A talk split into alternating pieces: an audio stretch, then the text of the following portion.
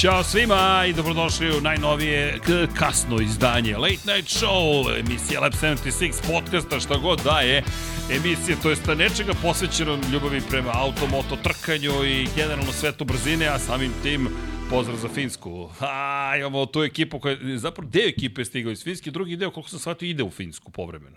Jel tako? Tako da obojice imaju iskustvo sa Finskom, imaju i Kimijeve majice, mada ova crvena boja mi nekako govori ka Ferrariju, da se tamo nešto dešava, tako da pozdravi za sve ljubitelje Ferrarija, inače srećni praznici svima, ko je slavio i slavi Božić prema Gregorijanskom kalendaru, čestitali smo već. Ko slavi prema Julijanskom, čestitamo upravo sada, tako da srećni nam praznici, nadam se da će biti lepa godina, koji god praznik da slavite i šta god da slavite, neka vam bude lepa 2024. Ono što znam sigurno da svi slavimo je Formula 1, tako da ćemo se večeras i baviti standardnom Formulom 1 i sad, trebalo bi da vam kažem kako je tu gospodin Pavle Živković, ali nemojte brinuti, samo ću vas privremeno, uslovno rečeno, razočarati, sa moje desne strane prazna stolica, to nije, to nije moja desna strana, ali to je u redu. To, to je leva strana, ali nema veze. Drugo desno, drugo desno.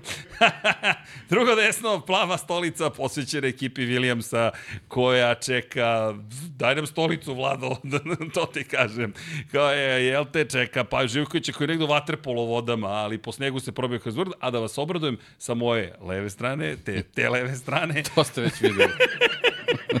Gospodin Dejan Potkonjak koji je imao briljantnu ideju, ja se izvinjam za kasnu promenu u poslednji čas, ali pričat ćemo e, i kad Paja stigne šta sam zašto učinio, malo će me verovatno opet istezati da porastim još više neki spravom iz srednjeg veka, ali u mom duhu u poslednjem trutku ipak Williams je neke nove stvari učinio, pa je red da se pozabavimo jednom istorijskom ekipom i šta znači novi ugovor i produženje ugovora sa Mercedesom kada je reč o snabdevanjima motorima, ali to ćemo sve da, da, da, da obezbedimo, ovde hvatam lopte na sve strane. E, Paja rekao je da je u taksiju, tako da verovatno glisira preko, jer tako se čuje neki zvuk, to je onda, čuje se, A, gospodin Živković je stigao, gospodin Živković je stigao prvi put ove godine u Lab 76. Dolazi gospodin Paja Živković i kliknite like ukoliko želite da ga vidite. Share and subscribe i sve ostale lepe stvari. E, aplauz, molim vas. Moramo biti tihi pošto smo u zgradi, ali stigao je, šta je ovo? Kako ste se organizovali? Vidi ti ovu ekipu. Jedan ima belu duksericu sa crnim logotipom, drugi ima belu duksericu sa crvenim logotipom, onim specijalnim Japana, ali crvena boja krije dosta toga. E sad malo mi, mi nisi mi nešto oštar, moram da ti kažem. Sa čime? Sa, sad bi te sa, rekao u matematici, tu, tup ti je ugao, ali to će sad deki da sredi. Prvo ili drugo? Uh, prvo, prvo. Prvo, to, to, to, to, to. O, vrati, vrati, vrati, vrati, ima za to. O, ali si oštar. Sa Britak si. Takav sam tip, oštar. Britka, jesi dobro pa ja? Jesam, jesam, da. Kako je bilo na Waterpolu? Ovo, uzbudljivo. I ko je pobedio?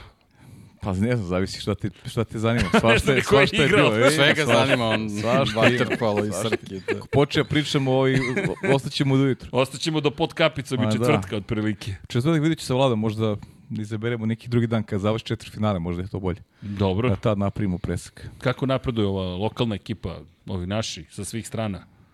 Jer Evo, sad su igli Hrvatski Crna Gora, recimo I? da je Crna Gora na peterce. Napeto znači. Napeto bilo, Crna Gora igrala sutra. peterce u prvoj utakmici. Jest, Toliko jest, sam ispratio. Evo, Aha, deki. Jest, jest. Sad kreće drama od, od srede, kreće stvari pravi utakmice za plasman, tako da...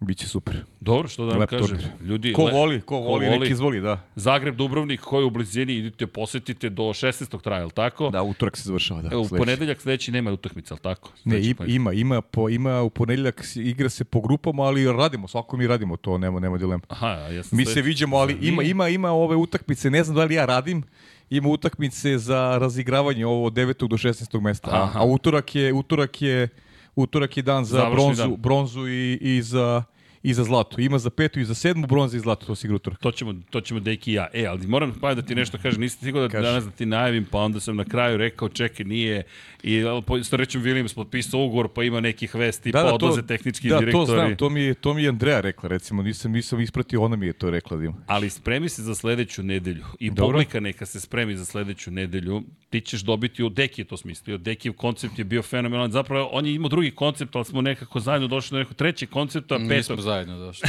da. A, prepostio se. Nego on je fin. Prepostio se. prepostio se. Tako da, da ali da, slušaj koncept, ali Ajde, pazi, pazi se dole. Pazi se dole. Sledeće nedelje Pošto Dobro. nema vesti, nadam se da, da ćemo imati taj slobodni jedan ponedeljak da se malo zabavimo. Ti si Christian Horner. I šta bi ti uradio? A to je ono što si najavio za danas, jeste, pa je pomereno za... Jeste, zato što Williams potpisao, ne možemo da nispoštujemo ekipu, odlazi tehnički direktor FIE, da, da, da. ima vesti i tako dalje tako dalje. Drugo, nismo ti dali vremeni da se spremiš. Mada, znaš šta bi rekao? Nisam se ni zove spremio, proti, kažem, lejte. Znaš šta mi rekao Svetozar? Kaže, zna se ko je šef podcasta, Horner, nema on šta da radi, otprilike pa je samo sedni i kaže, ništa redira i sve je u redu. Ali, da se spremimo, Deki je u crvenim bojama Frederik Vaser, ja sam dobio Tota Wolfa da glumim nemam pojma zašto, ali dobro, tako ja sam Horner, a? Da, da, ali znaš zašto ja nemam šta da glumim. E, možemo da, da skrenemo od poslednje priče zapravo, ali ne, ne, ne. Pre nego što krenemo, ljudi, prvo, lepe želje još jednom za sve, dakle, polako prolaze praznici, pa počinjemo ponovo da radimo zvanično, kao stajali smo prethodne nedelje, ne znam šta nismo uradili prošle nedelje, i Formula 1 i Moto Grand Prix. E, deki, samo kažem hvala. Hvala, sam naravno, nije mi rekao hvala tebi, ali dobro, da, prestao je. Izgleda, da. Ali lepo smo se zabrali, ne, prošle nedelje i kalendari, gde, šta, ko, kako, zašto, kome, koliko. Pa inače bio spreman za ponedljak, ali ja nisam, bila je duga novogodišnja noć. Pa dobro, okej, okay, realni. da. Mislim, ja nisam nešto mogu utorak i sredu. Dobro, vaterpolo ti je sada... Pa nije dobro, utorak i sredu nešto više privatno je bilo, a četvrtak je krenuo vaterpolo, tako da okej. Okay. Dobro, bože moj, idemo vidi, dalje. Praznici su. U krajnjem ali... slučaju praznici su i pauza, je. pauza je u krajnjem slučaju. Tako je, ali nema da. pauze, ni letnje, ni zimske u našem slučaju, ali šta sam htio da kažem, želim vam lepu godinu, još jednom da ponovim, mazite se i pazite se i vozite računa jedni u drugima, zaista neka vam bude lepa godina. Pričali smo i tokom ovih praznika, često ljudima zna da bude ovaj period ili mnogo lep ili mnogo težak, zato što ako ste srećni, onda ste euforični, ako niste, onda nekako kao da se šunja ona depresija praznična i tako da. Ne dajte se, stiže Formula 1, 52 dana do početka sezone Formula 1, samo 52 Spreman. dana. Čuj, kao i ti, dakle, znaš i sam, oštriš, to samo te posle... Oštriš glasti žice. Znaoštrene odavno.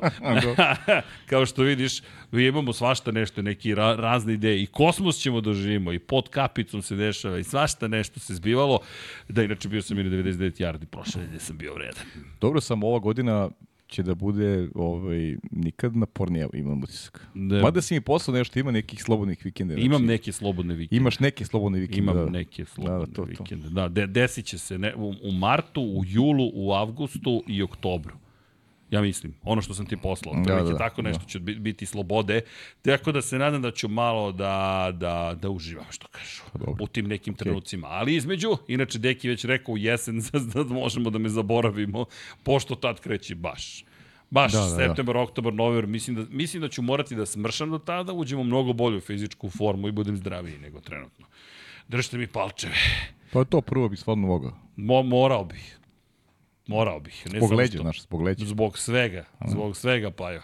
Stižu neke godine, ti ćeš tek stići ne, polako. Pa ja zato ne dozvoljavam, znaš, da me muče leđe, znaš. Ti ja na vreme radim ovo. Super spreman. A. E, jel večeras neko igra futbol ili je to sutra? Sutra su Englezi, jel tako?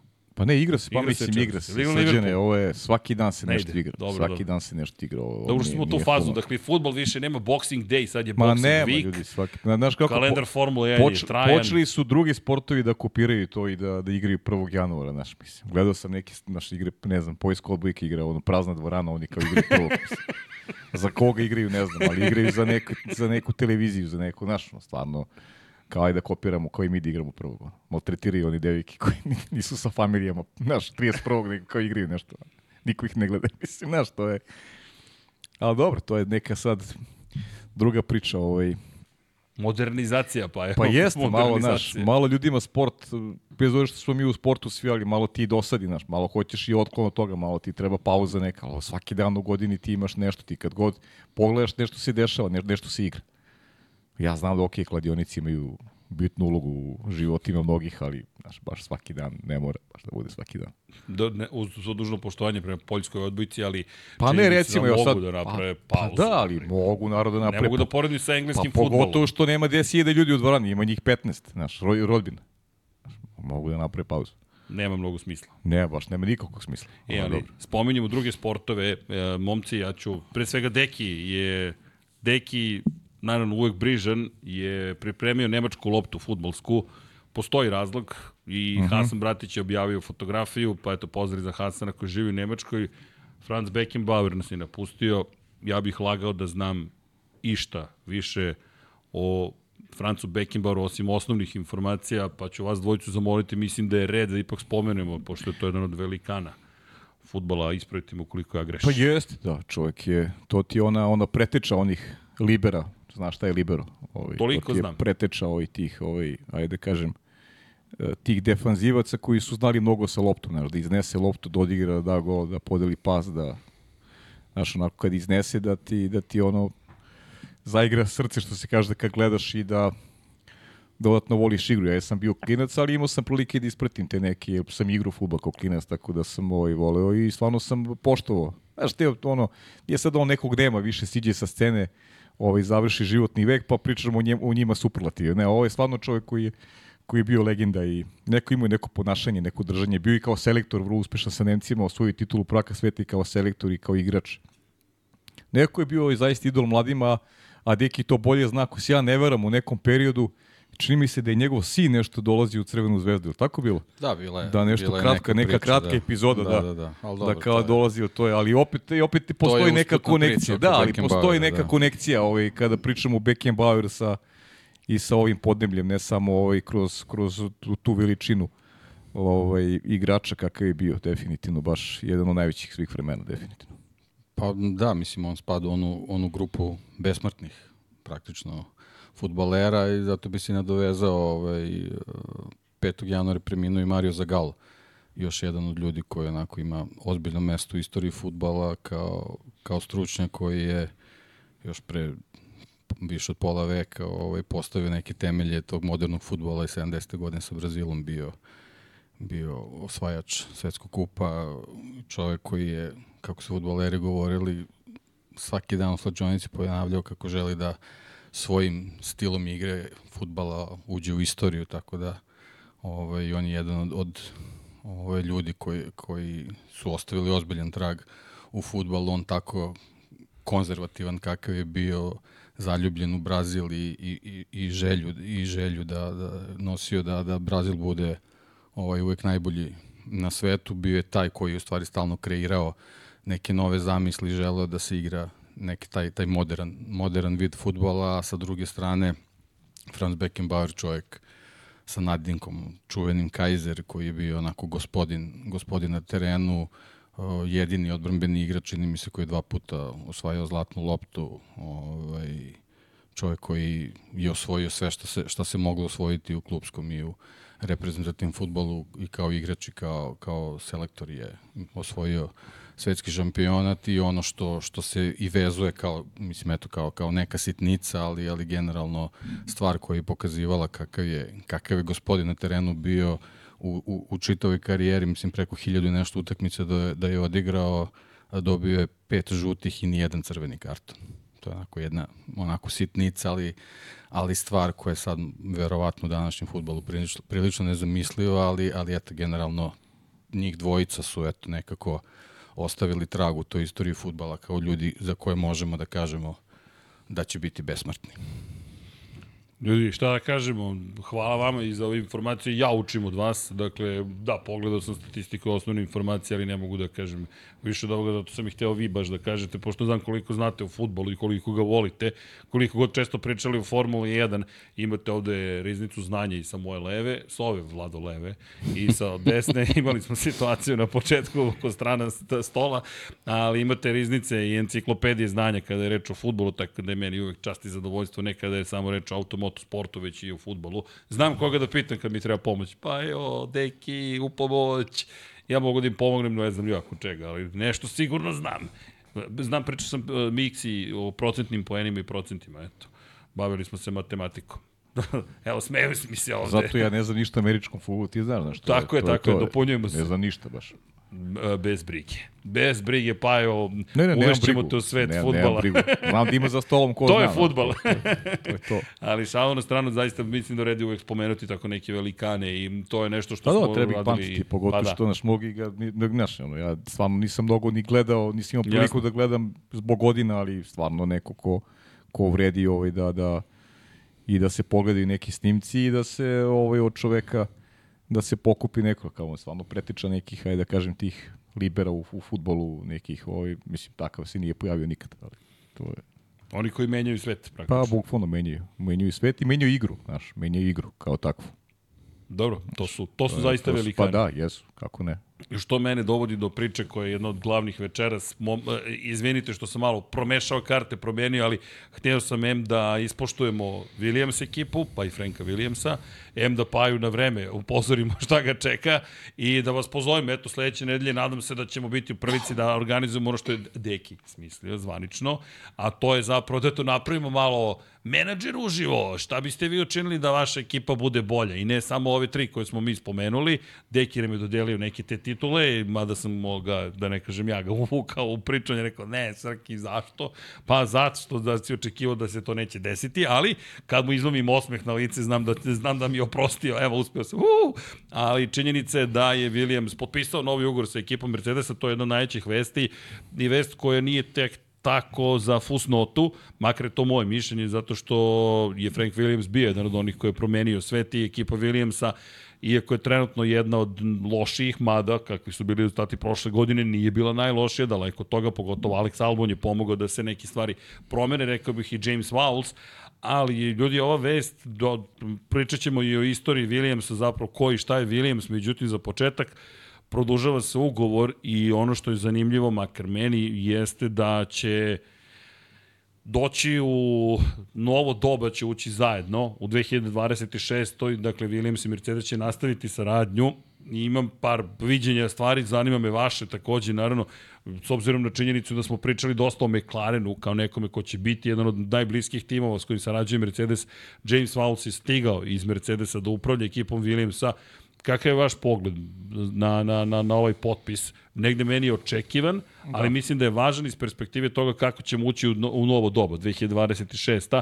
Pošto William sada dobio stabilnost, da, nije i dalje fabrički tim, ali mislim da povlače dobar, mudar potez u ovom trenutku, da nema potrebe sada da traže drugo rešenje kada već nisu fabrički tim Honda, što teško da su i pa, mogli da postanu. Ja mislim da za bolji potez i, i nisu mogli, ovaj, nemaju kapacitete za bolji potez, a sam si naveo tu vezu Wolf Vaus, tako da je sve, sve očekivano, sve suprotno od onoga što sam makar ja pričao vezano za McLaren. Potez koji mi se ne dopada, ta produžetak sa, sa Mercedesom, ovo je, rekao bih, logičan sled ovaj, dešavanja i, i sigurno uh, Williams koji teži nekoj stabilnosti, ovo im omogućuje da imaju tu stabilnost, da da nastave da rade sa, sa, sa ekipom, imaju, imaju Alex Albona, imaće vjerojatno opet neke, neke nove mlade vozače i, i to je onako pogled u budućnosti je onako vrlo jasna i, i, i, za njih e, u ovom momentu optimalna, jer nisam siguran da se pominjala neka ozbiljnija, neka druga opcija za njih,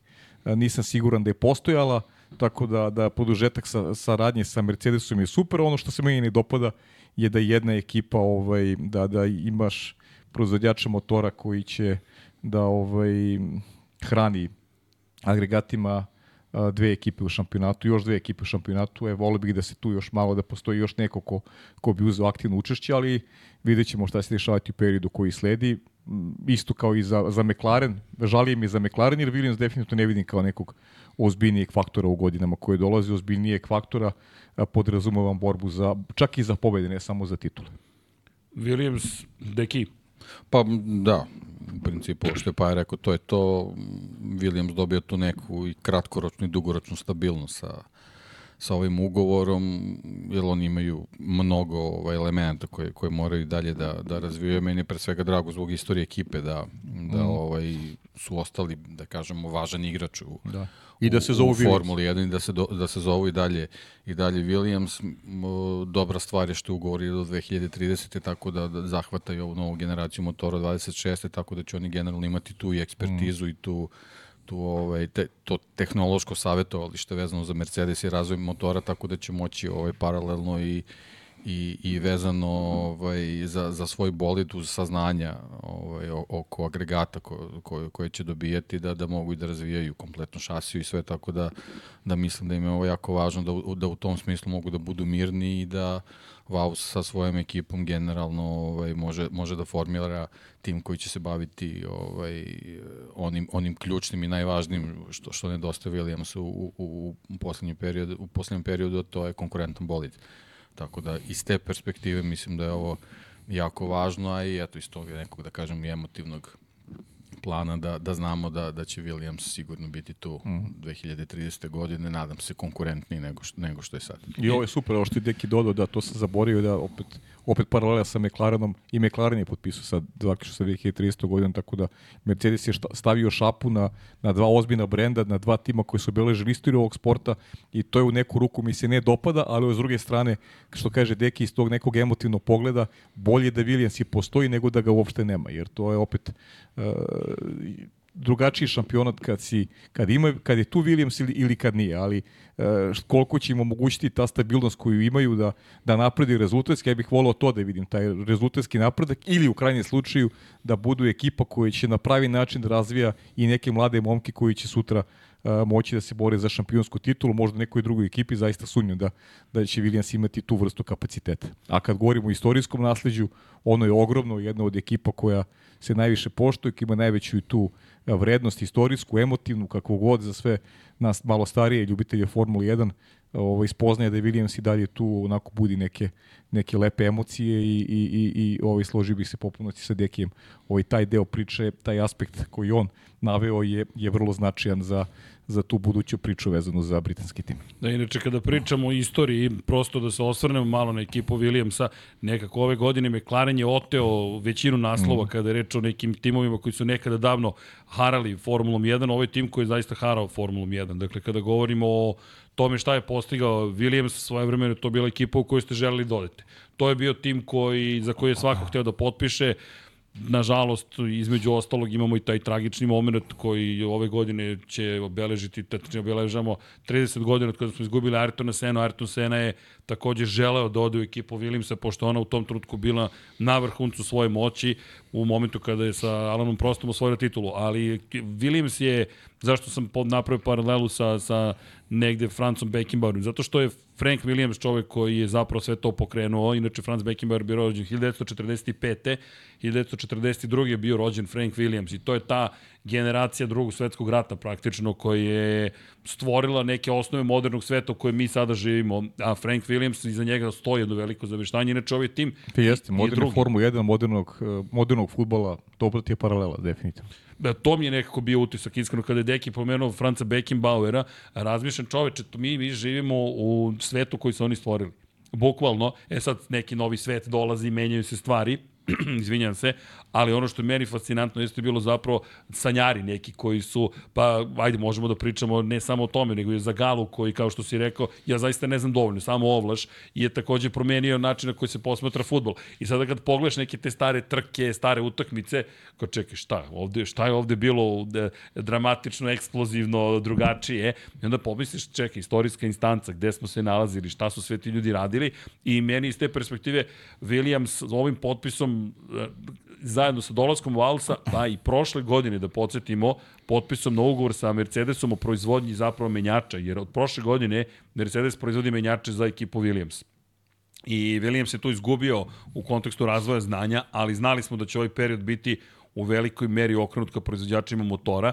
Ima, ima, ima, ima tu još nekih važnih priča, ali bih samo spomenuo par stvari kada je reč o Williamsu iz perspektive istorije. To je sada zaboravljeno, ali Williams je tim koji ima koji je na trećoj poziciji, ukupno ima 803 učešća u trkama, mhm. -huh. tačnije prijeve, 802 puta su startovali. Ljudi, 802 trke ima ova ekipa. Dakle, 800 puta bilo šta da uradiš, evo, mi smo na 378. podcastu, ali, ali kada pogledaš 800 trka, ljudi, to je tako mnogo. Sledeći na, na spisku, na četvrtoj poziciji, je Lotus sa 491. I u tom samom vrhu su McLaren sa 950 i Ferrari sa 1076. Nekako, zato mi je McLaren sa celom pričom koja je prošle godine se desila, pa sada... Pa onda smo ti ja smo tu negde sa 300 trka još malo. ne, to, to, ti, ti, ti vodiš. A zato, znaš, znaš u čemu je bila fora? Naravno da ću da digresiram. Znaš odakle Deki upalo sve na pamet? Moram da uskočim. Naravno, vratit ćemo se mi na Williams u nekom satu ovog podcasta, da. ali čekaj, znaš zašto je tebe proglasio Hornerom, mene, a mene Wolfom. Hornerova sta, Hornerov stav je, pazi, ne znam da si, da li si video u vesti. Ne. Toto Wolf je izjavio da nema potrebe da bude na svakoj trci prisutan. Christian Horner, inače Toto Wolf šef Mercedesa, uh mhm. -huh. je rekao, eto, nema potrebe da on bude prisutan i prošle godine propuštao neke trke. Christian Horner, šef Red Bulla, je rekao ne. Ja moram da budem na svakoj trci, ako nisam na trci moram da budem na fabrici. Od ponedeljka do petka, kada sam na trci, da budem na trci. A pošto ti nisi propustio ni jednu trku od Turske Jeste, 2011. Ali tebi onda moramo nađemo nekog drugog. Zašto? Jer ti nisi od uh, ljudi koji ima potrebu da propusti trku. Ti imaš potrebu da budeš na svakoj trci, samo fizički ne možeš da budeš pristo na njoj. da, ne mogu i na MotoGP. Da, da, ti nisi od tih kao, ja, ja sad mogu da propustim jednu trku, tu je paja. Ne, nego ti imaš potrebu da budeš na svakoj trci, ali ne možeš ne prosto fizički budeš na dva mesta. Tako da, znaš, postoji je, takva osoba. E, takva osoba ne postoji, ali bit ćeš Toto Wolf, to je okej. Okay. da, hvala, hvala, hvala vam Bićeš ipak Toto Wolf, ali postoji mala razlika, ipak malo u pojmanju ovaj, po pristupu. Ovo, da znaš, ovo ide u prilog tebi. Ne, ne, znam, shvatio sam. Shvatio sam kao kompliment, da, da, da.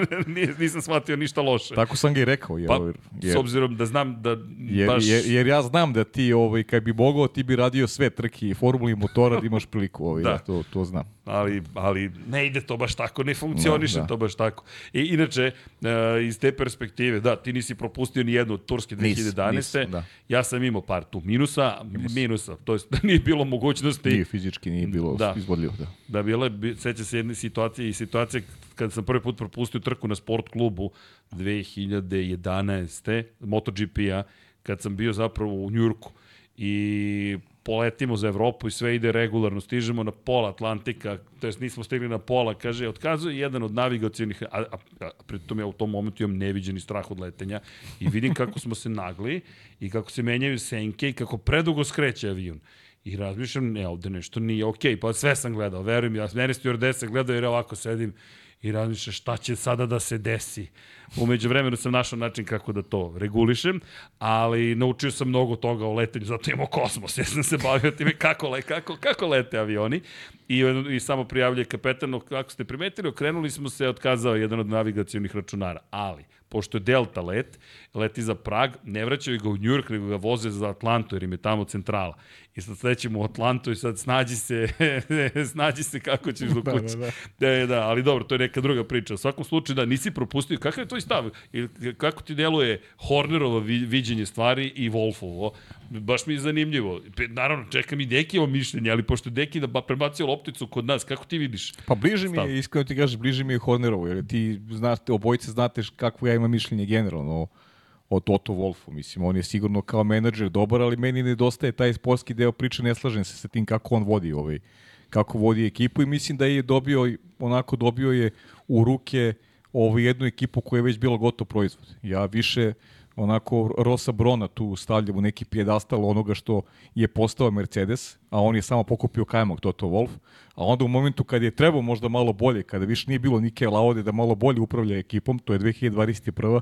On je doneo odluke koje su bile u suprotnosti sa onim što je interes ekipe bio. Mislim da je on u neku ruku i krive što Lewis Hamilton nije osvojio šampionsku titulu, a vezano je za uh, poruku Valteriju Bottasu da više nije neophodan, da će doći George Russell i tako da je. Tako da ja Tota Wolfa ovaj, mislim da ima izuzetnih ovaj, kvaliteta, on kao neko ko je neke liderske sposobnosti koje posjeduje, ali kažem ti, zameram na taj, taj polski deo priče, mislim da to, da to ne funkcioniše najbolje i da tu ovaj, da nije iz mog ugla da nije u rangu onoga što je što je Christian Horner, ali opet kažem to je samo ne zato što će ja biti Horner sledeći nelje, nego zato što stvarno tako mislim. Da, inače, Toto Wolf je čovjek čije bogatstvo lično procenjuje na 1,6 milijardi dolara sa kraja 2023. Tako da je sposoban definitivno, ali da, ovo pitanje sportskog momenta, da. to, je, to, je, to je drugo pitanje. U stvari Deki najgore prošao jer, znaš, tu je Vaser koji tek treba da pokaže. to je on smislio, to, to, sam nema, ja to nema veze sa mnom. Da, da, da. da. Apsolutno e, nema veze sa mnom. Da, da, da. I, I to sam mislio da, da nije to izbor neki. Pa mislim, ni ovo nije moj izbor, ali, znaš. Ne, samo si vezan s njim zato što imaš 100% učešće na trkama. Da, da, to je jedina, da, da, jedina, to je bila veza. Da, jedina konekcija. Pošto Horner nije od 2005. propustio nijednu trku. Bukvalno čovjek nije propustio ni jednu trku. Da, da, što isto dobro. pohvala za Horner, ljudi, to je 18 godina već, dakle, gde on čovjek ne propušta trke. 19 punih sezona, sad će 20. sezona kako ne propušta trke. Pa da, to je. Pa, ali to ti je dokaz da diriguje dobrim orkestrom. Jeste. Dobro, ali... Oni u principu rade, rade ovaj, odličan menadžment u smislu da kad god se desi da, da, da čujemo da, da, da postoji veliki odliv ovaj, mozgova iz Red Bulla da ne, oni nekako mm. ovaj, bezbolno prođu tu situaciju. Mercedesu se prilično oseti kad neko ode. Da. I to, to svedoci smo u posljednje dve sezone koliko lutaju sa razvojem bolide. Hmm. A opet sa druge strane ta informacija o, sa Forbesove liste o, o, o, o, ovaj, o nečijem bogatstvu ti govori da, da čovjek ima i druge stvari kojima se bavi. Znači da, da nije samo Mercedes u tim ovaj, tu ovaj, najvažniji, to se, to se vidi. Posledno u, u poslednje dve sezone. Pa da, pa mislim, pogledaš i Horner, on je pionir u, u Red Bullu. Mislim ti, ajde, je ajde, i prihvati taj posao, to su one limenke, ali on su ja neću da vozim limenke. On je, on je napravio te limenke da budu sada ovi vodeći ekipu u šampionatu. A kažem ti, meni je Toto Wolf samo nasledio nešto što je e, između ostalih napravio Rosbron. Znaš, tako da, to je bitna razlika. Ti si došao na gotov proizvod.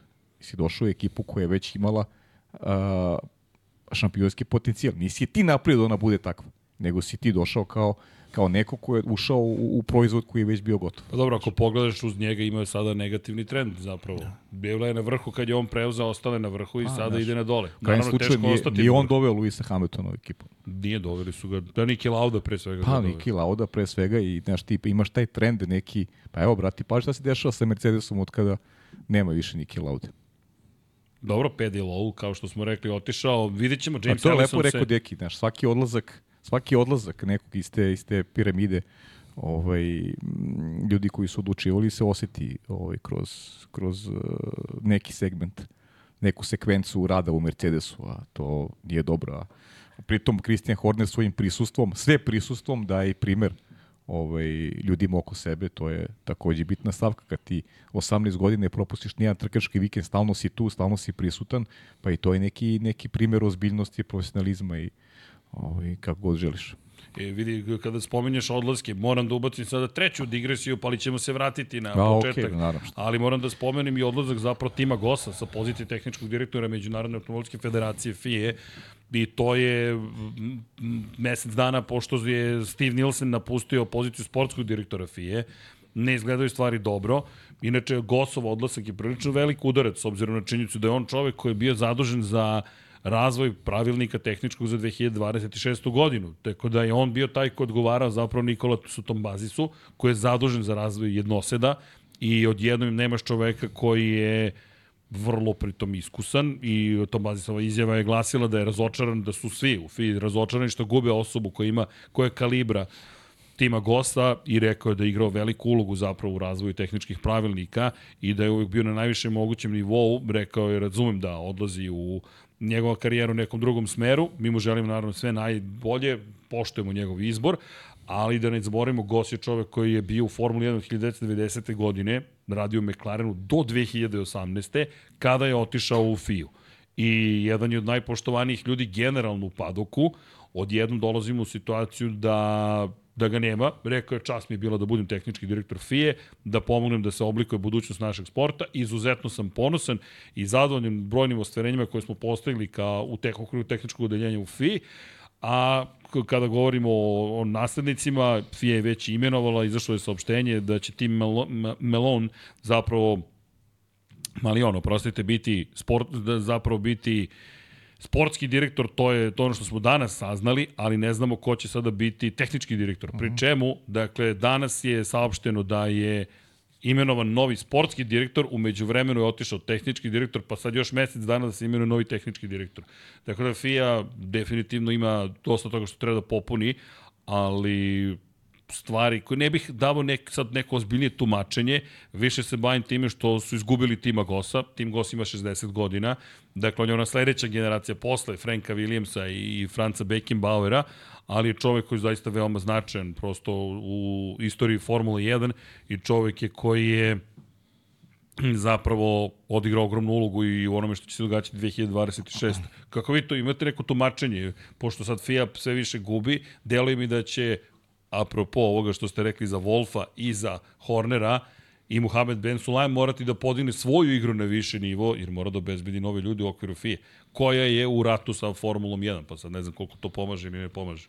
Pa ne znam, ovo je generalna situacija koja se nastavlja na te, te neke probleme koje, koje imamo u FI, koja definitivno u ovoj neke, nekoj novoj raspodeli karata i nekoj modernoj Formuli 1 kao da ne igra ulogu koju je igrala ranije posebno kroz, kroz svoje predsednike koji su bili mnogo, mnogo istaknuti u nekim odlukama nego što je Ben Solajan danas, ali ovaj, generalno ova, ova situacija, naravno, sve ove diplomatske izjave tako izvuče, generalno ovo nije period godine kada neki ključni ljudi na jako visokim pozicijama napuštaju svoja mesta, posebno što sad ponovo dobijemo tu priču oko te, te famozne 2030 i kako ti ta raspodela snage generalno u, u pogonskim jedinicama treba da bude i, i ovaj, imamo ta mišljenja da, da će tu biti dosta problema i tako dalje i tako dalje, tako da ovo može da bude, mislim, ne, ne može da bude definitivno tumačenje zašto stvarno ne, ne znamo detalje, ali, to je suština. ali nekako, nekako mi deluje da tu došlo do nekih razbimo ilaženja u, u, u nekim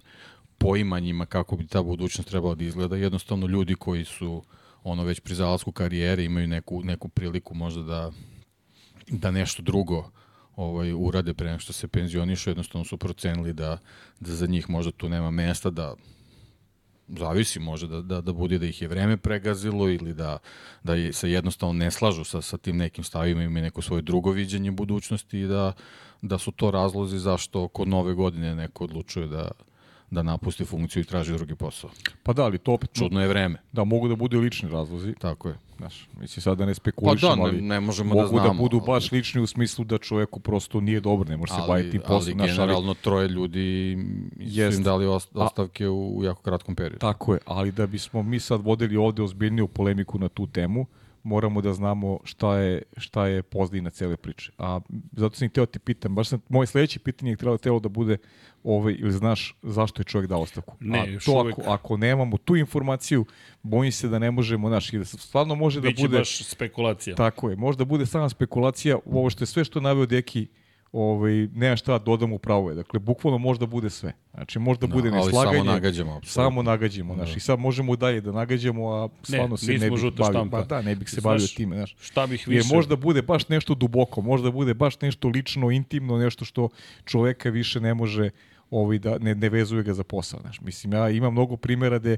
gde, ovaj, gde smo neka sumnjali, evo sad daću primjer opet iz futbola. Sjećam se svoje vremeno, jedan od najperspektivnijih italijanskih trenera, pošto ja najviše volim Calcio, je bio Cesare Prandelli. I dalje možda trener koji je ostio neko malo drugačiji, nije od tih konzervativnih italijanskih trenera, on je napustio trenerski posao u Romu jer mu se žena razbolila. I nije radio, nije radio skoro godinu i po dana dve.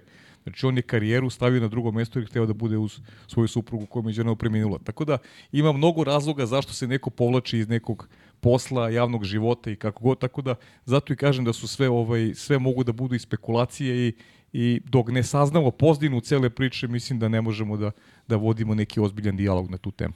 Da, samo bih se nadovezao na par stvari. Više znamo zapravo o odlasku Nilsena, koji inače vrlo kratko bio u FI i priče su, to su sad opet samo informacije, nemamo pouzdane informacije, ali glasine kažu da je bio nezadovoljan zapravo stavom FIE da ne želi da se menja i da, iako je doveden posle kontroverze u Abu Dhabi u 2021. upravo da pomogne na operativnom nivou da se to ne ponovi, došao je do stadijuma da je on nakre to, neka od informacija, da je bio vrlo nezadovoljno i isfrustriran činjenicom da FIA ne želi da zapravo primjeri promene. Treća osoba koja je otišla je zapravo devojka, dama koja je tre, bila zadužena zapravo za, za da kažemo, promociju žena u sportu i vodila je finu komisiju za žene Deborah Mayer, koja je inače osnivačica je Iron Dames, koje su inače i pobedile sad nedavno na kraju sezone u GT kategoriji koje su bile fenomenalne. Dakle, ne, Prilično kompetentna za svoj posao. da, da, da, da, da, recimo.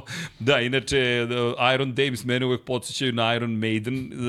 Pa da, realno, pošto, jel te, Iron Maiden kao ekipa, mislim da čak postoji i da li su Iron Dames E, nešto, nešto slično postoji kao tribute band, gde samo e, devojke sviraju e, pesme Iron Maiden, ali poenta jeste zapravo da jeste Iron Maidens, a Iron Dames, dakle, samo spajam stvari. Ali Srki, prosto ljudi nekad idu, znaš, negde im je drugde bolje, znaš, prosto, kapiraš, možda nema, ne, ne, opet ne, ne, nema ni ste takve neke se. velike priče. Više znaš. je stvar o tome što, što, zato sam i rekao da Muhammed Ben Sulaim će imati pune ruke posla, jer on je mm. sad taj koji mora da nađe zamene za sve ove ljude, jer to su vrlo ozbiljni ljudi koji su mu otišli, ljudi, mi svi znamo, kada imaš dobrog čoveka u ekipi, ne želiš da ga izgubiš. Pa ne, ja, viš gost, na primjer, on ti je čovjek 35 godina u Formuli 1. Yes. Sad, možda se umorio. pričati šta je, šta je njegov pa, život. Da, možda se umorio. Da. Pa da, ali njegov život je Formula 1 i ima priliku da pred odlazak u penziju sledećih 6-7 godina razvije novu generaciju Aha, okay, trka. ti gledaš iz te perspektive. I kao, ti odlaziš. To ću tako uraditi. Znači, samo na stranu to ako su u pitanju privatni razlozi. Znači, da. ako, ako da, su da, da. poslovni da. razlozi, poslovni, da, da. taj čovjek nema nikakvog razloga da menja nešto čemu je već 35 godina.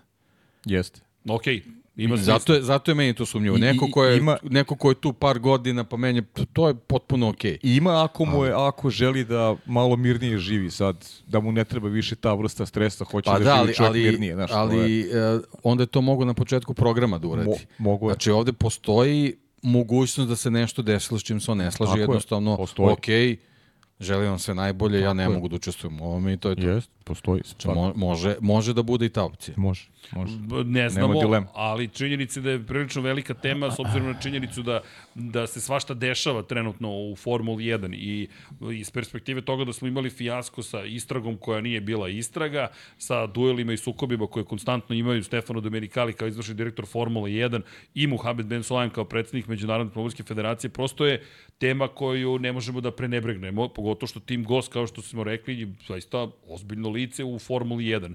I čudno, zanimljivo, kako god, ali pratit ćemo, nego meni sad dovodi opet u ovu, ovu pitanje kako upravljaš.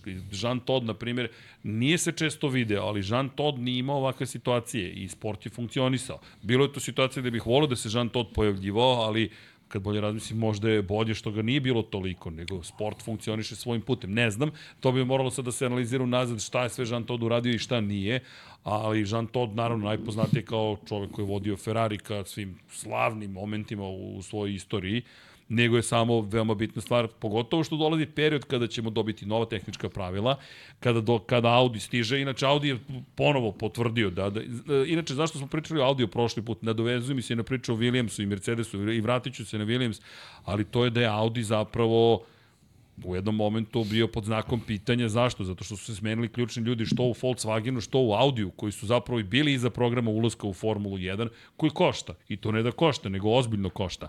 Ali okej, okay, samo da, da napomenemo da je, kada je reč o, o novom čoveku, Tim Malion koji će biti sportski direktor, opet jedna iskusna osoba je u pitanju takođe, odgovaraće inače Nikolasu Tombazisu, tako da će Kanadjanin preuzeti ulogu koju je imao Nielsen, vidjet ćemo kako će, kako će sve to proći. Činjenica da je čovek koji je radio u Zauberu, čovek koji je bio i u BMW Motorsportu, takođe je bio i zadužen za proizvodnju u DTM-ovom programu u okviru BMW-a čovjek koji inače radio i Red Bullu, to jest čovjek koji ima mnogo iskustva, bavio se inače i Formulom E, tako da je bio na, na mnogo mesta i eto, bit će zanimljivo vidjeti sad iz ove perspektive, ali se ne dovezuje ono što si ti rekao. Za razliku od Gosa koji nije mrdno iz Formule 1 od 1990. Dakle, ja još nisam bio upisao srednju školu 1990. To je tad bilo, toliko je davno. Činjenica da jeste pomalo zanimljivo, da ne kažemo čudno, ali dobro dešava se. Čudan je period godine, to samo to, ništa, ništa drugo. Da, loše tajming u stvari. Da, da. loše ne, tajming. Ne, tajming, da. tajming otvora ovaj, priču spekulacijama, znaš.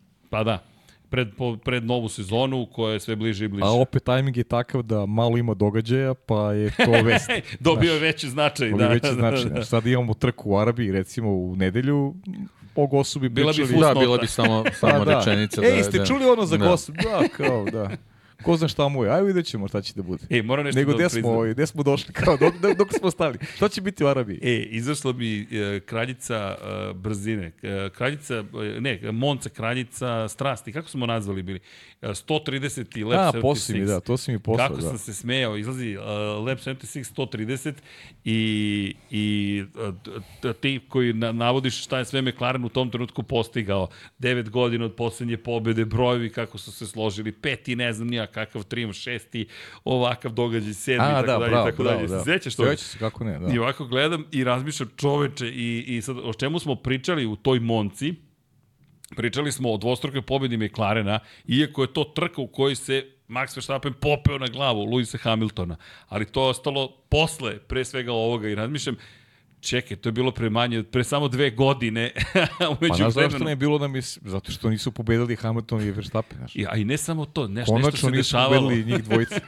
da. I generalno nešto se dešavalo. Pa da, i McLaren dvostruka pobjede, to je stvarno bio veliki događaj. I Ricardo koji se popeo na pobjedičko posto. I nevezano za incident, ja da, mislim da, da bi McLaren pobedio i da nije bilo tog incidenta. I to isto bio jedan od da. zaključaka da. i baš smo pričali o tome kakav je tempo imao Ricardo, ali se se smejao. Jest, jest. Rekao, ok, pa vidio kad je prošlo 240 podcasta umeđu vremenu, prošlo. Negde je prošlo, nemam pojma gde. Nižu se ti ovaj, U, utorci. Utorci.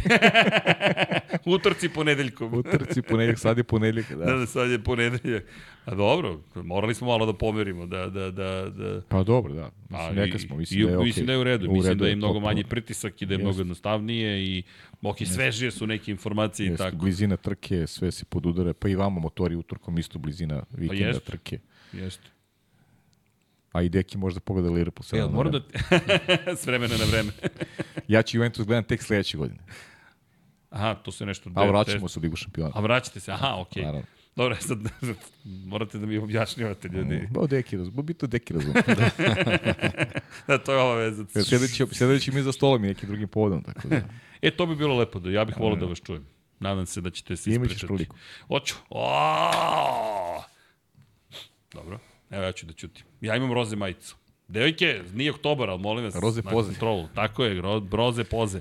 E, nego da se vratimo mi na naše teme, ali kažete, morao sam to da spomenem, prosto ta Monca mi je bila stvarno fenomen. Ej, nešto sam još, da, e, da, u dokolici od novogodišnjeg sam počeo da gledam sve Grill the Grid snimke, sad ceo izašao na YouTube-u na Formuli 1 i pitanje je bilo da li možeš da imenuješ pobednika čije, na prezime na počinju abecednim slovima i moram reći da je baš nezgodno bilo. Evo da, da, da, da vas pitam, izvinjavam se, to, to, to me Andreja molila. Aj, Srki, zvala me tad kad je to izašlo. Srki, ne vedi mi pobednika čije prezime počinje na A. Kad? Sad? Ne, u istoriji Formule 1. Askari. Ok, isto smo pomislili Askari. Ima i Andreti, Andreti. ali ok, da. A, na slovo B. Alboreto. Alboreto na B, čekaj. Ne, ne, pobedio, pobedio Alboreto beš. Jeste, jeste, jeste, jeste, Alboreto je Bucen. Jeste. Motjeri, gde si Bucen, ja sam Brabama, ako se setio. Mm, Williams. Williams. Da Williams pobeđuje. Ja mislim da je Williams. Ne, ne, ne, ne, ne. Bucen i Williams. Bucen, ne, Bucen je, ali Brabham kao Jack Brabham. Pa, pa dobro, bravo, da, ja sam... bravo, bravo, Jack Brabham, Jack Brabham, bravo, Jack Brabham. Ne, ja sam te razumeo da kažeš u Brabham. Kako ste me sad tiltovali, kakav Williams, Bucen. Jeste, Brabham, da. Da, da, Bucen je pobedio, u Mađarskoj pobedio. Pa Barikelo. Da. Barikelo, bravo. Jeste. A na slovo C? Pa sad zavisi da li se piše ili se izgovara. Pi, piše, piše. Sever. François Sever. U, gde se seti Sever? Ja nisam mogu se setiti, pa ja. Znaš da. koliko sam se mučio? Da li se izgovara ili piše, da. I znaš koga sam se setio? Posle pola sata. Sertis. Uh, ne, ne, on, je, on, je, on je, on je S, da, on nije, nije, da, pa si piše S, da, bravo. Znate ko? Ko? Sedeli smo s njim u Beogradu. Kultard. Kultard, znači. Pa da, da, da. Pa da, dobro, to nam je... To, a viš, e, ja to, da, da, bravo, a ja da, pa opet to sad kako se, Ali kako ja sam se old piše, fashion, da. to ja, ja izločim da, da, kako neki. se piše, da, da, da. ne, ovako sedim, c, c, c, C, da, da, C, zaglavio, zaglavio, C, C, pa, C, dobro, znaš, viš to nije loš igra, ali... A D? D? Demon Hill.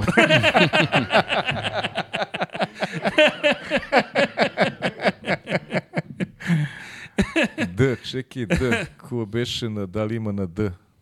Ima verovatno, čime pitaš? ima, ima. Mada ima jedno slovo gde nema pobednika. Na D? Da. E, ima nekih koji su stvarno bila teška, ali kažete, sedim u dokolici i gledam... Pa čekaj, sad opet, d, d, kako, šta se gleda? A, može i to. Jel može? Može De i to. Angelis. Da, da, da, da, De Angelis, jeste. Jeste, mislim da su čak i njega stavili bili da je, da je bio De Angelis, ali ako hoćeš baš čisto na, na D, Patrik De pa je. Patrik De A, što ne, veruj mi, nisam se setio. Kako sam se, e, tu sam pao. E, a na slovo... Pa može one de, uh, de Schumacher. da, de pa je. E, ali na slovo je E, znate da nema ni jednog vozača koji se em, Emerson Fittipaldi. Emerson, to, to, to. E, ali svi su, svi vozači, sve vozače su pitali, su razmišljali na, na ime. Da, da. Pre svega su ime izgovarali, da. nikom ne pada na pamet prezime. A, da, da. A na slovo E, ja razmišljam, E, E, E, nema ne. nikoga na slovo. Ima vozač, ali ne, nije pobedio. Nije pobedio. Da. Ko beše? Harald Ertl. Ne, ali, ne, ne, ne bi se setio. Nema pobedu. E, da. Ina, a inače... Ne mora da znači da je jedini, ja sad mi je to mi je Ovdje on išao s Ertlom u školu, sad, znaš, nama ne pričao. e, i tako ne, znaš šta, ima, ima tu trik, bilo je ono kad su išli, kad su vozili 500 milija Indianapolisa, to možda, možda se iščupa neko, ali nije tu pobedio niko, niko drugačiji. A da nije u šampionatu Formula 1. A, znaš kome su priznali? jeste, da. Nije, priznaju se pobede. Pa priznaju znaš se, ko je pobedio? A, samo na Indiju, a, a vode ga kao pobednik. Bil Vuković. Bil Vuković, da. Bil Vuković. On stoji, to je inače legenda, Bil Vuković je sa ovih prostora poreklom, to je njegova porodica je sa ovih, sa ovih prostora poreklom, a Bil Vuković je izuzetno cenjen i poštovan u Americi i dan danas legenda Indianapolisa, čovjek koji je pobeđivao dva puta u okviru Formula 1, to je pobedio 53. i 54. u Indiju, kao je to u to vreme bio deo šampionata sveta Formula 1. Ali da vas pitam na slovo F, Šta Fanđo, Fanđo je. Pa, Fanđo, lako je, dere, lako je. Ali nije Frencer, evo ti, evo ga da. Frencerovac. E, ali ima ljudi koji nisu mogli da se sete. Znaš čega nisu mogli da se setiti? Po Hamilton ne može setiti tima na M. da, pa. A sad si naš u... E, a znaš što je najleđe? E, juče mu je bio rođen, srećan rođen. E, da, srećan da, rođen, da, da, srećan rođen. E, da, i dao je odgovor na YouTube kanalu. Šta voliš da radiš za rođen? Da odem da surfujem. Rekao, e, hvala ti. U januaru. imaš, imaš na FI fizikela. Ima tako, pa imaš tako. i Fittipaldi. Fittipaldi, ima, ima. Ne, na, na, na, na, imaš to. Znaš šta je najbolje? Na, na, na, što nisu mogli da se sete ljudi koji su na, sa njima, na primjer na slovo O. Imaš i Farina na F. Da. da, i ne, ne, ima ih na F, ih ima dosta. Ali, na primjer, na slovo O, pola ljudi nije moglo se seti. Na O? A na O. Kako? Da, pa da, Okon. Da, da, da. Okon. Ali i gasnik koji stoji i razmišlja, o, ko je na O? Pa da ovo namerno, ovo namerno. e, znaš ko nije htio da izgovori prezime? Na, Norris je rekao, znam ko je pobedio, neću da izgovorim njegovo prezime. Opa, ima i toga. Da, da, je bilo i toga i, i Alonso nije hteo. Alonso ovako, aha, ne znam. aha, ne znam. Zato što se ne piše asistencije. da, da. da su da, ne, da su u futbalu dobio bi asistenciju. Pa da. ili u hokeju, to bi se računalo kao gol. Tako je. To bi bilo fascinantno. Hokeju asistencija gol. da, da, a Norris nije mogo da se seti niko. Verovatno ni, pli, ni piće nije platio. verovatno, verovatno. Ali Norris koji ne može da se seti nikoga kako se preziva na H. Kaže, da. H, ko je na H, kao, H, H, i nije, pogo, nije mogo da se seti. Da. A da, Luis. da, Luis. A, bilo je zabavno. Pogledajte, to je na zvaničnom kanalu. Da bi se Kimi setio na H? Da bi se setio Hakinena, recimo, a? Šta misliš? Pa, ja mislim da bi. Ali, a, ajde slovo K. Sećate na slovo K? K. K. Da. Na, da, sad dobacuje ovde. Ko je dobacio za stolom? Ko je dobacio za stolom? Mladi momci, svež mozak. Mladi momci, svež da, mozak. Da, da, ja ga se nisam setio. Da. Znaš, pa ko... setio bi se, ali sutra. Pa da, pa po, postepeno. Robert Kubica. Da, bilo, da, bi, da, bilo bi ovaj tišina A dosta znaš ko je drugi? Samo ih je dvojica posle slovom K. Ko je drugi? Da. Na slovo K. Pitaj me sutra. Pitaću te sutra. Heiki Kovalainen. Kovalainen, da, da, Heiki. I on je pobedio. I on je pobedio jest, u Mađarskoj. Čak je i on pobedio. Čak je i on pobedio. U stvari, to je bolje, bolje napriti kviz. ko nije pobedio? Ne, ne, ne, ko je pobedio jednom. I onda se setiš toga. Da, da, da. Da, da, da. može, može, može. Simpatično je bilo na slovo S isto. Kada, koga se setiš, koga se ne setiš. Pa dobro, na sve, na sve, tu, rekao sam ja na sve. Ali najbolje na slovo A, I ovako, neko nije mogu da se seti na slovo A i kao, pa vozi dan danas. Da, da, da. da. I kao, nemam pojma, ko? Alonso, ja. na slovo L, Leclerc, ja. Na slovo R, Russell, ja. E, a Leclerc je rekao, priznajem da sam samo čekao slovo L da kažem ja. Ali dobro, pa to je isto lepo. Ko, ko je pobedio u Formula 1? Ja sam pobedio u Formula 1. Dobro zvuči, ali da, Thierry Bucen, gde ste njega izvukli da. na sloba, ne bi mi nikad to... Pa dobro, prvo. Dobro, imaš na, da, na H imaš i Hotorn isto, da. Imaš da, maj, Krem Hill, imaš i Brambilju, ču, čuvena pobeda u Austriji. Kad da. se slupo posle prolaska kroz cilj. jeste, jeste, to. Da. A, Dobro, idemo dalje. E, čisto digresija. O, lepo, lepo, malo, da, lepo, ali, ali, malo za mozak je ovo dobro. E, veruj mi, ali na C kako sam tiltovao na slovo C, to mi je bilo najteže. To, to, to nisam mogao, ne, nije bilo šanse. Baš nisam mogao nikako da se seti to ovo ostalo, e, onako nije Ja bilo. sam već zaboravio to drugo. Da, kultrat. već sam zaboravio. Sever mi u glavi, ali kultar nije iz nekog razloga. da, da, da. Dobro, idemo dalje. E, da se vratimo u sadašnjosti u Formulu 1. E, apropo priče o apropo. Williamsu, dakle smo krenuli, da vratio sam apropo, toplo preporučujem jedan apropo, e, ušlo mi u naviku, pa je topla preporuka. Topla preporuka. Cijele prošle nedelje u oba podcasta topla preporuka, topla, topla preporuka. Topla. Za sve trke da ideš pa, dobro, da gledaš. Pa ne, zima je, zima je, pa je ovaj Zima je pa mu treba nešto toplo. Ej, čekajte, imam jednu bitnu stvar. Dakle... Toplu preporuku imaš. topla preporuka. Ne, ovo je, ovo, je, ovo je baš ozbiljna tema, ali jeste topla preporuka i pozdrav za jednog momka koji mi je skrenuo pažnju na nešto što o čemu moram priznati da, da, da nisam razmišljao i samo nisam pitao za dozvolu da, da, da, da, da ga imenujem, ali eto, koliko mi da dozvolu, spomenut ću ga i sledeće nedelje u podcastu, ali momak jedan koji bi sa prijateljima da ide na, na trku i pitao me za karte. Međutim, momak je u kolicima i ja nisam imao odgovor na pitanje gde, kada, kako mm -hmm. i mhm. zašto. Tako da moje izvinjenje svima koji imaju uh, tu vrstu hendikepa koji imaju posebne potrebe, bitka, ja ne mogu da vam opisujem kako da se borite, mogu samo da kažem da je zadivljujuće kada se borite, da ste inspiracija, to nije neka uteha, znam, ali mi vas ne tretiramo drugačije, samo nažalost, na našu sreću, nažalost, mi zaboravimo ponekad da je potrebno učiniti više. Evo, kod nas ne može dalje da se dođe stepenica, mojim ja nemam pojma ko bi mogao ikada da stigne lift, ne postoji, ne znam kako to izgleda. Pa ne, ne može, nemoguće. Nemoguća misija, bukvalno, ali hoću da skrenem pažnju svima koji imaju tu vrstu potrebe za ulaznicama, za za ljude sa posebnim potrebama jeste da postoje dakle tribine na stazama gde je odvojen prostor upravo za vas i brzo se rasprodaju, imate posebne uslove, to smo saznali danas zajedno, dakle cena je obično nešto niža, na Red Bull ringu je 50% od cene i imate mogućnost da kupite još jednu ulaznicu za pratnju.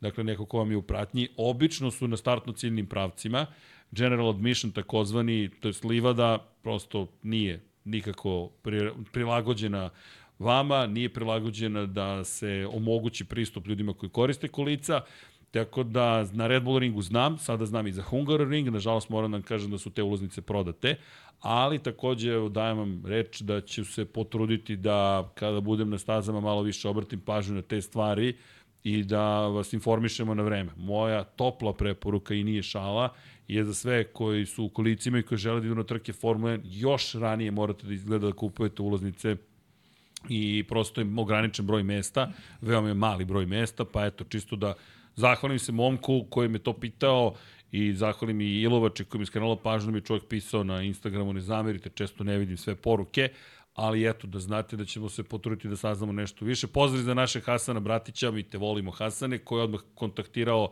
i predstavnika za odnose s javnošću Hungaru Ringa da sazna koje su informacije. Na njihovom sajtu nema zvaničnih informacija, ali smo uspeli da iskopamo informaciju.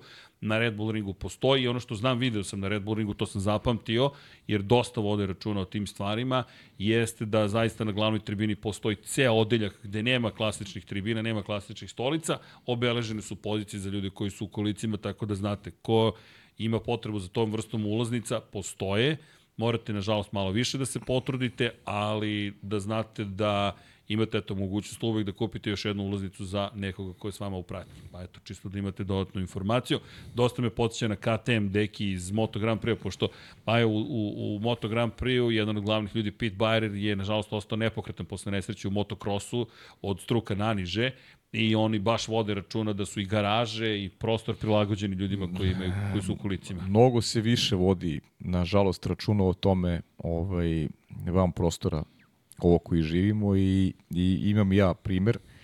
Nažalost je tako, mnogo smo nemarni, mnogo ne vodimo računa o ljudima koji su hendikepirani, koji su, da kažem, drugačiji, ovaj, eh, ne svojom eh, voljom, imam ja poznanika, družili smo se nekad ranije, ovaj, možda ga i znate, neki ga i znaju, on je, ovaj, ima multiple sklerozu i živi na četvrtom spratu gde nema lifta. U kolicima je i već to dugo, možda zamisliš kako izgleda ovaj, život nekog u kolicima živi na četvrtom spratu bez lifta. A to je Znaš, mislim, ne vodi se uopšte računa o, o, o, ovaj, o, o tim stvarima, nažalost, i možemo, možemo samo da pričamo, da apelujemo i, i, i, i super je što si, što si rekao, jer to je vrlo ozbiljna tema.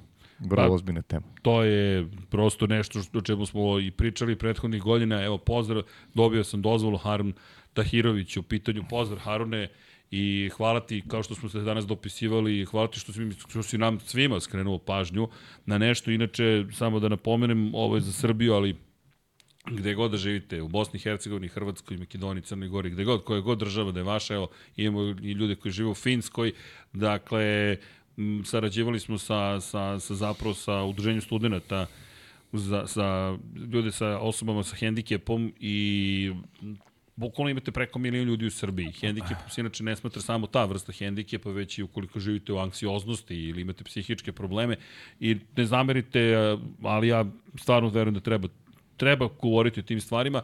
Neko treba komentarisao naravno. kako u Njurku video vi, mnogo više hendikepiranih ljudi ili u kolicima. Ja kažem, pa video se ih zato što mogu da izađu na ulicu. Tako je. Zato što mogu da se kreću, a ne zato što ih ima više. Evo, dao sam, dao sam primjer, rekao sam to ti. Je to. Znaš, čovjek koji ne, ne može izaći na ulicu. Bukvalno, kako izađi na ulicu? Četvrti sprat kulice. Kako? Pri čemu je ponižavajuće da neko ti dođe i kaže ajde da te nosim ja četiri sprata. Pa, to su ljudi koji mogu da vode računa o sebi, mi treba da pomognemo svi zajedno kao društvo, kad kaže mi mislim na sve nas. Tako da, Harane, hvala ti na tome, povešćemo računa više, a ukoliko ne nađete ulaznice za Formulu 1, javite se, možemo da vam pomognemo za Moto Grand Prix. Tamo su nam jače veze u Formuli 1. U Formuli 1 mogu reći da... da tamo, tamo živimo bez veze. tamo je bez veze, a i tamo i veza košta. Tamo morate imate vezu da možete da platite. Pa normalno. Da, zna se šta je veza u ovom jedina veza ovaj koja postoji je novac. To je, to je ono što vezuje. E, ali to mi uvijek znači. Možeš mi to je vezivno tkivo. Možeš mi središ neki ulici za Formula 1. Pa mogu da ti kažem koliko će da ti naplate. Tako je, mogu, mogu ti sredim. To mogu da ti sredim, ali... Daš ti meni, ostalo... ja prenesem dalje. ali sve Možemo da se igramo kurirske službe. da, tako, fe, ne, ne znam ko da reklamiram nijednu službu ne. za prenos novca. U stvari možemo, mani što Novac zna da vez, što novac vezuje, što je novac dobro vezuje tkivo, ljudi. To je... Danas ove, najbolje vezuje ove ljude, definitivno. E, inače, Harun, e, samo da znaš, nismo mi odustali od ideje da ti obezbedimo ulaznice, ali ne mogu da ti garantujem ništa, pisat ćemo u Formuli 1 da vidimo da li postoji neki kontingent ulaznica, ako bude postoje, morat ćeš da platiš onda da se razumemo. U Moto Grand Prix bi ti možda i poklonili, ne samo tebi, bilo kome ko voli Moto Grand Prix. Još ih nije obuzela boljka koja se zove Kinta je svugde, To je, to je neverovatno mislim. Mislim da će brzo. Ja mislim da će brzo. Promenit Pogotovo, se čuo da Dorna planira pa sve da se više vezuju za, pa da, da, da. Yes. Zajedničke vrednosti. pa, pa vezuju se, pa znaš, vezuju se MotoGP i Formula. Ja sam, pa, mislim, ja, pričali smo ti, ja mislim da je bio i Deki, ja verujem da će se u nekoj, nekoj skorijoj fazi ovaj, uh, spojiti takmičenje makar jedan vikend, čisto onako da bude kao progni balon, da vide kako se to izgleda. Da, pa ja sam siguran da će se desiti taj super vikend. Deki, deki je sve samo ne super. pa ne, ne, su, super vikend biće naslov, super vikend, tako je, tako naš, glamuruzan, fantastičan, sjajan, bajan, neverovatan. Pajan. Pajan, da, da, da. Sve će da bude ti epiteti, sve će se nakačiti šta god treba, ovaj, ali vidjet ćemo. Samo ti kažem, uskoro ćemo biti, uh, uskoro ćemo biti na nekoj posebnoj listi, pošto radimo na tome da uvedemo transkripciju automatsku i automatsko prevođenje. Srki, to je, Očekuju da nam zabrane ulaz na trke. Da, da, da. da Permanentno, da, da. dakle, pošto mi ne štedimo nikoga. To nema problem s tim, ako će to biti razlog. Ja, ako je to cena, ja, ja, ja, to, ja, to, prihvatamo. Ja to gutam bez problema. Da. Nema problema. Gledat ćemo i dalje preko TV-a. Pa mislim, ako nismo svoji, neće niko ni da gleda više. Pa, mi ne, mi ćemo sebe da gledamo, što Pre je najveći to, gubitak. Ja često u ogledalo se teško i gledam, ali ovaj... Ko je ovaj tip dosta ni... Nervira me. ali lep, dečko. Ima lep duks. Ne, šalim se, ali zaista, ovaj, ako nisi svoj, mislim, okreni se i... I idi. Idi, da. Idi. Tako da, Harone... Što mislimo o sebi, mislim tako i za druge. Tako da. Držiš do sebe, to, pa, je, to je sve to što to. imaš, i pa, najviše i najmanje. Na, na, najviše. Najviše. To je ono što imaš. Daš sebe. Tako I je. to je to. Tako da, Hanone, bez brige, i ne samo Hanon, kome god treba neka vrsta informacija, izvinite ako ja ne odgovorim odmah ili to traje mesecima, ali ja stvarno ne uspevam da se organizujem. Pišite meni na Instagram. Pišite Paj, bukvalno. Ili Dekiju, revnosni su de, mene. Srki i više poruka i dobija na više mesta i onda to je sve isprati. Ja sam samo na Instagramu pa mi je lakše da mu odgovorim. Tako da, pogotovo kad su tako neke ovaj, poruke ovaj, vezano za, za, za, i za organizaciju trka i za svega, baš se stvarno trudim da, da, ovaj, da odgovorim na svaku poruku, tako da preneću ja Srki ako Srki ne vidi. Eto, to je to. Je to. Ali da znate, tu smo. Cijela ekipa je tu. Tako da, eto, potrudit ćemo se da saznamo nešto više ali, ali eto, ekipa smo svi zajedno. Ja čak ne, izlizan mi je termin zajednica, ali jeste valjda to zajednica, ne znam kako bolje. Pa ekipa. Jeste, da. Ekipa. Nije izlizan, dobro. A ne, svi se pozivaju na neke zajednice. Ja sam u fazonu... Mi volimo da se trkamo, eto, to je sve. I kada smo kod trkanja, Dakle, šta nam ostaje nego da nastavimo sa našim trkačkim analizama, jel i kad nema trka, ima trka, što bi rekao Deki, ili pronađite neku stazu gde ima trka, nego, čestitali smo rođendan Luisu Hamiltonu, ne znam kako smo se dotakli Luisa Hamiltona, ali... Pa da, Usput se... si na slovo H. Na, na slovo H, bravo. na, na slovo H. Na slovo H. Pa nisu mogli Hulkenberga, setimo, jer ovaj on nije pobedio. Luis ima nešto, Au, Luis ima nešto pobedu u Ne, desilo se par tih stotinjak pobeda. Ima nešto pobedu u karijeri. Šta se desilo? Na slovo N, svi ovako krenu, a u Lando još nije. A da, Norris još nije. A da, da. Lando još nije. Još nije, Lando još nije. Ovo je gore nego da su rekli bilo šta drugo, samo da njega nisu imenovali. Da, da, da, da, da. Ali, ali, ali to ti je očekivanje, svi očekujemo od Landa da se to desi. I što mi polako vraća nazad ka, ka temama koje smo otvorili. Ali, pazi, sad da? sam se setio, ovaj, nisu samo dvojica na slovo K. Stvarno? Peter Collins.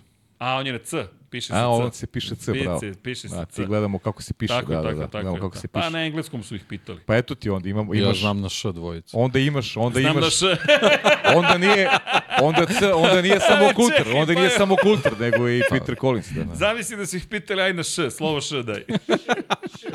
pa ja, ja na Š znam samo Shane. A, na slovo Š. A jeste malo to da kad ti rekao bi da, š, da slovo S, Schumacher. da.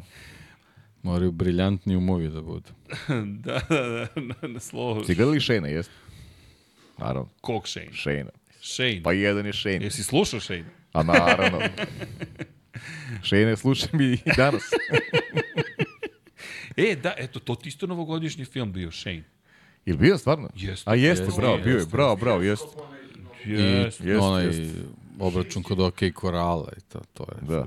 tačno u pod. Se sećaš ko igra u obračun kod OK Korala? Eto, nagradno pitanje. Mm. Sećam se, ali na vrh mi jezik. Teško će se setiš. Nije mnogo igrao on te westerne. Obračun kod ja nemam pojma. Stvarno ne znam. Znaš ko igra glavnu luku? Ne. Bert Lancaster. Bert Lancaster, Burt. Bu, Burt. Da, da. Belgrade Urban Running Team. Jeste.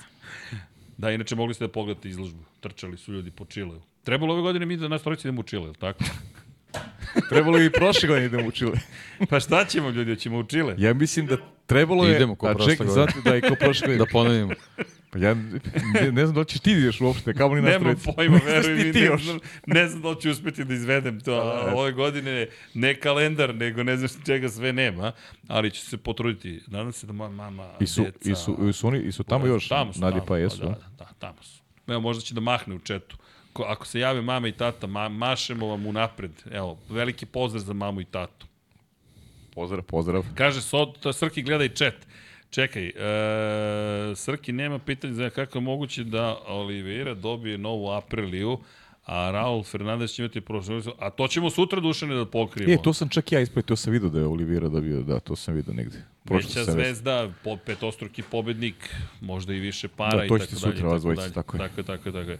Da, da, inače, ostaje li F1 na SK? Ove godine, da, ostaje. Ne, ne, ostaje sigurno, da. Da potvrdimo, da. Ostaje da. sigurno. To smo i rekli na kraju. U stvari, ja sam rekao, ti nisi bio u onoj zadnjoj trci, da, je li tako veš? Da, ja sam bio u Moto Grand Prix. Nisi u Moto Grand Prix. Ostaje, ostaje, to je ono što znam. Mi znamo samo to kratkoročno, od godine do godine, tako da za ovu sledeću znamo da će biti, a za dalje stvarno nemamo pojma. To je... Niti znamo, niti nam direktor to govori. To je, da, mi to, to saznamo. U sklopu, u sklopu ovaj, mi saznamo da pa posljednje trče da, nam mi... kaže najavite, bit će sledeće godine mi najavimo. Tako da. Ali uvek je tako. Samo je to, tako i uvek. Nikad ne znamo ovaj, ništa unaprijed. Pred Abu Dhabi mi pitamo jel, može, jel ima nekih vesti, jel možemo nešto da najavimo. Tako je.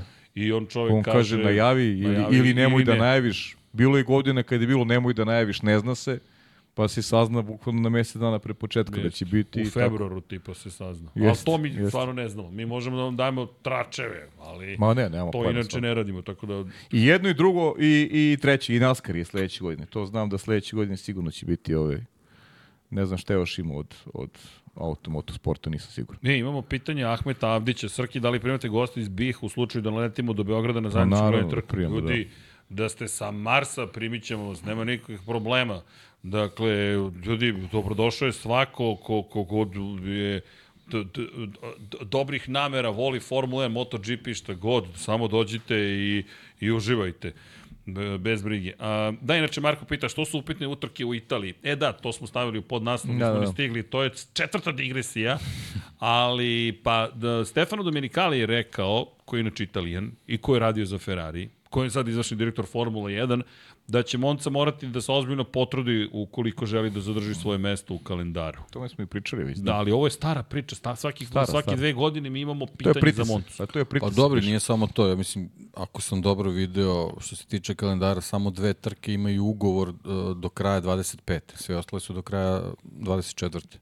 Uh, jeste, imaju znači, do... bukvalno sve moraju da ispune uslove da bi se ugovori produžili, ali dobro, to je sad već kod nekih onako, da kažemo, i standardna procedura. Što se tiče, što se tiče Monce, ona je ušla u, u ozbiljnu rekonstrukciju danas, čak čini mi se, ili, ili pre nekoliko dana.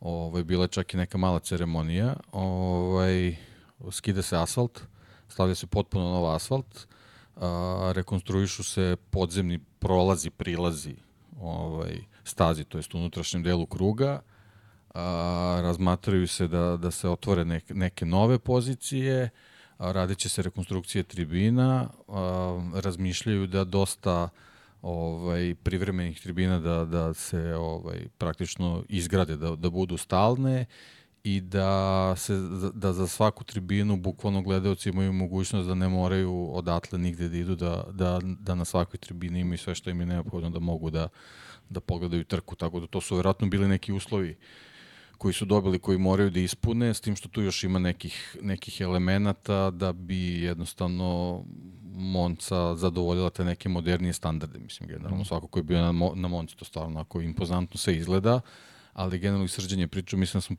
prošle nedelje pričali o tome, parkinzi su onako malo, malo diskutabilni, mm. jako je teško prići stazi, posebno kad, kad su trke gde ima mnogo posetilaca, naročito kad je Formula 1, tako da ima tu nekih elemenata koji moraju da, da se da se doradi i poradi na njima, mislim nije ništa za sad onako spektakularno da se neće desiti, ali generalno rok za završetak radova je otprilike mesec dana pre trke.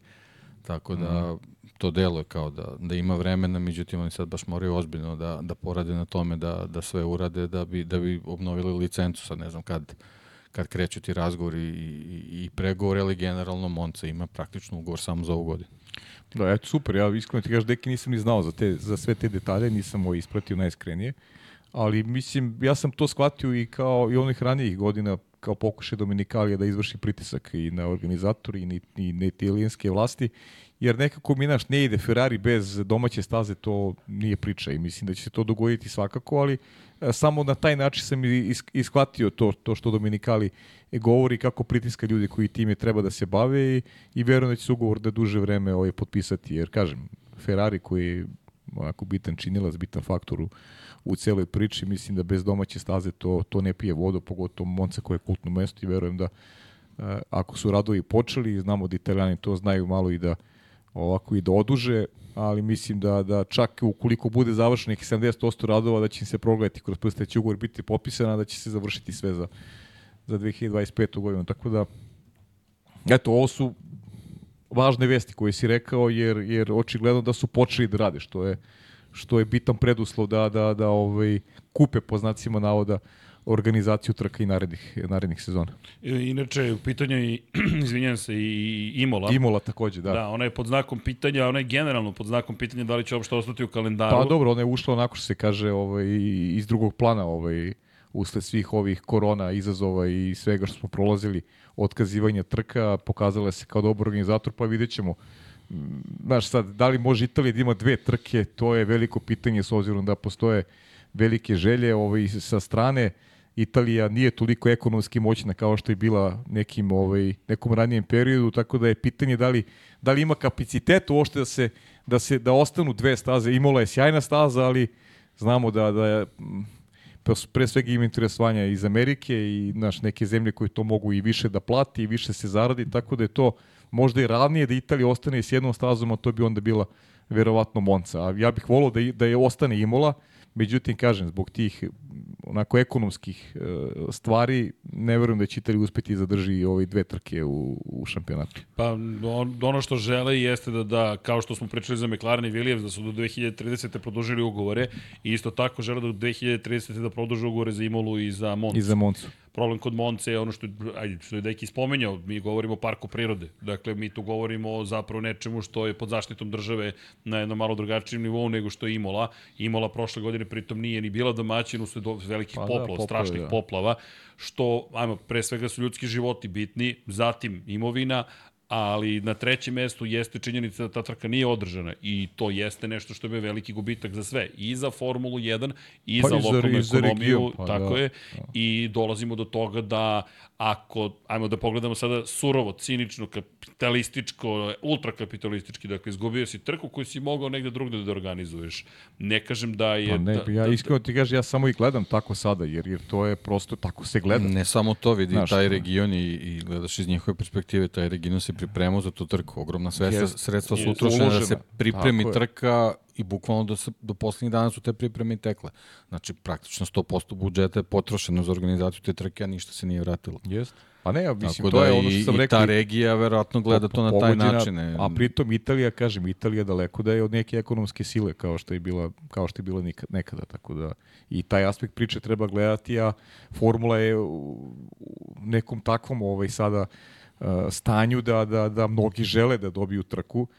Kažem, ja navijam Zimulu da ostane, voleo bih, ali utiska sam neku da, da će Imola onako, da će najlekše naći način da jedna trka u Italiji ostane, a da ne znam, ugureju neki New York ili šta god u nekom periodu koji sledi, ali opet, to je samo moja procena, vidjet ćemo kako će biti procena koja, ja mislim da je prilično na mestu na osnovu dosadašnjeg istorijata Formula 1.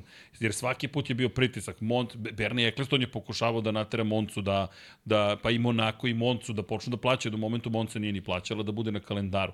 Pa su onda naterali da počne da plaća. Pa to i Monaco, Monaco ima specijalne uslove. Jeste. To pričali smo i oko teja prenosa. Njihove kamere su radile prenos, oni su birali termin kada se održava. Mislim, to je svašta nešto se tu ovaj govorilo i i ranije godine, oni sad više nemaju tu ekstra, ekstra A, pravo, da, ali, vidiš, ali će je, ostati u kalendaru. Poenta je da onako. ta organizacija Formula 1 više ne gleda Monte Carlo kao ključno mondensko mesto, ne, ne, nego ne. se sele u Sjedine američke države. Tako sele se u Las Vegas. To je glavni problem. A, da. I jedan od komentara u četu jeste šta će na Monca, dajte još trka u Americi.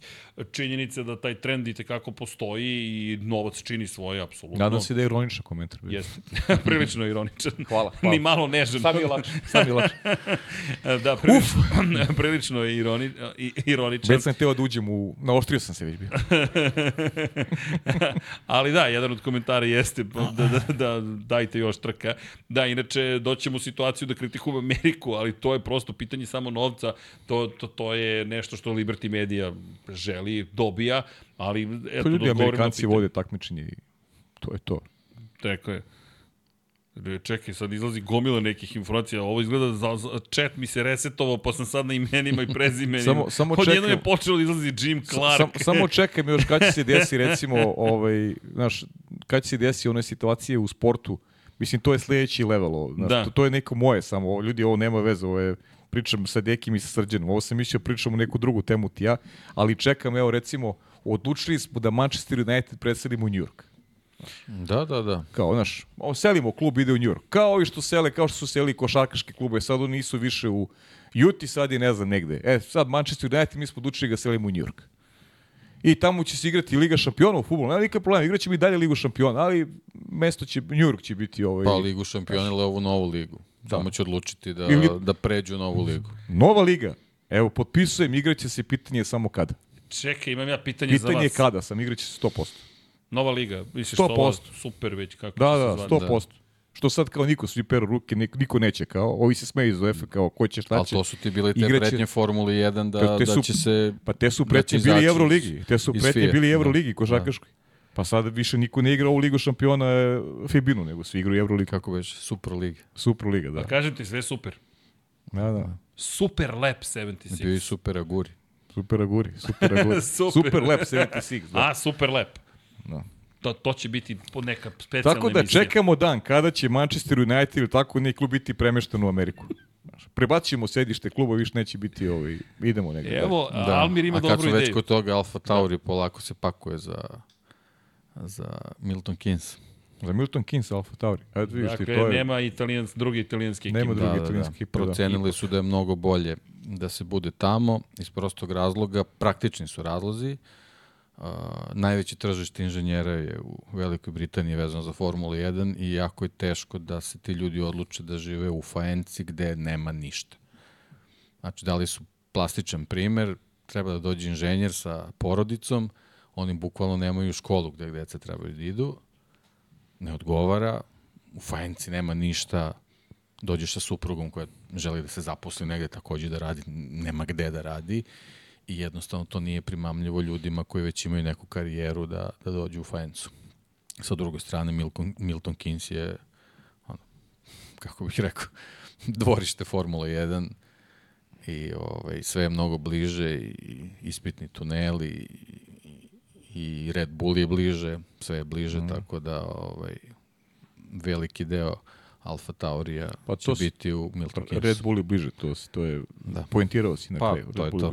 Evo šalje Hasan poruku, kaže, danas su počeli radovi, neće biti trka do septembra. Jel danas su počeli, znam da se negde da, video... neće biti trka do da. septembra. To, to mora da se završi. Da, da, da, da. Ništa neće Imaju se vozi u Monci. mesec dana, da, da, da. da ništa neće se vozi u Monci do, do, do formule. Da, da, da, da. Znači, ništa se ne vozi više u Monci.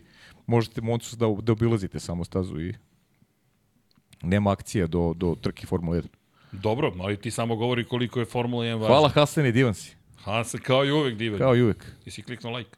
Si kliknuo like, Hasane. Mada on gledaš na koliko je moj televizor u dnevnoj sobi. Ljudi, TV, ja sam da ga ponesem za gastrošor dole, da ga on ima, kod nas. On ima toliki televizor da vidi šta se dešava u ovoj drugoj sobi iza nas. ne, ne, te ja ga pitam ko, odakle ti TV, kaže, a to sam morao iz Amerike da ga uveze prilike. A Hasan vidi šta komši radi u drugoj sobi. ne, ne, Hasan gleda šta Toto Wolf radi. Čekaj, ima, znaš, ono, podeli ekran, Toto, Ginter, Steiner, Leo Desto, sve ih prati.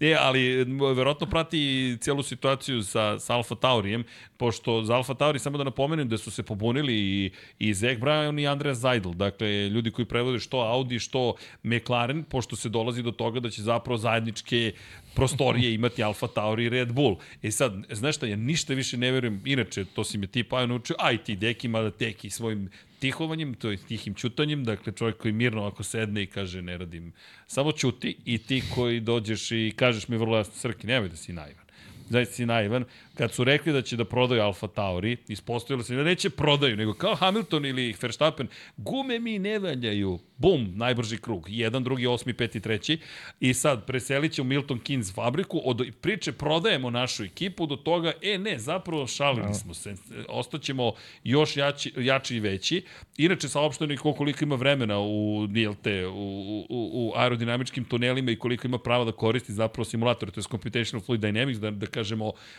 virtualni, a, a vazdušni tunel, to nije loš termin. Dakle, I neko je rekao, pa ništa, Red Bull kada završi sa svojim delovima, onda samo pošle Alfa Tauri zahtev, sad radite ovo i to, to, to je to. Treba neko nove motore da testira uskoro. Jeste. Svašta nešto. Vidi, ima tu posla. Ko je testirao Hondu, znamo. I Red Super Bull... Aguri. Re... Super Aguri. Tad, tad je počelo sve. Ej, Jeste, čekaj. Se sećaš? Kako ne, kako ne. Samo malo prefarbaš. Nisu se čak ni mnogo trudili da prefarbaju. pa, što bi se trudili, pa bez veze ba, bacio pari. Ej, počeo sam da gledam Bron Grand Prix serijal. Jesi, ja? Počeo sam. Po, mogu reći da je, da, da je Keanu Reeves jedna Do, velika četiri faca. epizode sam. Četiri, četiri epizode po 50 minuta, ali da. Keanu Reeves je jedna ozbiljna faca. Nisam Inače mi je super ovako bio tip, ali sad mi još bolji. Baš je dobar u ulozi. On jeste inače super tip. Baš je dobar. Ne znam šta sve čovjek nije radio od toga da mm. ima svoju proizvodnju motocikala, vozi motocikle, dolazi na MotoGP trke, sad je u Formuli 1 i reče car koji je posebne ugovore pisao, odricao se svojih prihoda od procenata sa prodaje ulaznice za filmove u korist ljudi koji rade u okviru samog filma. Kakva legenda. Ozbiljan car stvar. Baš je car. I još i glumio Matrix. Čovjek koji izjavio da ne može da živi u svetu kojem je dobrota mana. Da, da, da, nežnost. Ne, ne, nežnost. Ozbiljno, da, nežnost. Da, I bio sam fazonu... Svaki javni nastup, sve, da. ono, kapa dole. Je, znaš kako? Takvi, takvi ljudi nam trebaju ovaj, u Bukvalno, mnogo većim, inspiracija. mnogo većim količinama. I, I to me podsjetilo na nas. Razmišljam, mazite se, pazite se, budite nežni. Poredi sebe za Keanu Reevesom. Ne, ne, ne. ti li si? Odmah, da, odmah da kece. Ti li si Kijanu? Pa nisam te poznao. Ja sam Neo. Skinuo periku. ne. to sam te da ti kažem, da imamo onakvu kosu. Znaš kako je? Znaš kakav bi kosjaner bio. I, aj. Znaš kako je Kijao malo, pristi je Kijano. Kijao Reeves.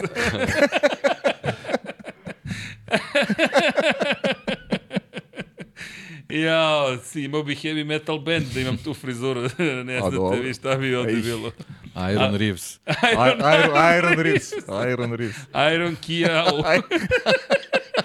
Iron Reeves.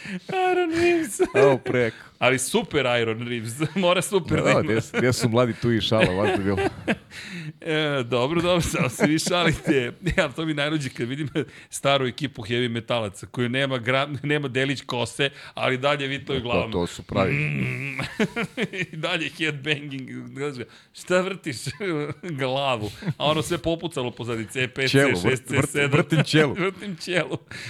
Aerodinamika. Radim testove za njuj. Radim testove za njuj. Kako je oživljavanje? Može on i sam, ne treba. da, da, da. A možda je zato uspešan. da, možda. Da. E, da. No, da se vratimo mi na izjavu izvršnog direktora Alfa Taurija, Pitera Bajera. Jeste ikad čuli ko je izvršni direktor Alfa Tauri? To je isto zabavno, znaš, kao Alfa Tauri i sad izvršni direktor. Ali šalno strano, Peter Bayer koji je rekao, da inače čekamo novo ime i dalje. Čekaj, to se baš te ti kažem. ne znamo kako će se zvati. Verovatno će biti neko, ono, nećemo znati da ga izgovorimo uopšte. E, da, inače njihov razlog, e, argument za prelazak je zato što u Bičesteru gde su do sada bili je premala je fabrika koju trenutno koriste u Alfa Tauri i moraju da odu u Milton Keynes. Do, tamo će biti... Da, istekao je leasing. titulu. Istekao je. Istekao je leasing i kao nema razloga produžujemo bolje ovamo. Da. Prosto su morali da, nisu da. mogli da produže leasing, nego su morali da izađu odatle i eto, bit će bliži Red Bull. I, pa nije, Fra, Franz Tost je volao da živi u Italiji, sad se menja ovaj... Ovi drugi ljudi ne, ne žele. Franz Tost je kriv što su dugo bili u Italiji. E, da, od, tako nekako dođe. Da. Ali dobro, mnogo, mnogo se zapravo zanimljivih stvari dešava. U svakom slučaju, Idol i Brown se bune, ali nije baš da će im to nešto previše pomoći, makar nekako onog što smo mogli da vidimo. Ali da mi ne pobegne misao kada pričamo, sa, da li znate gde će biti prezentacija Williamsovog bolida? Williamsov bolid? 5. februara. 5. februara. Koji grad?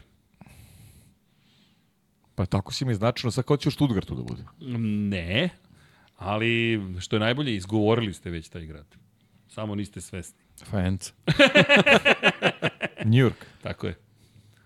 New York City, New York City. Znači tamo gde će Manchester. Tamo gde će Manchester. Čisto da ti se ne dovežem na priču. Znači mi im nismo više bitni, dobro, okej. Okay. Pa, Može manje. Tako. A Zaober ide u London.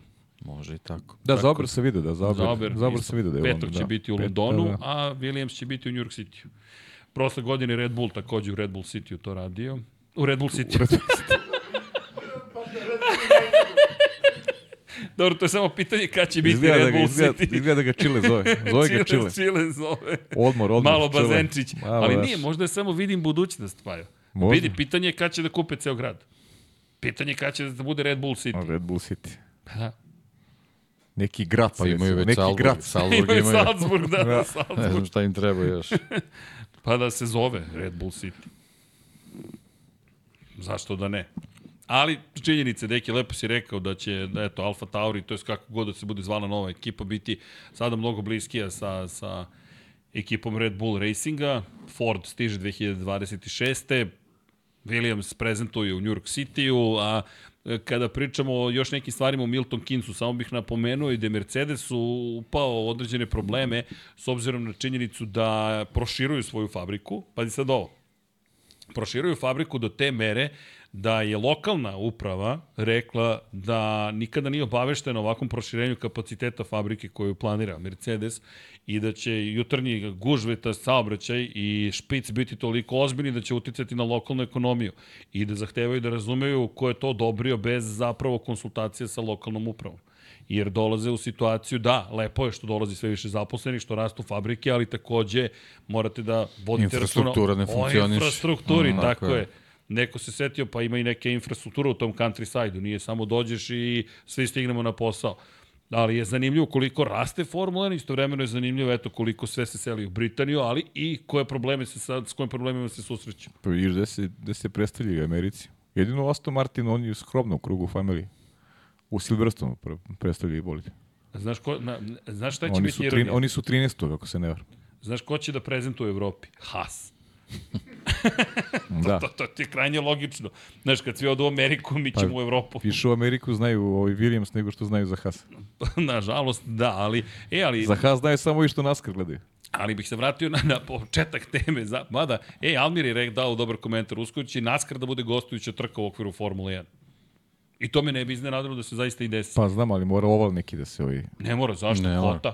Pa da, kot, pa da, šalim se, vozi Sonoma ova. Pa da, so, pa Watkins Glen isto. Tako Sonoma se vozi. Jeste, jeste, vozi se Sonoma, vozi, vozi nazad. Vozi se. Da, ne voze. Pa ne, imaš, ne imaš samo, imaš samo dve, ne, formule, imaš samo Ne, ne, kažem stazu voze. Voze stazu, voze da, stazu. Da, da, da, samo vozi, dve, vozi. samo dve staze klasične voze. Samo Sonoma i Watkins Glen, to su im jedine dve koje voze. I Kotu, i Kotu. Da i Circuit of the Americas. Uh, pa Austin. znam ali Kota, Kota je bila, Kota je nešto od skora su počeli da jeste, voze. Jeste, počeli su, ali voze. Pa dobro, voze sad i one rovale, znaš, ima malo jeste. drugačije, voze više rovala, imaju kombinaciju ovala i, i, i klasične staze, to je, to je postao trend posljednjih godina, jer ranije su vozili samo dve, od 36 samo dve trke imaš dobro, koje su sad vratno ovi, nova generacija automobila dozvoljava malo više A da. Pa dobro, setupova za stazu. Pa i mali oni žele da se, mislim, oni pametno radi, malo da žele da se približe malo evropskom tržištu. Ono je, znaš, ti ovali milju i po, mada realno sezona mnogo duga, nije baš previše gledljiva, iskreno.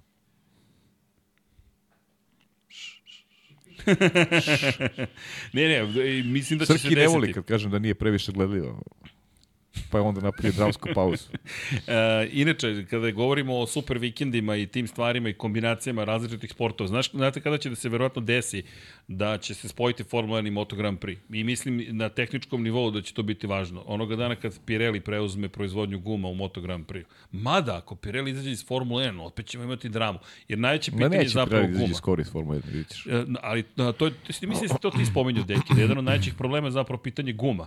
Jer ti kada pogledaš gume koje ostanu iza Formule 1, kako će uticati na ponašanje motocikala. I obrnuto, ali mnogo je manji uticaj, ma, mnogo su male gume Moto Grand Prix odnosno na gume Formule 1 i bez obzira što su trke u nedelju, u subotu i petak se dovoljno stvari dešava na stazi, na primjer Barcelona, meni je stalno Barcelona u glavi, sam ubeđen da će tamo da se desi super, prvi super vikend, jer je dovoljno velik prostor, dovoljno je bezbedna staza, dovoljno je uzbudljivo, dovoljno je gledana i kada je reč o motociklizmu i kada je, gledana, i kada je gledanost Formule 1 u pitanju, To mi je negaj ubeđenje i puno su tamo testirali i jedni i drugi. Tako da mi to deluje kao savršen probni da. poligon. Da. Barcelona mi baš trči, ali ljudi to za ko zna koliko godine. Samo mi negde stoji to, zaista mi stoji u glavi kao, kao nešto što Mislim da će se Nek, tako neka da... Neka si sad to izbacio iz glave, neka si to i rekao sad. Pa morao sam da kažem. Neka si, neka si, ne, ne, ne ima, ima logike, stvarno, to ne, što pričaš. Prosto mi je, kad smo prošli pod pričali o tome, Barcelona mi nekako svaki put ispliva.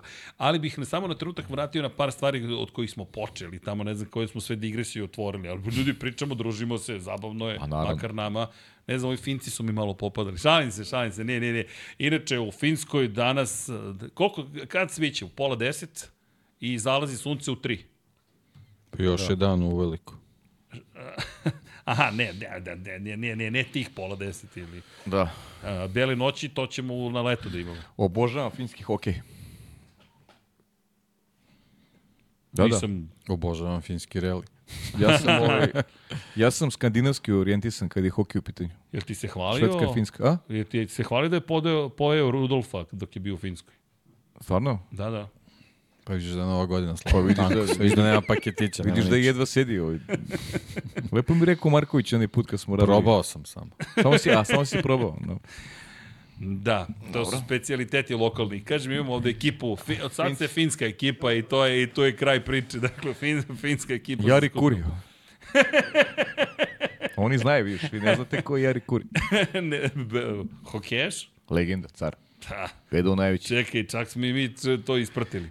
Ti znaš da moj čal insistirao da se gledaju hokej na ledu olimpijski, da je to moralo da se prati. A, bravo, dobro, dobro. Ne, ne, ne, to je ozbiljna porodica, tu nema šale.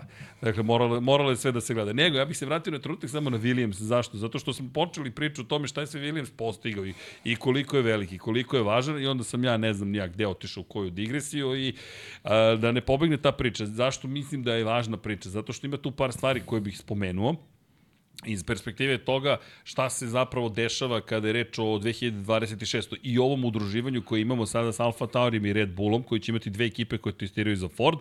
Imaćemo tri tima koje rade sa Mercedesom sigurno. Imaćemo Aston Martin Hondu koja iz Mercedesa prelazi u ruke Honda.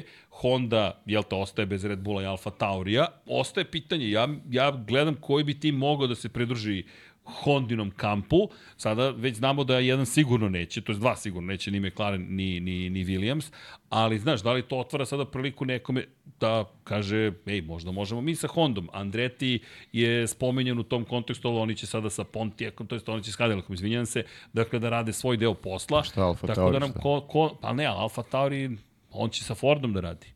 Da, sa Fordom, da, da, bravo, sa Fordom, da, to sam, to sam i mislio. Da, na Forza i mislio, ti si pričaš Hondi, da ne, Forza ne, ne, da, da, ali dobro, la, o, bravo, bravo. lako je e, ostati u Alfa Tauri koji je da. testirao, da. ali što kaže Deki, oni će vratno da, prvi bravo, sa Hondom, da, te, ovaj, pa ne vidi se, zaista se ne vidi ko bi mogao. Znaš, jer ćemo doći u situaciju, šta, gde, gde ćemo doći? Haas, trebalo bi da ostane sa Ferrarijem, pošto i Ferrariju treba ekipa s pa, kojom naravno, će sarađivati. Naravno. Gube Zauber, Zauber koji će Jest. ove naredne godine još biti zapravo sa, sa Ferrarijem. Zauber koji ima pos, posebnu priču, ali više se bavimo sponsorima nego bilo čim drugim. I onda dolazimo do toga da imaš Haas, Ferrari, koji sarađuju zajedno, Renault ostaje sam, Aston Martin će ostati sam i dolazimo do toga da zapravo mi imamo sve više timova koji nemaju prevelik broj mogućnosti da sarađuju. Mercedes će opet imati najveći broj timova i kilometara na, na samoj stazi čisto da uočimo. Zato mislim da je ovaj potpis sa Williamsom podjednako važan za Mercedes koliko je važan i za Williams, koji će takođe dobijati od Mercedesa kompletan razvoj i menjača i Po ovom slučaju obostrano važan, da, to ono što smo rekli na početku. Ja, McLaren mi je žao što je u tom košu, ali sumirat ćemo ovaj utiske kada krene sve. Znaš, jer ponestaje sada prostora s kim bi... S kim bi pa nema prostora. Nema. S kim će Audi sutra, na primjer, da, da McLaren nije mogao da priđe Hondi. No. To je to. Razumete, ostaje mm, samo, je bilo. samo mm. Mercedes i Ferrari ostaju sa više timova, za sada. Ako Ferrari uspe da nastavi saradnju sa Haasom. Jer mi dolazi GM, dakle, ukoliko ima odobre ulazak za 11. ekipu, Audi će ući, to je potvrđeno 2026. Ali s kim će Audi da sarađuje? Nema više prostora. Pokrivene su stavke. Pet timova od 10 su timovi koji zapravo su timovi što Red Bulla, što Mercedesa. I to su pa, najveće ekipe. To je neka utakmica isto. I Ferrari sa još dva, to ti sedam timova. I ostaju ti tri ekipe koje će imati svoje proizvođače. Audi, Honda, Renault, to je Alpina. I onda dolazi 11. tim koji dovodi sa sobom zapravo Cadillac. I onda imaš četiri proizvođača sa četiri ekipe i tri, tri proizvođača sa sedam timova. Što isto i politički može sutra da bude važno iz perspektive toga ko glasa za koga i ko na čiju stranu vuče. E, mislim da se sada postavljaju zapravo i političke osnove za ono što će doći od 2026. do 2030. A ne zaboravimo, Formula 1 jednako, politika uvek. I iz te perspektive... Pa ja bih rekao samo, najviše iz te perspektive ima ovaj značaja sve što si rekao da, vezano za tu temu. I... Što ovo drugo... Znaš ko mi daje nadu, međutim i dalje? Daje mi nadu McLaren na neki način, pošto je dokazao prošle godine koliko je zapravo aerodinamika važna u novom savremenoj Formuli. Pa samo se plašim da i to ne bude anomalija. Da ne bude samo kratkog daha. Jer nemoj zaboraviš da zaboravite i prošle godine McLaren imao jako dobar finiš sezone. Mnogo Misliš bolji 2022. 2022. Mnogo da, 2022. Mnogo bolji u odnosu na početak godine. Ne tako upečatljiv kao 2023. ko garantuje će McLaren imati dobar start sledeće godine? Niko. Samo, ja, samo mi je ono što hoću da kažem, ja verujem da je aerodinamika pa jeste, toliko pa važna. Da, jeste važna, ali mislim da, da opet taj neki iskorak koji sad se očekuje možda i jače McLaren da oni uđu u borbu za titul, ja mislim, ja, ja to ne vidim zaista. Ne vidim i dalje. I ne bih se iznenadio da, da McLaren ponovo krene traljavo, a je taj izraz potrebu u 2024. To jest u ovu godinu, u ovu sezonu. To jest da ne može da uhvati pa da ne može da konce na samom početku. Tako je, da ne može da pokvata konce, da, da im opet da treba vreme da, da, ovaj, da skapiraju u kom pravcu treba da idu kako bi parirali rivalima, a ta će već biti kasno za te najveće ambicije koje mi negde slutimo ili želimo da, da se dogodi McLaren. Opet gledam iz... I mislim da se ništa neće tu promeniti generalno i sa novim pravilima, da ćemo opet da gledamo u pravcu tri ove vodeće ekipe. Red Bull, Mercedes, Ferrari. Takav je odnos snaga. A to je to. Iskreno, Malkice me brine što ostali neće imati juniorsku okay, ekipu. slažem se, slažem se, ali Nisu, nisu imali ostali ni ranije juniorsku ekipu. Da, ali nisu ni potrudili se sada da učine neke stvari. I gledam dosta, ka, moram ti priznati, gledam ljudi upravo ka tim velikim proizvođačima Audiju, gledam Honda, ok, Honda nikad nije baš bila tako imala inicijativu. Konačno i Bron Grand Prix o kojem pričamo je nastao tako što je, to je dobar uvod u, u dokumentarac. Zašto su vas zvali tim jedna funta? Kaže, zato što sam jednu funtu platio Hondi da postanem zapravo izvršni direktor. Pa znam, ali, ali, ali pogledaš sad Hondu recimo, kakav je njihov interes za neko partnerstvo sa Williamsom? U ovom trudu kakav jeste Williams? Znaš, Williams trebao samo da uradi nešto da bi, da bi, se, drugi, da bi se drugi javljali njima i rekli, ej, mi hoćemo samo da sarađujemo. Dobro, ali... Naprimjer, Šta je Williams uradio u prethodnoj dekadi? Ali, na primjer, Aston Martin Real. i McLaren. Pa mislim da su bili Hondini. Da, pa okej, okay, ja, ja, bi, ja bih pre i teže u McLaren nego Aston Martin. Ne, više govorim u kontekstu toga da ne povlače agresivne dovoljno poteze pa. da bi se borili sa Mercedesom, Ferrarijem ili Red Bullom. Pa ima jer, i toga, ima i toga. To mi je utisak, jer Audi gledam kao tim koji je, jer ono što je Deki rekao, Audi kada je reč o pogonskim jedinicama, Prilično sam sigurno da pa će pa biti na visokom nivou. Deki u pravu skroz, Audi će jedini biti ozbiljniji, možda bude ozbiljniji takmat s ovim ekipama koje smo, koje smo naveli u 2026. I proizvođačima u suštini ono... Fordu, Ferrariju i, i tačnije Red Bullu u stvari. Gledam pre ka Red Bullu i Njui koji će i sa Fordom napravi ima potencijal napravi nešto uradio sa Hondom. Jer evo, Honda u McLarenu, Honda u Red Bullu, to je nebo i zemlje razlika bila. I, ali bih dodao još jednu dimenziju u celu priču. Audi, pogonske jedinice, verujem da će biti spremne, međutim, Audi je sam navodno iznenađen koliko je aerodinamika zapravo postala važna u ovoj novoj eri Formula 1 što je zapravo nešto što Zauber treba da donese u to partnerstvo. Zauber koji će koji sa svojim super naprednim hipersvemirskim vazdušnim tunelom treba da bude tim koji jel te pomera granice. Ove godine mi smo videli jedan vrlo pa da, zato su, zato su oni i okrenuti ka, ka 27. Ti generalno iz, iz ekipe Zaubera dobiješ informacije da, da, da dokument po kome se vrši taj, taj razvor je već napravljen i po njemu već, već je sve funkcioniše, ali generalno i taj ulazak Audija uh, nije, nije slučajan, ja verujem da su oni vrlo učestvovali u lobiranju kako će da, da izgleda taj, taj format pogonskih jedinica u toj nekoj novoj eri da bi oni mogli u stvari da uhvate taj korak i da na vreme budu spremni, ali generalno dok ne izađeš na stazu ne možeš da znaš sve uh, sve elemente i šta Naravno. ti je ne, potrebno stvari kako da stekneš to iskustvo da razviješ tako da i oni u stvari gledaju u 27. Verovatno. 26. je prva Pionirska. godina učenja pionirska i to što Srđan kaže, tu će se najviše koristiti ta ekspertiza koja postoji u Zauberu da bi u stvari oni mogli da shvate kako treba da pripreme automobil. Ali deki, ja sam ubeđen... Ali oni nisu tu da, da, da. oni su tu da, da, da pobeđuju. Ali ja sam ubeđen da će već 2026. dati nešto. Jer se, i se sećate kako je Gene Haas ušao u Formu 1. Nima nikakvog iskustva. I rekao nije bio svestan koliko je Formula 1, koliko je to zahtevno. Upravo je isto on pričao o aerodinamici. Ali je Haas u prvoj godini imao sasvim, solidna, sasvim solidne rezultate. Za prvu sezonu Gene Haas, ekipa koja nije imala nikakvog iskustva vezana za Formulu 1. Da. I imao Audi, Audi će to savladati mnogo bolje. Ubiđen sam da ćemo već pa, biće 2026. Put, ali znaš kako, to najbolje, najbolje gledati primjer Mercedesa. Pa da. Kako su oni funkcionisali. Pa upravo znači, tako. Nije, nije odmah sve upravo bilo tako, da. idealno, ali, A, ali, ali bilo vrlo, korektno, vrlo, brzo, vrlo, vrlo brzo se ubedio Luisa Hamilton treba Jest. da dođe, da će osvojiti I, I vrlo brzo je Niko Rosberg do, doneo prvu pobedu tako Mercedesu. Je, tako je. Tu, tu nema dileme, tu si popuno upravo, još ono kad smo pričali još dolazak. To je druga priča što, mi, što smo mi dolaskom Mihajla Šumehera mislili da će od, odmah biti ma sve, da, ma da, ali, ma dobro, ali, to jednostavno mora, mora da prođe neki period. Proces, mora je, to je proces. Tako je, tako da mislim da, da, da sa time možemo onako da pravimo neka poređenja kad se Audi pojavi u Formuli 1. Sigurno, sigurno. Pa Mercedes je kupio već spomenuti peti put Bron Grand Prix. Da. Zapravo su oni došli i kupili ekipu koja... Koja je bila pobednička šampionska, ali Mercedes nije odmah mogao da bude nije, nije, pobednički šampionski. Nije, nije mogao zato što je to bila ogromna promena, kulturološka promena. E, drugo... e, zato je vrlo interesantno vidjeti koji će, koji će vozači biti. Jer to što radio Mercedes takođe je sjajan. Imali su Nika Rosberga i doveli velikog šampiona. E, to ne sme zaboravimo, što kažeš Deki Schumacher je utkao sebe u ono što je kasnije e, dovelo do dominacije Mercedesa. Mihal Schumacher je dao informacije, znamo koliko je Schumacher bio vredan, ovaj, i još iz perioda, i ranijih perioda, i Benettona, i Ferrarija, neko ko je aktivno učestvovao u, u kreiranju uh, bolida, neko je provodio vreme u, u garaži konstantno, znači nije bio vozač koji ono, dajte mi, ja ću da sednem u, u, za upravljač i da vozim. Ne, on je neko koji aktivno učestvovao u formiranju, u svakom djeliću uh, tog bolida koji je kasnije postao šampionski. To je radio i sa, i sa Mercedesom.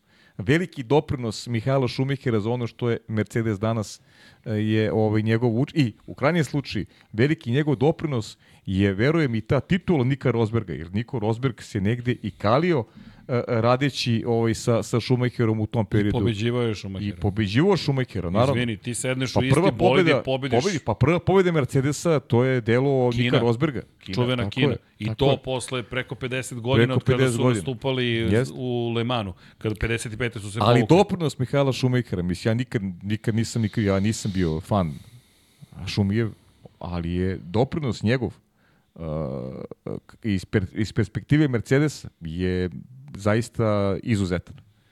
E, sad to je put Audi. Verujem da će, da će se Audi opredeliti za neki sličan put. I, i strašno me zanima, uh, vidim da se Valtteri Bottas negde i nudi. Ne znam da ste videli. Da, da, da, da, je, Bot, da, da je Bottas spreman da navodno ovaj bude deo Ako tog projekta. Sete, Ako mi se sete, bukvalno to, to, to za dan bezbednosti. Za, za dan bezbednosti. E sad ne znam da će Audi da ga se seti baš, ali me verujem da već pa, sad imaju projekciju. Jer mu nešto nije ovaj. Da, da.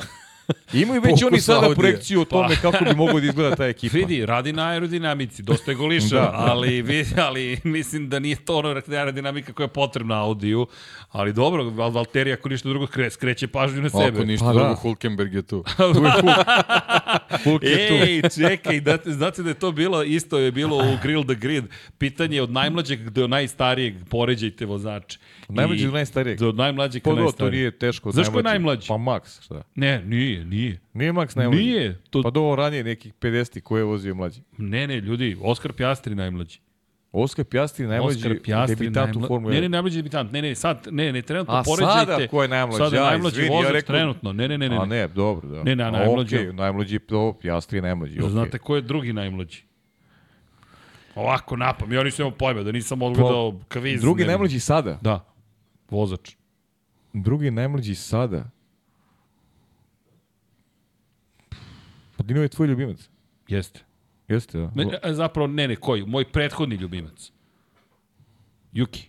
Juki, Juki, ja. Juki pa Logan. Pa Logan, a ja sam pa mislio da je Logan. Da, da. E, a Max je sada na sredini. Max koji je rekao, što ja sam sada deveti najstariji vozač. Na, deveti najmlađi vozač. Šok, čovjek je šokiran koliko sam dugo u Formuli 1. Stari, stari, ostario. ostario, ozbiljno ostario. Spremate se za ali, penziju. Ali znaš što je zanimljivo? Ok, Alonso najstariji, Hamilton, Hamilton, ja sam tu. Kao, ne, 38, 9 godina, koliko već. Odmah tu Niko Hulkenberg i Kevin Magnussen nije daleko od svega toga. Hulk koji je večiti, to ti si neki upravo. Baš sam te to pitan koga bi, kog nemačkog vozača bi mogli da angažuju i neki izvadi Nika Hulkenberga, Nika Jokerberga. Ali ima jedan problem, nije Mihael Schumacher. Ja mislim da je Mihael Schumacher bio savršen potez za Mercedes u tom trenutku iz perspektive marketinga i, i, i ne, emocija. Ne, ne, ne, svega, marketing svega, pre svega, svega pojavio se automobil. Ma da, razvoja bolida svega. AMG GT se pojavio u tom trenutku. Uh, Schumacher je imao tu trogodišnju pauzu gde m, apsolutno nije bio neaktivan, učestvovao je ovaj, bio je deo, deo, deo ovaj, Ferrarijevog tima u jednom trenutku i on, on je došao verovatno ovaj, Rosbroni imao ideju da jednostavno u sebe ima vozača koji sve ono što on ne primeti u tom trenutku što je bitno za razvoj da, da može dobije sugestiju, a gde, gde može da bude bolja sugestija nego čoveka s kojim je ono, živio i radio 10 godina, ono, malte ne svaki dan. Tako da, Znaš ko mi pada na pamet? Potpuno je logično bilo. Ko mi pada na pamet? Neki sličan primer. Pa znate ko je sličan Zna, primer? naravno. Sebastian Vettel. Pa da, ali Svi Vettel, Vettel nije taj kalibar u Nije, nije, smislu nije. razvoja automobila. Slažem se, slažem se da nije. Pa nije generalno, nije taj kalibar. Vettel je, Vettel je vozač da kad imaš savršen automobil da te dotara do titula. Jeste. Pa, okej. Ali kroz ove neke, neke periode je pokazao da da što se tiče samog razvoja nije, nije pretrano posvećen. Znaš ko će da vozi za Audi? Ozbiljno. Da ozbiljno vam kažem. Daniel Ricardo. Daniel Ricardo će A da vozi za reci Audi. zašto. I, Zato što sad stiče reputaciju čoveka koji pomaže u razvoju bolida. Zvezda je i mislim Komu da je će... dao tu reputaciju? Pa javnost. Srki mu je dao. Pa nisam ja. Da Alfa Tauri ga hvali kako je napredio, da je on direktno odgovoran za ovo napređenje koje su se Koje desile. napređenje? Pa brzinu koju su Sa dobili. sedmog na šestom mestu. Daj, Srki. To je i Cunoda, to može i Dobro, Cunoda. dobro. Dobro, ja sam svoje rekao. Ja bih, ja mislim da će Alex Albon, ja bi me mislim da sad će Ale, Ale, zadavio. Alex ne, Albon. ne, ne, ne, Ricardo ne, ne mogu. Alex Albon. da- Alex Albon, pa okej, Alex Albon, ali da li može da razvija bolide? To je pitanje, koga dovesti Pa u tu, problem je sad tu te, poziciju? znaš Znaš, kako, Ko ti donosi znanje? Znaš šta je problem? Što mi imamo tu vizuru vozača koji razvija bolide na osnovu nekih modela iz, Iz, pred, iz prethodnih Jeste, upravo si. generacija Formule 1. Ovo je sad nešto drugo i veliko je pitanje šta se očekuje od vozača. To je Max rekao. Max je inače u nedavnom jednom intervju rekao, ljudi, kada pitate da li neko razvija bolid za mene, ja nemam pojma da li ga razvijaju za mene ili ne. Ja znam da inženjeri razvijaju bolid, iz mog iskustva razbijaju bolid tako da on bude najbrži mogući. Ne razbiju ga, razbiju ga. Razvijaju. razviju ga, ne Neko razbiju. drugi ga Piše razvija. se B, izgovara se B. Benzin, čudno piše voda. Nema više Mika Šumacheru. Nema, to sam te, pa dobro, sad je u Mercedesu. Mada bit će u Alpini na Sad je Lemanu. Alpini, da. da, to, to pratit ćemo, pratit ćemo. Ali kada je reč o razvoju bolida, ne razboju, dakle, pričao je o tome da on dobije bolid. I kaže, meni daju bolid. I ka, poenta je, kaže, to smatram da je velika zapravo vrlina kvalitetnih vozača je da se prilagode bolidu, a ne obrnuto. Ja dobijem nešto što oni smatraju da će da je najbrže što može da bude. Na meni je da se prilagodim tom bolidu i da izvučem iz njega maksimum. To su njegove reči. I Albon je isto pričao nešto slično tome i to je ovo deki što ti govoriš. Pa dobro, realno to je Schumacher radio kada je došao Ferrari. On se prilagodio u bolidu i posle nekoliko trka pobedio. Ja, a onda je uticao na internu, e sad gde je A onda je primetio pomogao? gde treba, šta treba se promeni. Inače, E, to je ovo recimo što se desilo sa Mercedesom, koji dve godine lut. A ima vozača koji bi trebao prilično da sugeriše šta se dešava sa bolidom. pa A, a sad se dešava da imaju za 24. bolid gde bukvalno u svakom elementu moraju da promene nešto. Inače, kada pričaš o Mercedesu i Hamiltonu, navodno je bila priča da 2022. nisu hteli previše da ga slušaju, to je navodno. Dakle, ne znamo, ali to je jedna od informacija koje smo dobili. Druga stvar jeste, James Allison se, Allison se nije pojavljivao 2022. Tek su ga vratili nazad za kormilog tehničkog zapravo celogodinjenja b- pod, ko, na trećini prethodne sezone, pre nego što su promenili bolid za Monako, pre nego što su krenule ozbiljne promene da se Pa to ti dešavaju. je sve priča za Toto Wolff. Ali dolazi još jedna stvar sa Schumacherom kada pravimo paralele. Prvi koji je došao u Ferrari je bio Schumacher. Nije došao zajedno sa Rossom Bronom. Bron je došao posle njega. Schumacher je bio taj koji je insistirao da se okupi cijela ekipa koju ima u Benettonu i tek onda su stvari krenule Pa baš ozbiljno da se poenta je menjaju. Rory Byrne, Da, Rory Byrne. koji, se inač, koji je inače viđen pre nekoliko dana u Ferrariju. Kako se šeta hodnicima i već su počele spekulacije da će on biti ovaj savjetnik vezan za tehnički razvoj novog bolida, koji navodno je već dobio 7 desetinki. Ne znam kako su to uradili, ali Projekat I- 76, jasno da. je. tako da je. Znači, možda su se- 76 stotinki, da. stotinki, da. To, to pa. Ljudi, To, to, to, sve to. jasno. To, to, to, to, Toto, to, Toto. Zato sam ja Toto, a ti si Vaser. Nisam. Nisi, ni, ne, ne želim da bude Samo Vaser. ti kažem, ali- tebi će biti najzanimljivije sledeće nedelje. Tebi će biti najnezanimljiviji. Tebi će biti super. Šta bi Ti sve... tako možda pripremiš lepo ono, da, da uživaš. Ja ću, ja ne znam šta ću, ja ću pripremiti neki lavor da stavim noge ovde, znaš, da. Ti nama pripremi Šta pripremim ja? presek cateringa. Pripremim gibenicu. Ke, hrana, jesam rekao da ćeš završiti na cateringu, na hrani. Pa Red Bull, šta, to Da, su najjači. to, to, Catering. to, ti, ti pripremi catering, a mi ćemo ostalo. Samo nemoj od budžeta da mi nešto da mi, Kog budžeta? da mi uzimate. Od Nula, budžeta. nula posto od nula i dalje, 100 od nula i dalje Dva nula. put ništa, jednako je ništa. Jednako je ništa. A imate tu Alan Ford filozofiju, a? a Su, odveć sam star da bih pošao s tobom, ali Tako poslušaj je, da, da. savjet koji ću ti dati. Grunfe zove pojačanje, njih su dvojice, mi smo sami.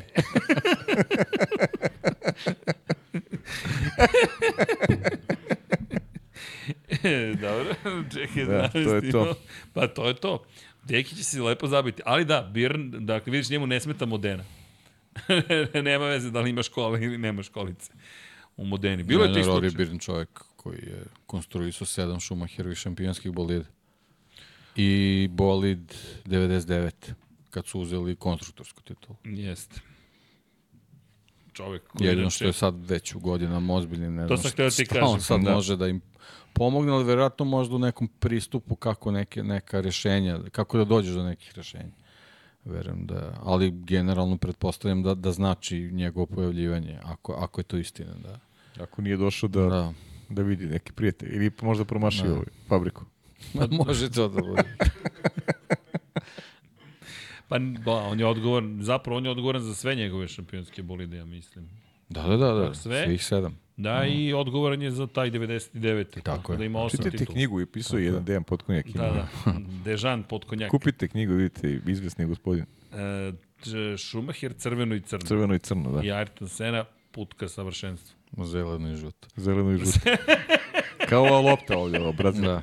Zeleno I kao ova lopta. Ne, ne, pogledaj kako je stavio lopte. On je Jesi stavio primetio? lopte. Pa da. prodaje knjige, čovjek. Imaš loptu, loptu za Schumachera i loptu za Senna. On prodaje ja knjige. ne verujem, uopšte nisam lik. provalio. A ja, Jao. Srkiš. Ja ni, nisam Prošlo, posle, školovao. posle dva i po sata smo primetili što on radi. Ja sam primetio lopte, ali nisam skonto sa knjigama. Da, da, da, da. Francuze gurno ovde desno, onda su mu šampioni ovde. Ovog tigra bacio ga na pod ga bacio, da ga ne vidi. Tigar mu je ostao bez brkova.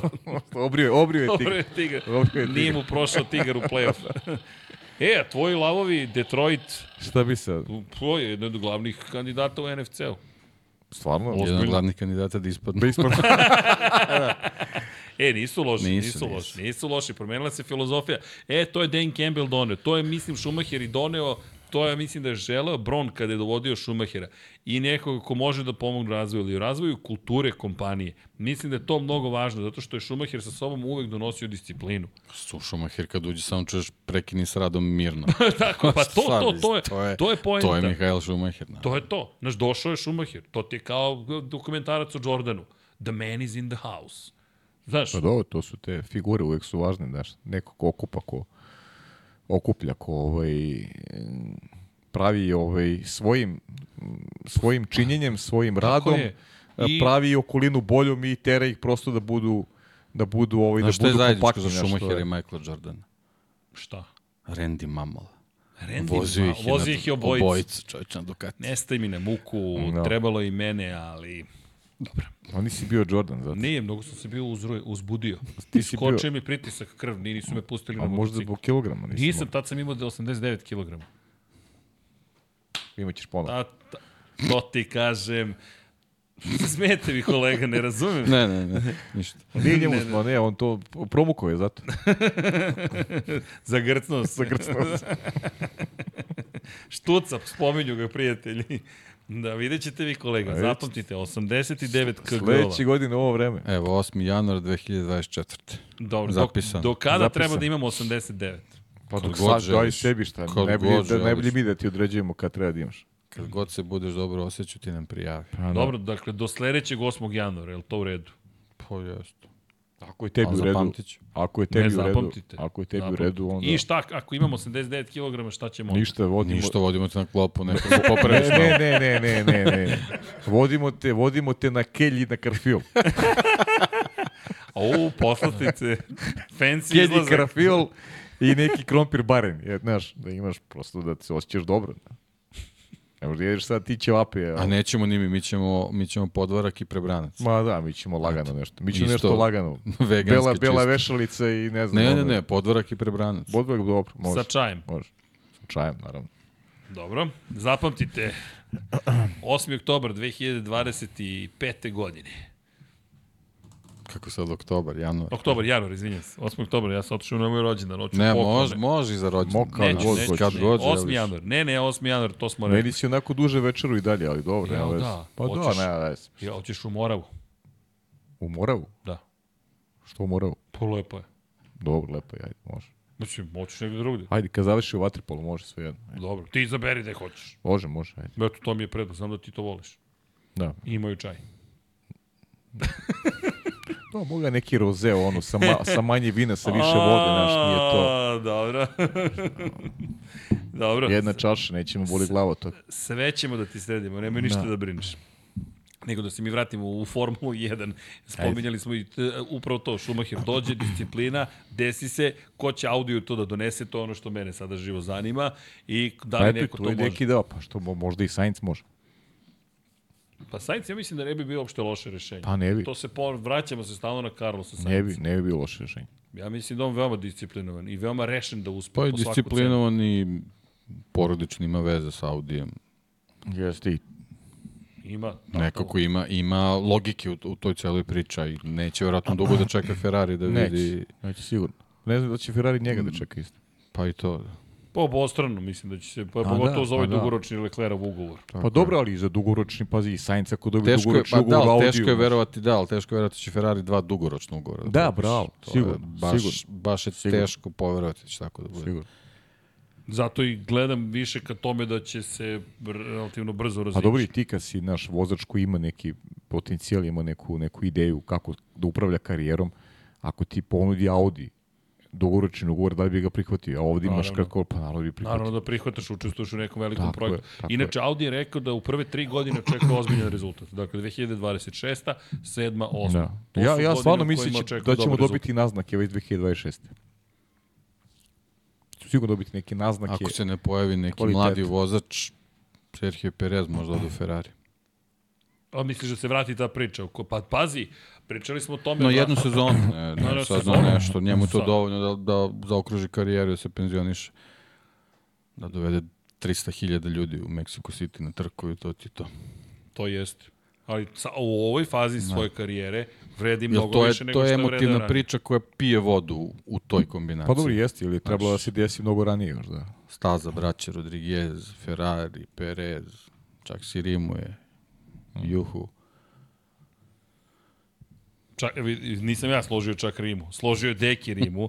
Da, ali kada zato spominješ... Što je, zato što je on iz Rima. Nisam ni slagao Rimu, nego sam samo nabrajao, pa ispade. on voli Rim, zato, znaš, zato voli... Volim, pa lepo, što da ne. Kako ne, pa ko ne voli Rim? Pa dobro, ali ajde, kada spominješ i Ricardo Rodrigueza i kada spominješ i, i, i, i Pedro Rodrigueza, samo da napomenemo zašto je to veoma važno iz perspektive Ferrarija, to su ljudi koji su vozili za Ferrari. Dakle, da. Mi govorimo o ozbiljnoj istoriji iz perspektive Meksika i veze sa Ferrarijem, pri čemu Ferrari kao i dan danas najpopularniji tim, u Mexico City-u sa tom lepom pričom koju si upravo ispričao i ne zaboravimo sa vezama koje dugo postoje kada je reč o tome da bi trebalo Sergio Perez da vozi za Ferrari. Bilo je tih pregovora, bilo je priče Carlos Slim da, da. da. je finansirao u jednom trenutku i Estebana Gutierreza i, i Sergio Pereza kao pa, nove Klaro je, Klaro je bio prilično dugo na Ferrari.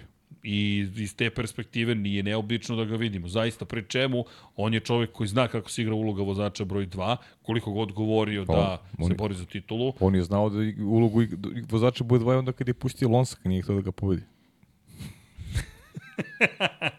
on je još šta znao kako se igra uloga vozača broj 2. Zauber Ferrari 2012. u Maleziji, dobro. Dobro, proklizao mu je boli. Proklizao, pa, proklizao, znam, boli, bilo je mnogo vlažna staza. On je tad igrao ulogu vozača broj 2. Mm, ali iskusno odigrao i lepo odigrao. Jeste odigrao, ali profili su sebe kao vozača broj 2. Ali vidi, ovo što Deki kaže, moram ti priznati, mnogo mi se dopada tvoje razmišljenje. Jer to je zapravo zamena ko je drugi najbolji vozač, e, drugi, drugi najbolji drugi vozač. Prvi je, moje mišljenje, Valtteri Bottas, drugi najbolji je Sergio Perez.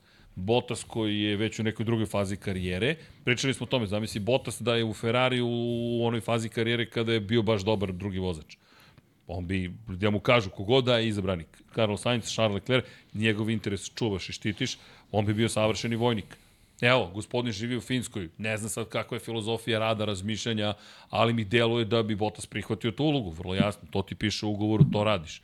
A s druge strane, ako on nije taj, a deluje da više nije u toj formi, dovedeš Serhija Pereza, pa Perez postojem koji, Lecleru. Perez koji generalno ne znam koliko još može da preživi u Red Bullu, ako se to desi, njegov nastav karijeri u Formuli 1, ako je to cilj, vrlo lako može da bude Ferrari u toj prelaznoj godini kada oni traže suvozača Charles Leclerc. Ne, neko od, od mlađih vozača. Sve, sve stoji... I onda prelaskom u Ferrari on sebi otvara opciju da nastavi karijeru u trkama izdržljivosti za Ferrari. Sve stoji pod uslovom da zaista Leclerc, mi još nismo videli zvanično da je, da je, Ferrari, da. da je, da je Leclerc popisao taj višegodišnji ugovor koji se najavljava, a dugo se najavljaju.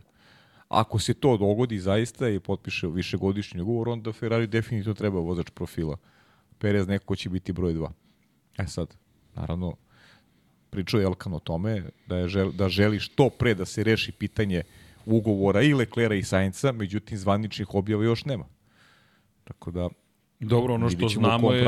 Kažem, eto, što, samo što curete priča o Roriju Birnu i o 70 inki famoznih dobro što bi moglo da promeni ovu sezonu da. i pogled na to kako zapravo se razvijaju dalje stvari. Ljudi, ajde, podsjetite me, ja koliko znam, Sainz je tražio dvogodišnji ugovor na kraju prošle yes. sezone, ističe mu na kraju ove godine ugovor, Perezu ističe na kraju ove godine ili čak i da mu traje duže, već je bilo priča o tome, Sergio pod znakom pitanja ti je posao. Priča je italijanskim medijima, Sainz novi dvogodišnji ugovor, a Leclerc višegodišnji. Dobro, ukoliko Ali dobije dvogodišnji. se ništa još nije dogodilo po tom pitanju. Dobro, Nema nisu zvanično potpisani, samo, nisu, samo, nisu je, samo je priča. Samo je priča, da. Mm, dobro. I od toga će zavisiti neki, neki dalji, dalji ovaj, šta ako i Leclerc dobije kratkoročni ugovor. Ma, to sve, Znaš, sve menje. Sve menje. Sve menje. Zapravo, znate šta, pa Ferrari će verovatno će Vaser da sačeka onda prvih šest trka sezone, vide Vrlo kako moguće. stoje stvari. Ne, poenta je da nismo imali nikad mirniji prelazni rok, znači bukvalno se ništa nije desilo. Pa isto, isto, postao ostaju. Tako je, tako da je mala verovatnoća da ćemo to ponovo imati. Mm. Znači već od trenutka kad krenu da vozači budu nervozni kad, kad shvate, kad pogledaju na kalendar da, A ovo što on da rekao, se kraj ugovora bliži. Da. Ovo što je on rekao, znaš, ako ne bude potpisa recimo u Ferrariju, to će biti jači pritisak, ali opet s druge strane, koliko je dobro da ti imaš vozača koji nisu, nemaju jasnu situaciju, a kreću u sezonu od kojih, ima, od kojih imaš veće očekivanja. I ko je kome, naš, pitanje, i, izvini, ko je kome potrebniji? Pa, Znaš, ko je kome potrebniji? To ti je veliko pitanje u datom trenutku. Ali opet, šta nam sugeriše situaciju u kojoj recimo Ferrari neće potpisati i dati ugovore vozačima? Da možda imaju nešto u rukavu što nekog. javnost ne zna. Pa nekog, naravno. Nešto nekog, šta god imaju, nešto u rukavu što što mi ne znamo, dakle da razmišljaju o nekoj drugoj opciji. Da vidim da ono reakciju A, Luis, to ćete kaže. Neka bude i Luis, ali... Ja neću odustati od toga. ali interesantno je da, ako sećate, mi smo pričali u podcastu još pre mesec, danas se pojavila ta informacija o tome da, da Leclerc treba popiše višegodišnji ugovor. Možda i jače od mesec dana. I evo, ništa se ne dešava po tom pitanju. Da, dobro, nije ni, por, ni, ne, ni, ne, ni ne, opovrgnuto, nije ni potvrđeno. Ne, ne, ne, ništa, ništa. Ništa, neki spremi za sledeću nedelju kako bi Pa ne, možda će, možda će, nam, možda će nam Vase reći sledeće nedelje. Naš, imamo tu Vasera. Ne, ne, ne, ne, imamo da, da. potkonjak. Evo, vidim da mu, ga, da, da, da mu nije baš prihvatljivo da ga poredimo s Vaserom. Iako on tebe Hornerovao, mene Wolfovao, ali dobro. Mi smo igru prihvatili. Sam ja kriv što prenosite trke. Da. Pa dobro. Dobro. Mislim, nisam ja, ni meni ne prija da budem Horner, isto ne želim da budem, ja sam, ja sam Pavle. Pavle. Ne, Horner. Pavle Horner. Korner. pa pre Porner, ali ajde sad. Idemo. pa dobro, bolje Porner nego Horner. bolje, bolje. Bolje Nekako svako. je konkretnije. Konkretnije. Izvinite kolega, ali čisto bolje, uočavam spajanje. Jel da, te, imaš, da brojeva slova i to. Ne, ne, slovo, senzori, ubišite senzori. Slova, ubišite slova. Senzori, se sećaš brojke Pogrešno slova? izgovaraš. da, da. Slovke i broje. Slovke i broje. Slovke. Neće, to si ti gledao. Kako nisi gledao? To je nema ko nije gledao. Si gledao kviskoteku, verovatno. Jesam. Kako nisam? Uložen kviska. Lošan kviska. Pa da. pa jeste. Da, inače, kada govorim, kad sam spomenuo Hamiltona, samo do njima ističe, njemu ističe i Russell u 2025. ugovor, kao i Landu Norrisu. Oni su produžili do 2025. Mm, da. godine. Piastri je jedini koji ostaje do 2026. i naravno čuveni Maxov ugovor do kraja 2028. uz brojne klauzule ma kako da, može Max, da izađe iz toga. Ma da, Max ima, uvijek ih imao te klauzule. I imaće ih. Imaće dok ih, lako naravno. vozi. Ali to opet ostaje to pitanje ko, ko, ko, kome je potrebniji u ovom trenutku. Ali mi je samo zanimljivo, kažem, vraća se opet odakle sve ovo poteklo, gde je geneze i razgovora u tome da tipa kada pogledaš Mercedes je obezbedio sebi usluge tri ekipe, ima fabrički tim, ima McLaren, ima Williams i jedna i druga ekipa imaju mnogo iskustva. Williams ima na čelu čoveka koji je došao direktno iz Mercedesa, dakle veza da, šta, šta, im, šta im je pomoglo to u prethodnoj godini? Pa pazi, skočevi su. Konsolidacija. Tako je, tako je. Ja mislim da pa oni su sada u ozbiljnom procesu i renoviranja i inovacija, jer zahvaljujući ograničenjima budžeta došli smo do toga da ti imaš, inače što se tiče uh, čuveni CAPEX, ko se bavi financijama, capital expenditure, zna šta je, CAPEX takođe je ograničen, ali nemaju svi iste mogućnosti investicija u CAPEX. Oni koji su lošiji imaju veću mogućnost da investiraju u kapitalne investicije. Samim tim, Williams i ostali će smanjivati s godinama razliku u tehnološko-tehničkom razvoju, to jest u poziciji koju imaju u odnosu na vodeće timove. Ne moraju da ih sustignu, ne verujem da je vodećim timovima cilj da ih sustignu, nego da dovoljno napreduje Williams da može da takođe i iskoristi Mercedes i da napreduje, jer mislim da su oni najzad dobili čoveka koji može da struktura... Znaš šta je meni zanimljivo? što je prvi tim koji je saopštio kada će biti predstavljen bolid bio Williams u decembru prošle godine. To je nezamislivo bilo pre pet godina. Claire Williams dok je vodila tim, ona je žena donosila delove u Barcelonu u februaru. U ovom trenutku ti imaš čoveka koji je tako strukturiran. I samo to ti si imao, došao Jost Capito koji je trebao da, da napravi boom od, od Williamsa i u tom trenutku kad je on otišao, kakva je perspektiva bila? Bila je loša. Baš je bila loša situacija. Jeste, i Doralton Capital koji ne zna šta dalje. I onda dolazi James Waltz na naše iznenađenje sve opšte i dobijamo, ja moram priznati da sam bio iznenađen da, da glavni strateg Mercedesa odlazi da preuzme Williams, preuzima Williams i dovodi do toga da na kraju dana oni ljudi su bili sedmi tim u šampionatu. To je ozbiljan rezultat za ekipu od koje smo očekivali realno da bude deseta ekipa. I još ima Logana Sargenta koji ne pomaže osim financijski, bodimo realni. Dakle, deo, smeju se svi na pomen Logana Sargenta, ali on čovjek financijski tako, pomaže. Da. Kako ne pomaže? Kad... Ali dobro, recimo, recimo za, za oštavština Josta Kapita je dovođenje Albona iz, iz Red Bulla. To jeste. To je potez koji, koji to je njegov, to njegov onako prilično krupan potez. Da, Alex Albon koji je sada lider te ekipe. I na Mislim, realno i neki rezultati Albona su dali malo vetra u leđa čitavom timu.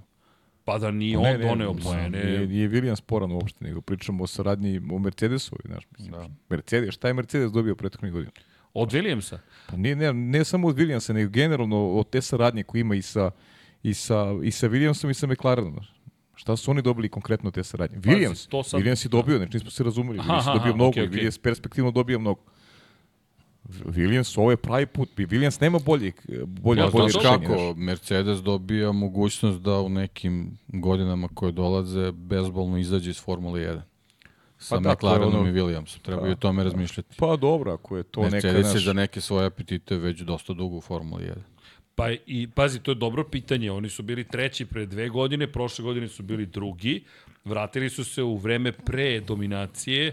Koliko god druga pozicija nekom timu bila dobra, za Mercedes ne može da bude nikako dobro. Da, ali kako god zvučalo iz ove perspektive, Mercedes nije Ferrari. Bez Mercedesa se pa može u Formuli 1. Pa naravno. Bez ekipe Mercedes. I obrnuto, pa, i Mercedes može bez Formule 1. Tako je, da, to, to pa, apsolutno, da. Pa, da. A Ferrari i Formula 1 idu ruku pod ruku zajedno i to je to. A to, to je činjenica, to, ne. Kičma celog šampionata. I te... Ma dobro, zavisi mnogo, naravno, te, to pogleda Mercedesa, pričamo o tome, to, to ali, mogućim izlasku, ali ti, naš, generalno, ti mogu izaći iz Formule 1 i znaš, ako žele da, da daju agregati nekom timu, to mogu uvek da urade. To, to nije, pa, nije sportno. To su Mercedes, to su McLaren i Williams. I Williams, pa dobro. Da, ali znaš šta, McLaren nije njihov, u smislu nemaju svoje ljude u McLarenu. U Williamsu nemaju, imaju da, svog Williams čoveka. Imaju, da, da.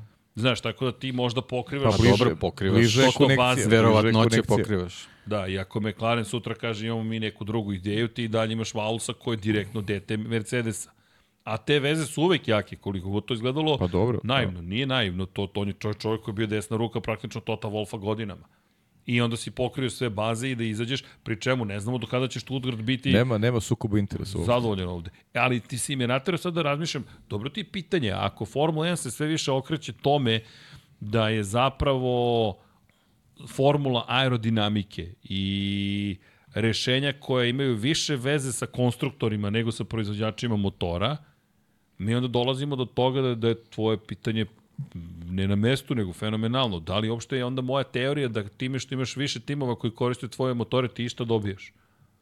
Jer ako pogledaš Honda, ljudi, Maxu nije otkazao bolid ni jednom prošle godine.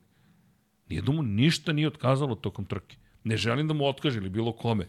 Ali koje su šanse da najbržem vozaču u najbržem bolidu na stazi koji dominira, ima preko 1000 kruga u vođstvu, ništa ne strada tokom pa, cele godine. Samo isto po ovo što je rekao Deki da kraju, jedino, jedino iz te perspektive, ako oni žele da izađe iz Formule 1, ali kažem, opet i tu bi našli, si. ukoliko žele. Ne mora da žele, nego sa, čisto, čisto da imaju backup imaju, neki. imaju pa, opciju. Pa dobro, imaju, imaju opciju. opciju bez ikakvih okay, problema. Plan B, oni imaju, plan C. Oni imaju dva, imaju dva tima sada kojima isporučuju agregate, a ugovori su zaključu sa 2030. godinom potpisani. To je stvarno dugačak period.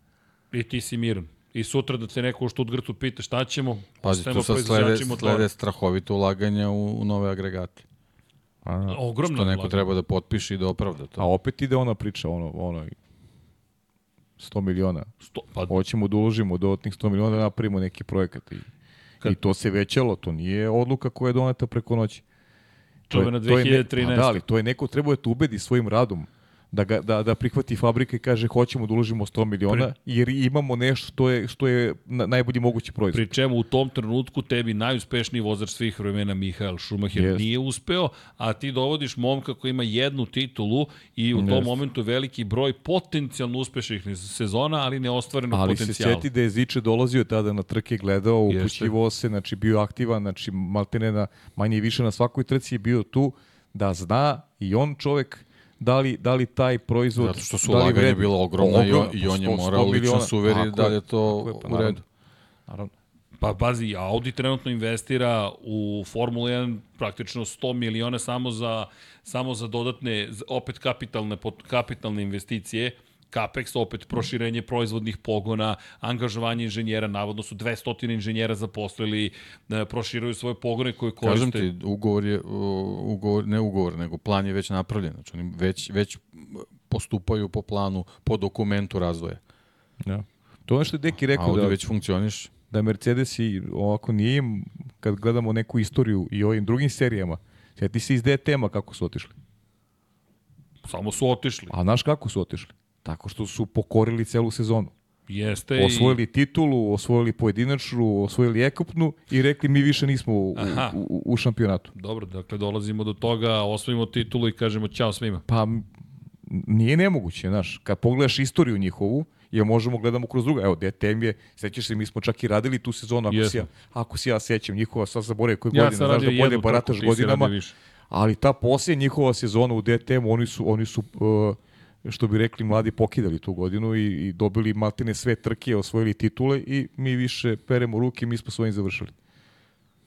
Otišli smo kao šampioni. Pa su ostali tamo Audi, ostao BMW. Mislim da samo Audi i BMW i ostali. Pa dobro, ali, i, ali mnogo toga je počelo opet sa Audijem. Zapravo je jeste, Audi jeste. je taj koji je pokrenuo mnoge stvari u DTM-u konkretno. To je Deki pričao koliko se plaši kada je Audi ulazi u neki, jer Audi ima sličnu filozofiju. Dođem, poko, do, veni vidi vici. Da. Dakle, došao sam, pokorio, pobedio sam ja i čao. Ne, nemam ja šta ovde više da tražim. Ferrari je jedini koji je bukvalno komitovan Formuli 1. To je to, to je moj šampionat i to je to. Mada meni deluje da je Red Bull sve više zapravo sastani deo šampionata ne može da se poredi s Ferrarijem, jer ne, ne možeš da vratiš vreme, nisu ni postojali. Pa dobro, naravno, 50. a ne možeš gledaš taj ali, istorijski moment, ali gdje su sastavni su deo Formule 1. Ali Red Bull je, faktor. Red Bull je sastavni deo poput, spominjemo ih, McLaren i Williams. Tako je. To je to Tako je, postoje, to je da. to učešće, da. Da, to je jedna od onih stvari koje su lepe, moram da priznam i svaka čast Red Bullu na tome.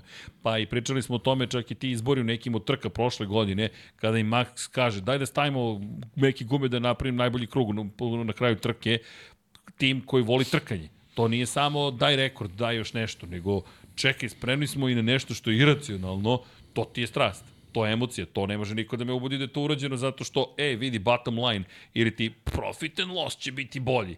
Ne ti rizikuješ, ali si čekaj, uradio si ono što je u tvom duhu. U krajnjem slučaju, ono što ti piše u tvoj mission statement, ti donosiš uzbuđenje. Jel si donio uzbuđenje? Ja donosam uzbuđenje.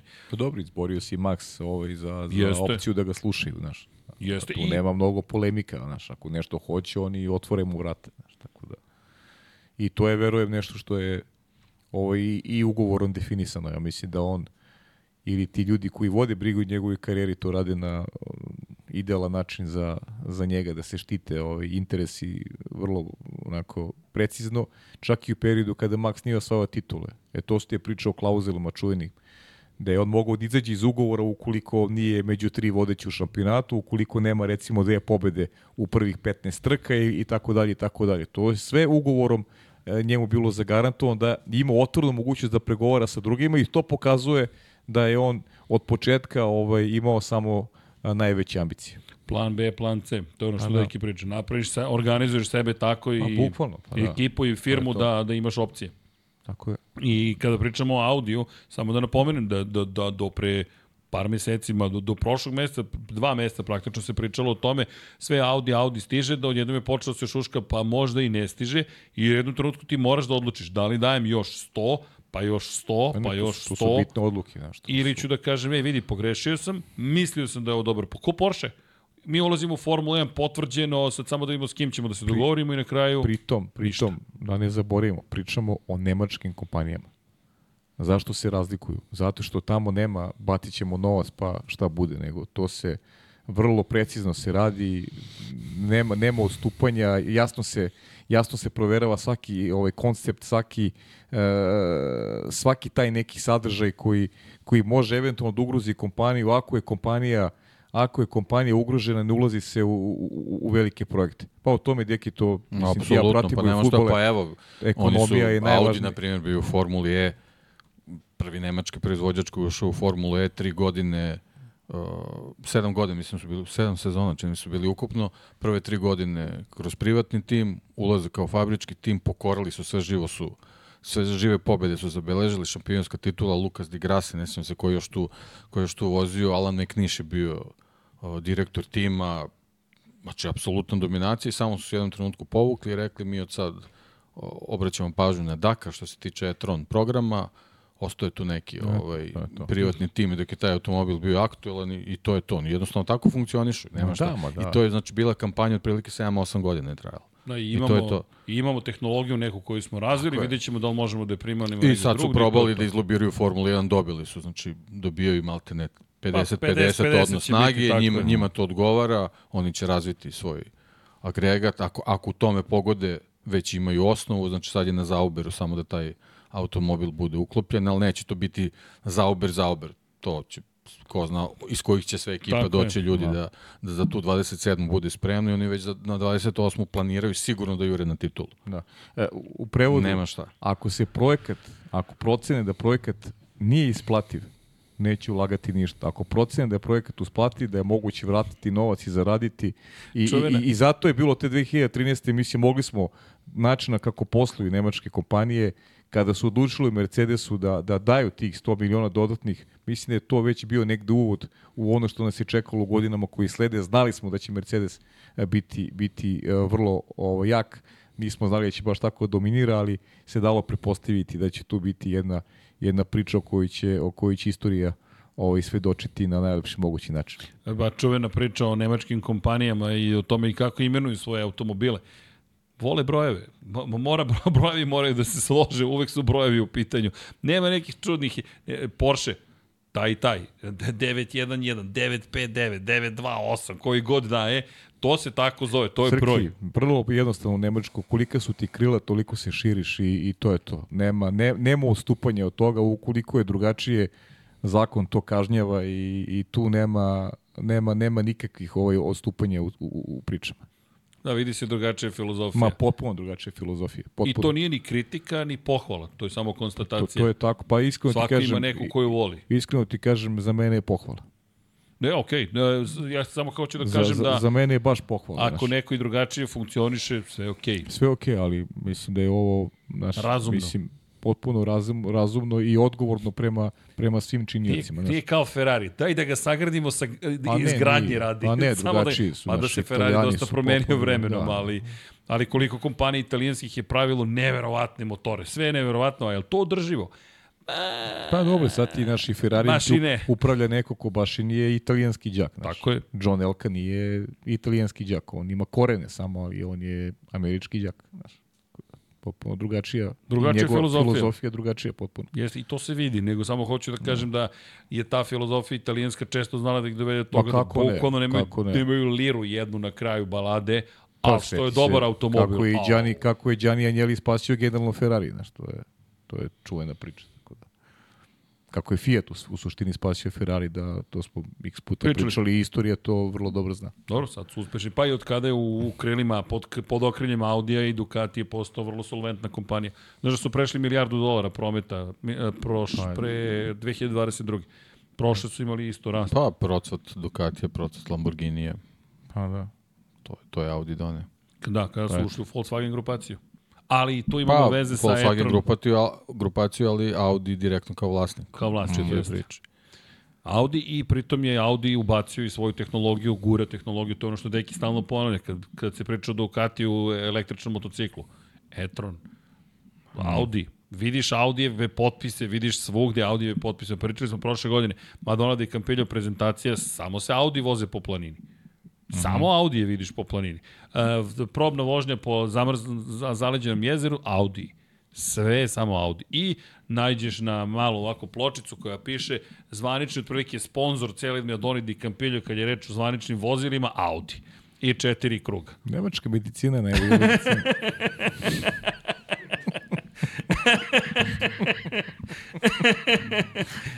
Dekina je mnogo ozbiljan nešto.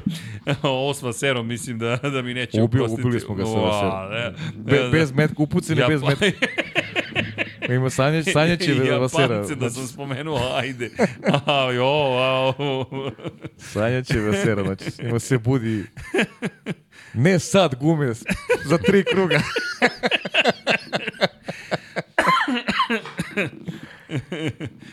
Dobro, ali a zanima, me ka, zanima nas kako bi potkonjak izlečio. Ti si samo ulozi sada virtualni vaser, a mi smo virtualni Wolf. Nemoj sada, ostavi to za sledeći nedelju. To ne, kažem samo, samo. Da. najavljujem šta će biti. A, da. E, ali imamo neka pitanja, ljudi, kad smo već tu. Uh,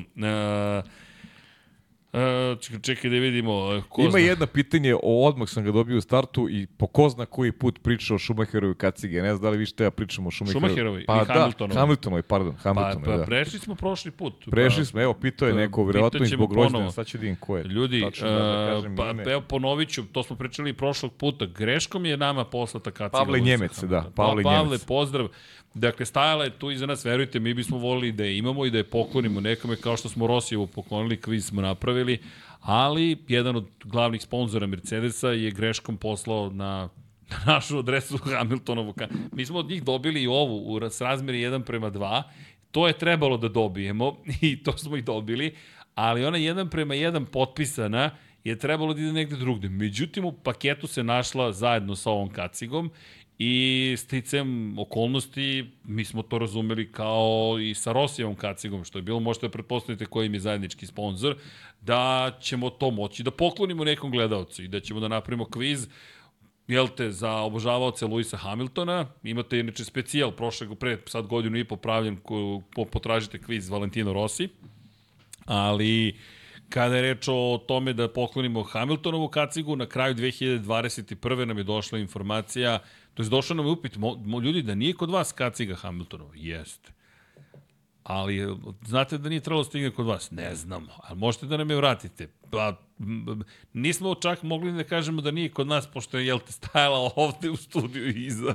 Tako da, eto, to mi je cela priča. Vratili smo je pošteno kulturnu sponzoru, otišla je na neku televiziju i čak ne znam ni gde je na kraju Ma da je Hamilton nam bio gost kod nas u studiju. Da, da, da. Presedeo u kacigi cijel podcast. Ne znam da li se sećate toga. Ja. Nećemo vam reći ko je bio Hamilton. Da, ne, vole bi sad kaciga. I mi patimo za kacigom. Kažem vam, došlo je Italijan i jedan momak je došao u posetu, za košarkaški podcast je došao. I sedi Vanja i pita, pita ga, zvini, šta je ovo Hamiltonov kaciga? To autentična kaciga jeste. Stvarno potpisana jeste. Kaže, ja vam nudim 20.000 eura sada da mi date tu kacigu. Bukvalno sada meni da date, a siguran sam da mogu da, da, da dođe do 40.000 eura. Jer to nisu baš česte stvari. Hamilton redko potpisuje. Štet, nisam bio u studiju. To. da, bio sam ja, ja sam rekao ne, obećali smo, tako da izvini. Šta smo obećali bili? Bili smo obećali, to jest ja sam obećao da ćemo dati kacigu gledalca. Mm. Mm. Dobro. pa to je bila ideja neka, nije kaciga bila za nas, tako sam ja tako razumeo, bio jer, kažem, pravili smo kviz sa Rosijem, pa sam onda razumeo da tako ćemo i kviz sa Hamiltonom. Tako da eto, da znate, pa nije kod nas. Nažalost, mi, mi bismo je držali ovde da stoji. Rosijevu smo pošteno poklonili kao što smo i obećali i to je to. Eto. Srki, loš da mraz, samo obećava. A, ispunjavam. Malo kasnije, malo i dobro. On, isp, on ispuni za narednu godinu. Dobro, i, i, i novogodišnji specijal nam je malo jer, kasnije. Jer, jer uh, Irvasi su mu se razboleli, tako da... Po, ja sam pojeo jednog. Navatali ih Finci. A da, ostali u Finskoj Irvasi. Oni krenuli sa severnog Zavijalo. pola, a Finci... Ču, Zavijalo tamo i... Ogladnili. uh, Ne verujem da si pojao Rudolfa, ali dobro. E, kaže, Jopa. Pa ne verujem ni ja, ko zna šta sam mi podvadao. da, da. Kao bojag. E, da, inače, Srki, pitanje za, za, za vas trojicu, da li mislite da će se Mihael Schumacher oporaviti prošle nedelje, proslije 55. godinu, godinu ide, ide, ide pitanje da li će se poriti. Pa ne ja, znam, ne možemo ne, da ne, odgovorimo. Ne bih da pričam pa, o tome. Da, ne možemo da vam odgovorimo. Mi bismo volili da se oporavi, to je sve što možemo da kažemo, ali niko od nas ne zna zapravo njegovo zdravstveno stanje. Ma ništa ne znamo. Bukvalno. Baš ništa ne znamo. Možemo samo da se nadamo najboljim da mu želimo brz, da, da mu želimo oporavak nekim čudom. To je, to je, to je, to je sve. 10 godina prođe nesreći. 10 godina. Baš tragedija, velika tragedija. Tako da, nažalost, na to možemo samo da mi izmišljamo. Mi želimo, ali no, ništa, da, ništa više od toga priča. ne možemo da kažemo. Inače, Igor Ninić kaže, ma deki, hoće da kaže da si ti Srki uzeo lovo od kacigi, pa izmislio, de, de, ako sam je uzeo, onda je u ovim kamerama ovde, ali nisam da je, uzeli. Da je Bože da jeste.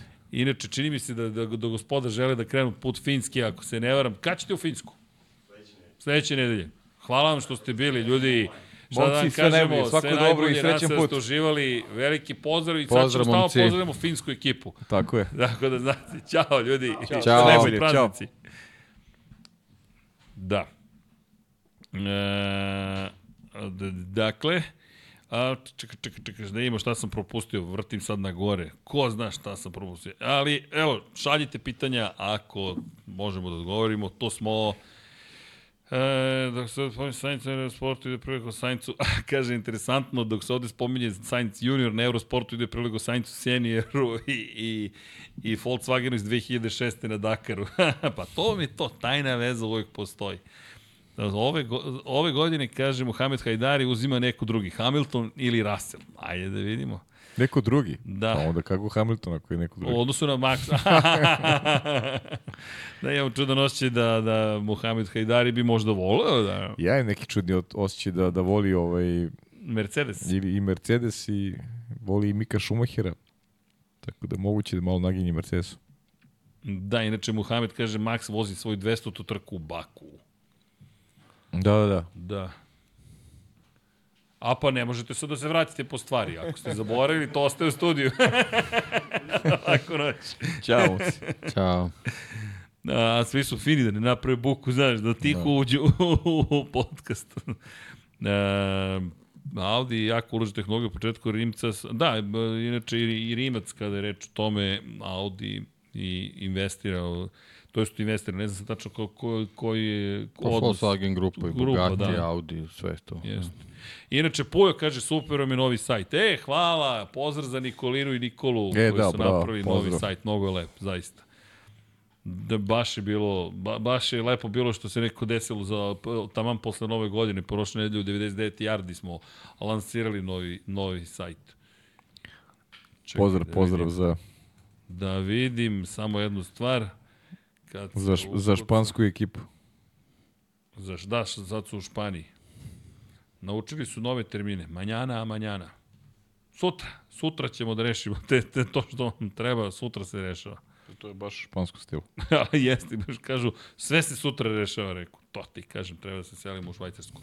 A, dobro. U Švajcarsku? To je, znaš, kao španci, španci ovaj, kad sede u garažu u Moto Grand Prix, nisu na podijum, pa kad ih snimaju ne ovako pokažu. Uh mhm. -huh. Manjana. Manjana. A to sutra je neki saci objasnio. Su, sutra slika, kad ne bude nikog na stazi. Sutra. Kad ne bude nikog na stazi. Inače, Next mene, time. mene prozivaju za moju fotografiju, uopšte ne znam zašto me prozivaju. Za Koju fotografiju? Sa sajta. Mnogi ozbilj. Novi sajta, stare slike. Pa ni, ni, ni, Hasan nije došao da slika kalendar Baje Živković. kalendara, znači ispustili smo milione iz ruku. Hasan je kriv. Glavni sponsor si mogao da budeš. Nema Hasan čovjek. Sredit ćemo Mesto da sredi sebi život, ne više na trke. B, misliš obezbedio da bi svoju malo, budućnost? Po obezbedio bi budućnost kalendarom. Da, šta će čovjek, voli da se muči. Pa dobro. Voli trkanje, ne, voli on trkanje više nego A nego, ne, laga, nego da ima lago, nego da ima ne, lago Boško, da to, to srđa namerno stavio tu sliku da vidimo kako će da izgleda sa 89 kg. Da, da Sve to, to, to je tako Boško. je, to je smišljeno da, da zapravo Srki uništili, uništili ste mi patriote čestitke, dugo niste, du, niste dugo dobili. Hvala. Jets, Jets, Jets. Da, a ovo mi je, to se zove motivatorka fotografija. Motiviše me da ponovo budem u top formi. Eto. Ko bolje skija, Rossi, Alonso, Leclerc ili Beštija? Mislim da je Beštija tu najbolji. Bi prošle godine pobedio Banjaju. Mm, ok, vidim da nema pitanja. Ko bolje skija? Da, skija. Rossi baš voli da skija. On je često na planini. On je, ali ja mislim da on border, da nije skijaš. Da je, da, da, da je baš na bordu non stop. To, to je makar ono što... A ko je Rossi ili? Rossi, Leclerc, samo da nađem Alonso ili Beštija. Ne znam, stvarno. Ja. Ali znam da treba kliknete like, što, share and da subscribe. Da Znaš, to ono španci malo iskijenje, to malo... Ovaj... Pa dobro, ko zna. Voli čovjek čovek od mnogo talenata. Um, Elem, da zaokružimo priču, pošto smo počeli sa Williamsom, samo bih da, da napomenem da da kada je reč o Williamsu, eto ja se nadam da, da, da ova konsolidacija, stabilnost, to je ono što sam ih htio da kažem, daj mi nadu McLaren i priča o svim napređenjima koje pripremaju Williamsu, kroz aerodinamiku možda mogu da dođu do toga da budu konkurentni. Zaista mislim da je Njui jasno svima stavio do znanja ukoliko dobro dizajnirate bolid. Ne samo iz perspektive aerodinamike, dosta se priča o aerodinamici, ali mislim da se ti deki dotakao nečega što je važno za Mercedes i za, za novi bolid koji stiže W15, a to je oslanjanje. Što prednji kraj, što zadnji kraj, to je nešto na čemu je takođe Njui mnogo radio. Naravno, generalno aerodinamika, ali kako vreme odmiče, otkrivamo sve više i više detalja šta je sve spakovo u taj bolid Adrian Njui. Dakle, krenuli smo od poda, od toga koliko generiše negativnog uzgona taj pod sam po sebi, koliko je smanjio aerodinamički otpor, mnogo su smanjili težinu prošle godine, onda smo ustanovili da zapravo imaju fenomenalno rešenje za oslanjanje prednjeg i zadnjeg kraja, koje su sada svi počeli da usvajaju. I to mi negde zajedno sa tim brigama koje Audi izneo, da zapravo aerodinamika igra mnogo veću ulogu nego što su očekivali, daje nadu da ti stari konstruktori, uslovno rečeno, naravno moraš da se unaprediš, softverski, hardverski, kulturološki, komunikacijono, mogu da dovedu do toga da ti budeš konkurentan. Kažem, slažem se s tobom, mislim da te ekipe ne mogu kroz celu sezonu nužno da budu kandidati za titul ili nešto slično, ali da možemo da vidimo te izlete lepe kao što je McLaren napravio, pa i Aston Martin, ja ne znam gde da stavimo Aston Martin, ljudi, oni su super počeli, ali ne možemo baš da kažemo da Aston Martin sjajno završio sezonu. Alonso jeste odlično uradio pa, neke stvari. Dobro, ali znaš, kad, kad bi se vratio na početak sezona i, i da si im rekao koliko će bodova imati, Tako šta je. će se uraditi, oni bi rekli Istog sekunda potpisujemo, to je to. Pa i da li je realno da, Znaš, da, da, bude... generalno sezonu treba gledati kao, da, kao da. neku širu sliku, pa, kao da, sve. Sad, kao naravno, celina, nema, nema svakog kapacitet možda da izdrži tu godinu. Ja bih tu možda to. malo, sad si pričao tim, tim ovaj, us, usavršavanjima koji je Red Bull imao. Tu bi možda trebalo malo porazmisliti o nekim pravilima, šta se sve dozvoljava tokom sezone da se, da se menje, da se usavršava. Tu Red Bull je bukvalno svim aspektima uspeo to da, da, da ovaj, iskoristi, ali generalno to je zbog toga što je ta ekipa tako ustrojena kako jeste, opet se vraćamo i na, i na Hornera i na Helmuta Marka i na, na čitavu tu organizaciju, jednostavno nema svaka ekipa taj kapacitet i neki, neko tu ima hendikep ne, ne sad iz, iz razloga možda što nema čak ni dovoljno novca, nego jednostavno ne, ne postoji toliko kvalitetnih ljudi na tržištu i onda možda bi na, tu neke, neke stvari možda mogle malo malo da se ograniče da bi tokom sezone neko možda mogo da priđe da bi, da bi bilo malo interesantnije. Pa ima još jedna stvar, kad se već dotičemo te priče, spominjali smo da se Alfa Tauri seli u, u Milton Keynes. Koliko, kako onemogućiti zloupotrebu situacije. Ti odeš i kupiš drugu ekipu i kažeš, e, ok, to je drugi tim, ali zapravo mi ćemo da sarađujemo zajednička Znaš, platforma. oni su sad već u zamahu i oni sad a, male pomake koji prave, oni su ogromni u odnosu na drugi. I sad to je to je problem, a drugi već imaju svoje probleme i nisu čak ni na nekom nivou gde je Red Bull bio možda pre dve sezone. I to je problem. Sad, sad je veliko pitanje u kojoj fazi Adrian Newey sa, sa bolidom možda već za 2025. godinu. Oni strašno daleko već odlaze i jednostavno mora možda sa nekim, nekim pravilima da, znaš, ne, ne mogu oni tri puta tokom sezone prošle da, da donose neka nova rešenja vezana za, za aerodinamiku na podu, na, Jednostavno to mora se ograničiti. Ima još jedna stvar, ograničeno je pravilnikom da ne smeš da radiš na razvoju bolida za 2026. Pre 1. januara 2025. Ne, zvanično ne možeš da kreneš. Ali hoće neko da me ubedi da ti ne možeš da primjeniš Neće tehnologiju da već sada u 2025. koju ćeš da preneseš na 2026. Pa ne, neke elemente da, ali kažem, Adrian Nju je već oslobođen verovatno rada na, na bolidu za 24. Oni su to i rekli, oni su rekli da što se njih tiče bolid za 2024. je već šest meseci star Tako što se njih tiče. Najmanji je problem, vidim da ljudi dosta pitaju za ovaj crash test. To je najmanji problem. To možda čak njima ne odgovara da, da, da sve bude savršeno u, u samom startu. Rešit će oni taj problem. Ovo delo je kao, da, nešto usporit će ih, ali ne previše. Ma mislim da to, mislim da je to proces, nije to ništa spektakularno. To je, to je spektakularna vez zato što se Red Bullu to desilo, ali ja verujem da se, da se to dešava, nije to ništa pa posebno. Pa što ti kažeš sastavni deo procesa, Tako ali je. jeste fascinantno ukoliko su zaista sada već u razvoju za 2025. Pri čemu... Pa razvoja. Ne mora znači Koncepta. da je razvoj, ali njoj možda već ima koncept. Upravo to. Pa, evo, gledao sam neke priče o tome, ima, ima lepi izveštaj, to je lep video o tome, da Reis ga napravio, o tome šta sve Mercedes treba da napredi za narednu godinu, to jest ovu godinu.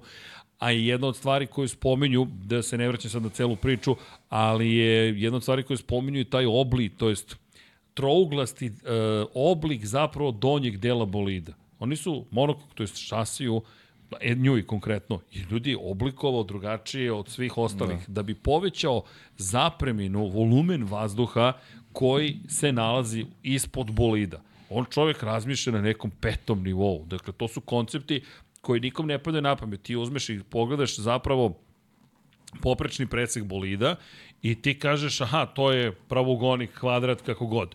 On do, uzme napravi da to bude zapravo trouglasti donji deo. I ti kažeš, čekaj, šta smo sad dobili? Pa dobio sam to da ispoštujem pravilnikom da je definisana do, donja, donja granica zapravo šasije, ali niste rekli da ja ne mogu ovaj ovde deo da odsečem. I šta sam dobio? Imam veću količinu vazduha koja će gde da ode? Ispod bolida. I ti sad opet dobiješ čoveka koji će da zalepi taj bolid još više. Sad to Mercedes pokušava da sustigne. A mi ne znamo gde je on već gde on otišao dalje u celoj priči. I onda mu još spojiš to sa Alfa Taurim. Ja mislim da to bi moralo ili, da se... Mo, možda imaš tipa neki Haas ili ne znam sad Alfa Romeo bivši koji su možda u nekom trenutku to i, i, i, i shvatili gde bi možda mogli da napraviti promjenu, ali jednostavno nemaju mogućnosti da to urade. Mm. Nemaju, nemaju uslova. Znaš, a Red Bull pa pazi. je već, on, oni su već u svojoj zoni. I vrlo lako se promeni dešavaju. Ali vraća me na kulturu i na organizaciju. Tu leži odgovor na sva ta pitanja. Njuji da nema organizaciju, to je Horner, Njuji i Marko, da nemaju organizaciju kako imaju. Njuji nema taj luksus. Pa da. Jer to je Njuji, zato izvini, pobegao iz McLarena. Kada je pobegao iz McLarena, pa, pa spomenjali smo Tima Gossa.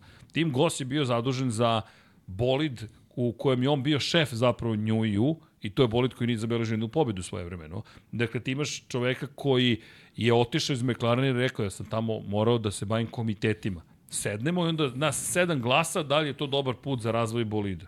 Ne, imaš jednog čoveka koji vodi I on vodi, i ako vodi kako treba, sve super. Ako ne vodi, njega smeniš. I to je to, kraj priče, jer sa komitetom niko nije odgovoran. Pa da, na šta ste sada rekli u ovoj konverzaciji?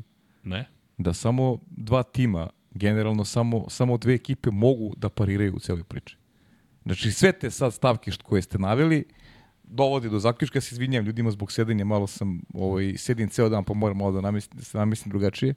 Ovaj, ne, samo dva tima moraju da, da, ovaj, da, da, da mogu da, da pariraju takvom konceptu kakav je Red Bull. I niko više. Samo Ferrari i Mercedes.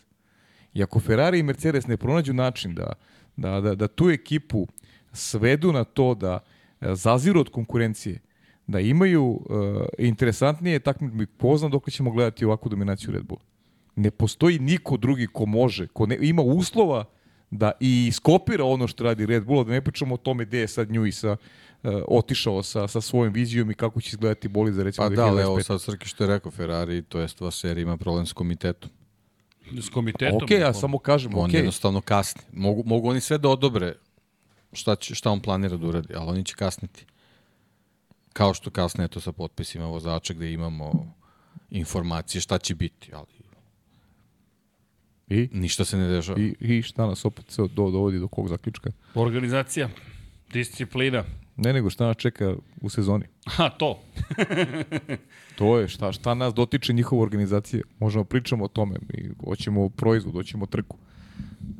Mislim, i to opet je Red Bull tu ozbiljnoj prednosti u, u odnosu na rivali. Opet nije, nije, nije ništa novo ovaj, što smo zaključili i tokom ovog podcasta.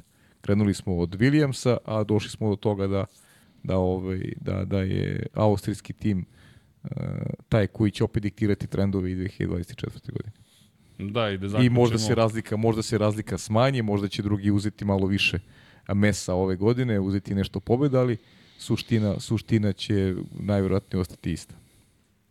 Da, i da zaključimo s Williamsom, pošto, ajde, odatle smo negde krenuli, kada je reč o, o onome što je nekada bio Williams, pa teško da ćemo se vratiti u to doba, Williams koji je brzo po svom postanju ovaj Williams konkretno, dakle Williams Grand Prix Engineering, Engineering, Engineering kako se sada zove, dakle kada pričamo o o pobedama, prva pobeda za ekipu u trećoj sezoni takmičenja 1979. 77. je osnovana ekipa i prvu pobedu donio Clay Regazzoni. Da li 79. su već bili ozbiljne ekipe. Jesu. Clay Regazzoni i Alan Jones. Jeste. Ozbiljan tandem je bio već te godine. I bili su vice šampioni. Tako Odmah na početku. To su- je poslednja titula Ferrarija pre Mihajla. Jody Jeste, sa Jodim Schechterom. A potom A već 80. bila potpuna dominacija Williamsa. i Williams pritom koji je osvojio titulu u šampionatu konstruktora sa Johnsonom i Reutemanom i 80. i 81.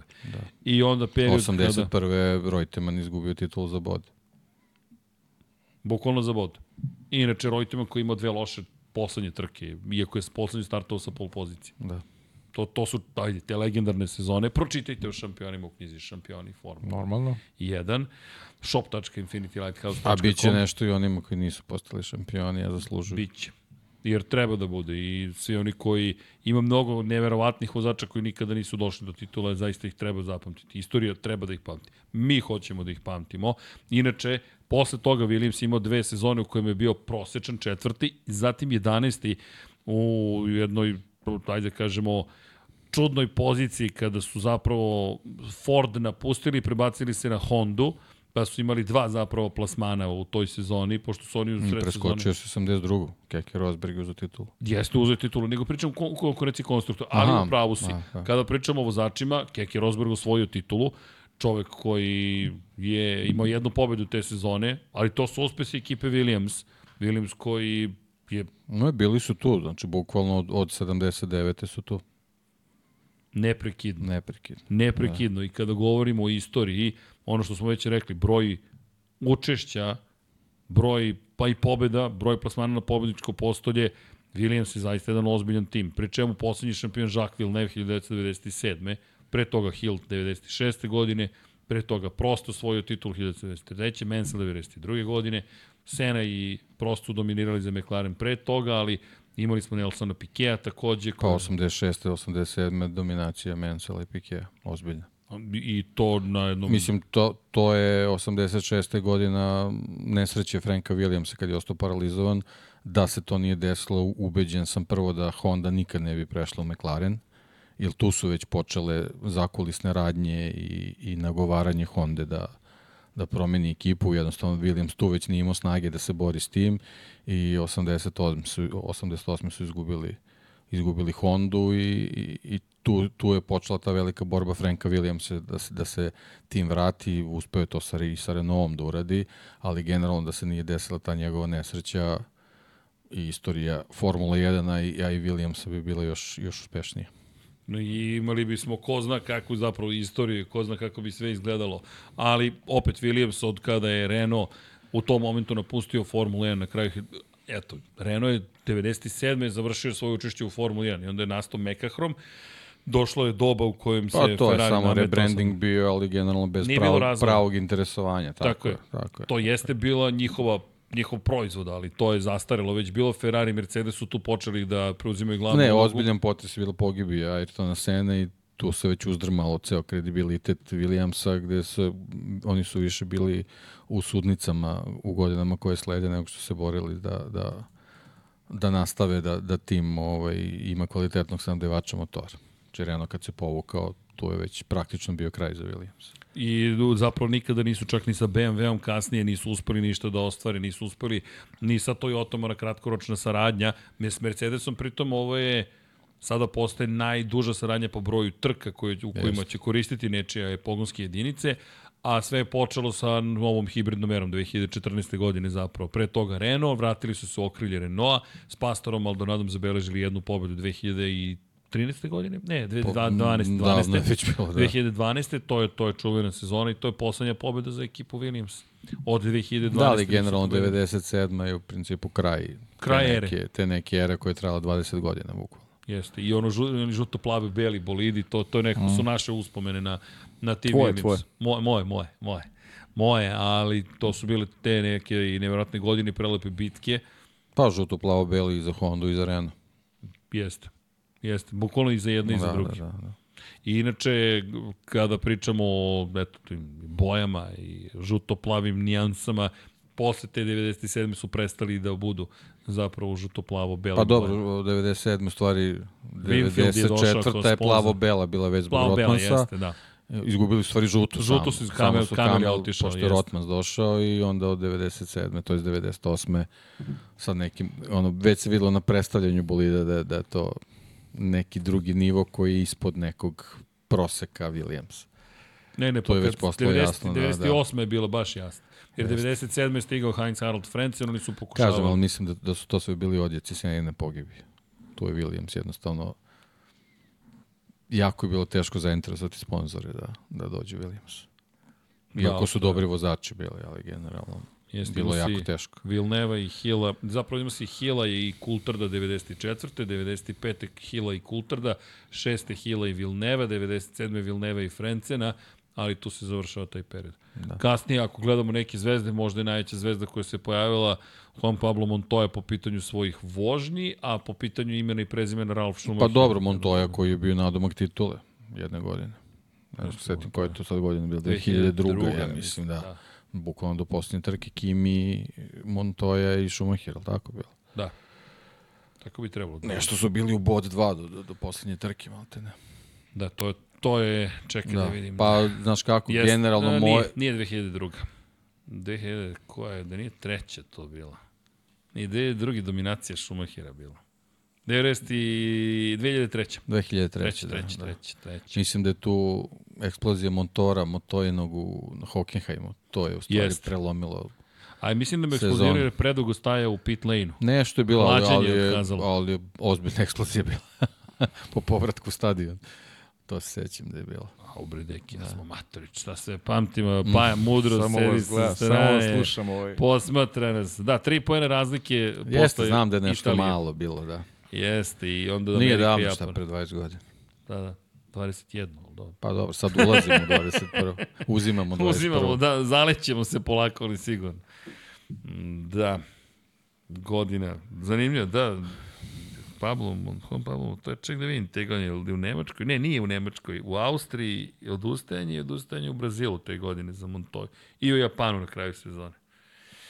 Da, dobro, to istorija. Kimi bio drugi u šampionatu, dva pojena iza Šumahira. Kimi je malo nedostajalo. Rubens obezbedio titulu pobedom u Japanu, Šumahir bio osmi. Na kraju. Kakve godine? Ajde da se nadamo da ćemo imati bitku između Ferrarijevog, Mercedesovog i Red Bullovog vozača u 2024. Eto, tri ekipe. Da ne ponavljam ovo, Ferrari, McLaren, Williams. Pa to treba Formula 1. To treba bukvalno. To nam svima, to treba paj. Generalno ova sezona je bila... ova sezona, kad, kad pogledaš sezonu kao takvu, bila je uspavljujuća, a onda smo imali tu transfer, transfere koji nisu postojali. Znači, da, baš, baš ništa nam se nije Baš se ni, ne nama, Formula 1, jednostavno moraju da po tom pitanju dobiju zanimljivije trke, barem. A da onda, onda čekamo Šta mi treba transfere na kraju sezone. Šta ti treba? Dve stvari, ti se oduzme telefon i... Ne, ne, nego malo se do, malo, malo. Šalimo se, šalimo se. I šta ti treba? Pa da imamo tri vozača iz tri različite ekipe da se bore za titulu šampiona sveta. Pa dobro, to. Do poslednjeg trke. Ne, može i dva. Može, može i skromno, može i dva. Može i dva, ali samo da, samo da se, ekipe. Da, da, da, samo, samo da se bori neko za titulu. Dobro. Ljudi, imamo još nešto, ima neko neko pitanje, nešto da doda, kaže Power Refresh, može to bolje još toliko idemo. Šta, 2000, ima 280 lajkova, 290 evo lajkova. Ajmo do 300, drugari. E, ali kliknite, uh, subscribe nam mnogo znači. Dakle, eto, lepo bi bilo ukoliko možete da se subscribe-ujete, to pomaže kada je reč o YouTube-u i kada je reč o podršci Infinity Lighthouse-u, patreon.com kroz Infinity Lighthouse ili shop.infinitylighthouse.com, to nam omogućuje da postojimo i pita za 8K rezoluciju Pujo. Zaboravio sam e, celu jeste, temu. Jeste, jeste, jeste. Ej, da, ajmo ovako, par stvari. Kada je reč o, o Formuli 1 i rezoluciji kojom se prenosi, Da odgovorim još jednom na pitanje, pošto vidim da se ponavlja, na primjer, za kacigu, pa da ponovim i za... I ovo, iako ne vidim da je iko pitao. Moto Grand Prix još uvek ne proizvodi prenose, ne, ne, nema kamere 4K, kamoli prenos infopodataka u 4K, pošto je sve to digitalno sada televizija, dakle analogna digitalna konverzija se vrši u samim uređajima, sve su to digitalne kamere, sve se prenosi, jel te, putem interneta konkretno, ali putem zapravo kablova digitalnih, dakle, digitalni signal, nisu kablovi digitalni, oni su fizički, analogni. Šalu na stranu. Ali uh, nule i jedinice, jel te prolaze kroz kablove i putem sistema koji razvija Tata Communications se prenose dalje do televizije. Televizije imaju mogućnost da na 4K kanalima koje one reemituju prikažu Formulu 1 u 4K Moto Grand Prix ne može jer ne postoji u 4K. Samo zato da kada pitate zašto se samo Formula 1 vrti na SK 4K, samo zato što malo njih proizvodi signal u 4K. Ali vam to isto i govori o tome kako pristupa Formula 1 sebi i kako sebe doživljava i kako u krajnjem slučaju doživljava svoju publiku. Da, juče su mi tražili, by the way, pet da. trka iz ove godine, pošto ih puštaju na, na, na 4K. Na 4K, A, da, da, pa da. to je to. To je to. Inače, Formula 1 je među prvima usvojila prelazak sa SD formata Standard Definition na HD, High Definition, zatim prelazak na Full HD, to jest Real HD, potom je prelazak bio i na 4K, to jest Ultra HD. U suštini, ono što planiraju za, za budućnost jeste 8K. Već su počeli da pričaju tome i ono što je cilj zapravo jeste da svi oni koji planiraju da u budućnosti imaju 8K televizore, pre svega, odmah da se razumemo, mislim da je usmereno ka, te, ka tržištu Sjedinjenih američkih država, gde se i najbrže usvaja ta vrsta tehnologije kada je reč o televizijskim prenosima i kada je reč o ljudima koji kupuju uređaje koji imaju 8K rezoluciju. Uh, ono što je negde ubeđenje zapravo svih i da će industrija televizijska mnogo više prihvatiti 8K nego 4K, pošto je brzina prenosa podataka značajno, eksponencijalno porasla, pogotovo COVID. COVID je mnogo toga lošeg učinio i doneo, ali jedna od stvari koje je napređena jesu telekomunikacije i prenos podataka, pošto većina ljudi sada, većina, ne većina, ali mnogo veći broj ljudi radi od kuće i potreba za brzim konekcijama je porasla. Samim tim 8K je postao sledeći, sledeća stepenica i u i igračkoj industriji će to biti standardi u TV industriji i mislim da će čak i Moto Grand Prix preskočiti 4K u jednom momentu i odmah skočiti na 8K. Tako da znate da će se to dešavati. Jednostavno Formula 1 želi ja imam da... još jedan HD Ready TV kući. HD Ready, a... I ništa mu ne fali. a pa, Vidim sve, sve što vide mladi. ono što je fenomenalno... Da, ti si mlad ali- čovjek, ti si mlad čovjek kako vidiš drugačije. Ali dobro, ljudi, vidi se razlika između Full HD i 4K. Vidi se razlika. Koliko god se deki smejao, vidi se razlika kad igram PlayStation 5. Vidi, kad nosim cviker i kad ne nosim, vidi se razlika. Tako da... Da. Ja, ja, Ne, samo šalim hoću se, da vidi napomenem. se, ali dobro, generalno, pošto Formula 1 trenutno nema, nije perjanica u, u tehničkim inovacijama u automobilizmu, mora u nečemu da bude perjanica, pa, pa je potpuno očekivano da to bude u, to, u tom segmentu gde generalno i može finansijski da, da, da to odigra, posebno uz Tata Communications koji su ozbiljni na tom polju. Inače, jedna od stvari koje takođe žele da unaprede, nisam siguran da će to baš moći tako jednostavno, jeste i brzina prenosa podataka, ali kada govorimo... Sinhronizacija. Pa, sinhronizacija. I trenutno je prosto za ostatak negde oko 7-8 sekundi, mi to znamo čak i više, na nekim mestima do 10 sekundi u odnosu na ono što se desilo zaista na samoj stazi. Mi to znamo vrlo dobro, dakle signal mora da proputuje veliki broj zapravo stanica između kada govorimo o stanica, govorimo o svim mogućim stanicama, od rutera preko servera, preko mašina koje će konkretno baš serveri kompresovati pa dekompresovati. Tata je zadužena zapravo za jednu ozbiljnu infrastrukturu, infrastruktura koja je potpunosti zapravo posvećena Formuli 1 i to je infrastruktura, na primjer, timovi koriste posebnu, posebne optičke veze koje su napravljene između staza i njihovih fabrika. Dakle, to je potpuno nezavisno napravljeno za potrebe Formule 1. Ono što je tu fascinantno jeste brzina prenosa podataka, pošto je kritično za timove da mogu brzo da reaguju. To je 10 timova. Ovde govorimo o masovnom proizvodu koji se zove televizija i iz te perspektive Tata će pokušati da unapredi stvari. E, Prosto ne, ja ne vidim kako će to izvesti zato što mi sada govorimo o tome da Tata dobije signal kamere u centralni uh, ajde, compound, centralni, u, u kontrolni centar, izvinjam se, koji se nalazi u okviru same staze i onda se potom taj signal šalje dalje.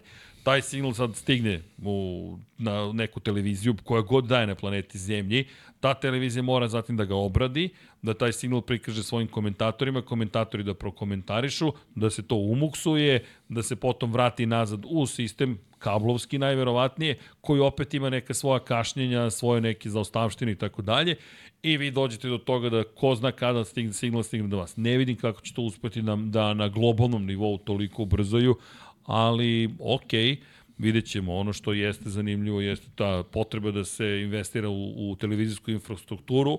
Moram priznati da mislim da si ti u pravu, Deki, da je, da je priča ovde zapravo, da je priča ovde zapravo o tome da Formula 1 napravi korak mora, koji drugi mora nisu. negde da bude avangard. u Pioniri. nečemu. Pa Pioniri. da, mora.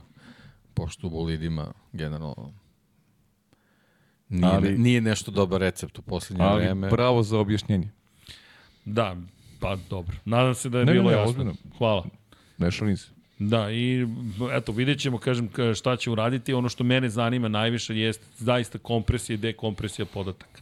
Jer nije isto kada imate, to je tako da oni ga nazivaju edge tehnologijom. Šta to znači? To znači da na samoj granici, na, na ivici, na edge tamo se dešava zapravo procesiranje podataka, jer ajmo ovako, imate rezoluciju jednostavne, broj piksela u širini puta visini, jednostavno množenje, dobite pravougonik, dobite površinu zapravo.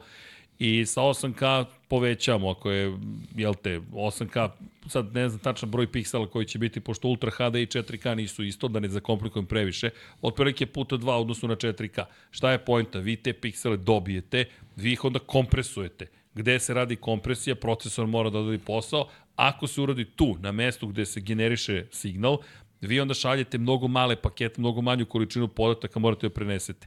Ali kada stigne, na primjer, u teoriji nekoj, vi kažete sad sam direktno povezan sa Formula 1, onda vaš uređaj, TV ili računar mora takođe da dekompresuje te podatke. I ta brzina će takođe zavisiti što opet će da pokrene te, proizvodnju televizora koji imaju bolje procesore, bolje operativne sisteme i tako dalje. Tako dalje. Ovo, je, e, ali, ovo što Hasan ima. Ovo je što Hasan. Hasan, znaš kakav ima. Da, Hasan je već u budućnosti. Pa ti kažeš Hasanska. 16 kasa. Možda vidiš šta je iza zidova. Sigurno. 24K Hasan ima optočen. Hasan da. ozbiljan tip. Ne, nema zid. Noseći zid je televizor. to ti... 76K. 76K može, ok. Okay.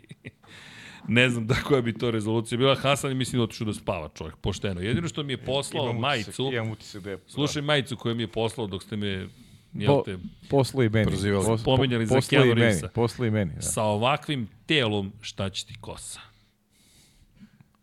Posle to i meni da ti prenesem, ali posle i tebi. Ova tišina mi je rekla da je vreme da skviramo kraj. Dakle, čak se ni ne smete na silu u mojim šalama. Samim tim, samim tim vreme da idemo dalje. Možda neki star, Starlink proradi. E, kaže, kaže Lovro, tebe programi su još na 725, di je 4K još, a kamoli 8K. da, vidjet ćemo, vidjet ćemo. F1 TV kasni 30-40 sekundi sa preno, za prenosom na SK. Eto ti, na primjer, da, F1 TV. Da, to sam primetio, da. Da, da, da. Baš to... je ne, ono, neprirodno gledati. E, nas dvojice smo pokušali da sebi napravimo sistem u kojem imamo više ekrana. Mm. multiscreen u kojem pratimo sve u real time. I onda kad smo shvatili da to toliko kasni, smo yes. rekli, ok, nećemo ni, ni, ni, ni da komentarišemo. Pa bi onako imamo u, u kabini imamo dva ekrana koja ne pokazuju isto vreme. Znaš. Pa ja kod na, kući isto nama je... jedan televizor mi je kablovska televizija, Dobro. a drugi mi ide preko ovog, kako se zove, onaj set top, pa je preko mm -hmm. interneta. I to kasni po 7-8 sekundi desi. Da, da. Pa nama je, nama kada stigne signal preko satelita. Nama TV kasni. Da, TV je jedno 8 sekundi od kada mi izgovorimo nešto. Ali, ali nije loše za, za komentarisanje jer možeš znači, da... Znači u principu sezona Formula 1 je možda počela već. Možda je počela. Samo signal još nije stigao. Nije još stigao, da. Pa ne, znaš kako nije mi to loše, možeš da. neke stvari, možeš neke stvari da vidiš ovaj... Replay. Naš replay, da, da bukvalno. E, inače, evo, i dobili smo pitanje, pravo, ćete li, mislite li vi kući? A, pa ja mislim da njih dvojica misle da idu kući, ali šalo na stranu, vreme je e, da idemo dalje. Kaže Todor, čitaj čet u sledećem podcastu često. Bih ja, ko, kako da pričam onda? ne može da čitaj da priča. Nije Nema mogućnost da rasute pažnje. Nije isto. Kaže neko je inače može, mnogo je bolje vidi se da je gradacija guma u 4K. Pretpostavljam.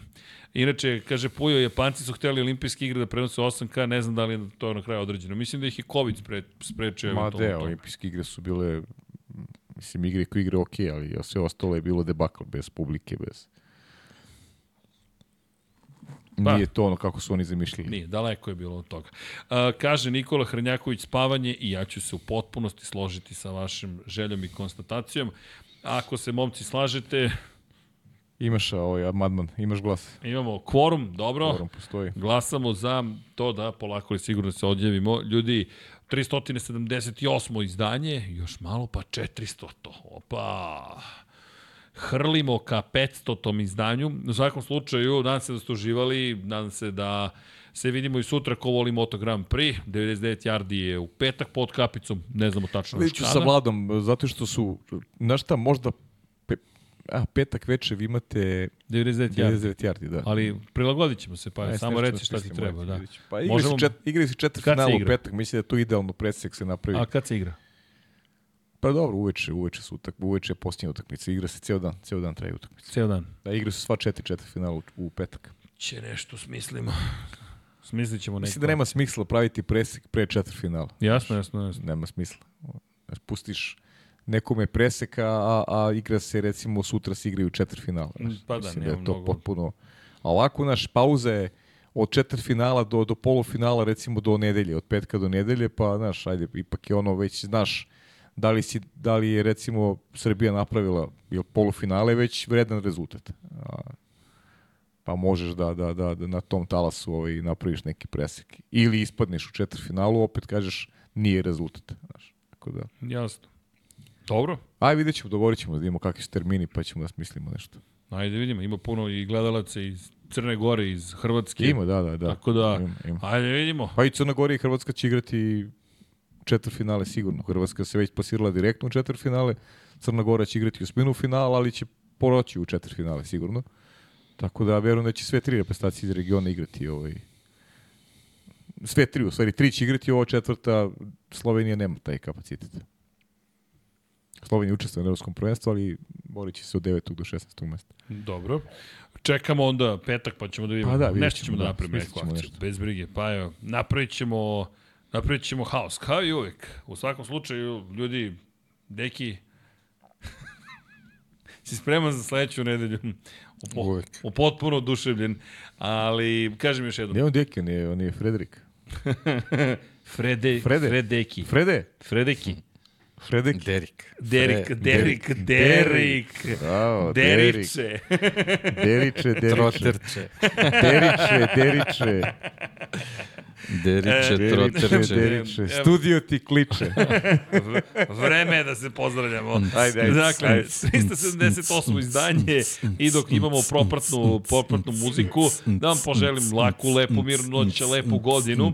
Kliknite like, patreon.com kroz Infinity Lighthouse, shop.infinitylighthouse.com budite dobri, mazite se i pazite se, vozite računa jedni drugima. Naravno da ćemo pročitati imena svih naših pokrovitelja. Ko želi da nam se pridruži, može da klikne na dugme join ili da bude Patreon kažem još jednom, ukoliko vam se i dopada ono što radimo, subscribe bi bio super, ljudi, ne, no preša, što Koji, kažem. ako vam se ne dopada, subscribe. Subscribeujte se, recite. Čisto ma, znate što nećete gledati. da. ja, I možete da ugasite i zvonce, ali ako baš hoćete da znate šta nećete da gledate, onda uključite i zvonce, da vas obavesti šta da izbegnete. u svakom slučaju, YouTube-u će to prijeti, samim tim će prijeti i nama, jer tu smo na, na YouTube-u, a i podcast platforme su pokrivene, pa pozdrav za sve oni koji slušaju na podcast platforma ili kako god već da se družite sa nama. Veliki pozdrav ime cele ekipe, ljudi, još 52, sada već 51 dan. Zato smo i probili ponoć do nove sezone Formule 1, jer utorak je tu. A naravno, podsjećam, 8 časova 15 minuta, 9. januar, pričamo o Moto Grand Prix, nemamo pojma šta ćemo pričati, mada možda ne da nemamo pojma, možda nemam pojma, ali Derek zna a Derek ima tajnu, jer Derek kada pojede jagodu postane... Postaje troter. super troter. troter. Super troter. Ne, ne, moraš da budeš super Derek. E, ljudi, laka noć, ljubimo vas, volimo vas, vidimo se, tu čujemo se još da, da. za desetak minuta, ali pre toga da pozdravimo sve naše pokrovitelje. Vlado, idemo u akciju, udri!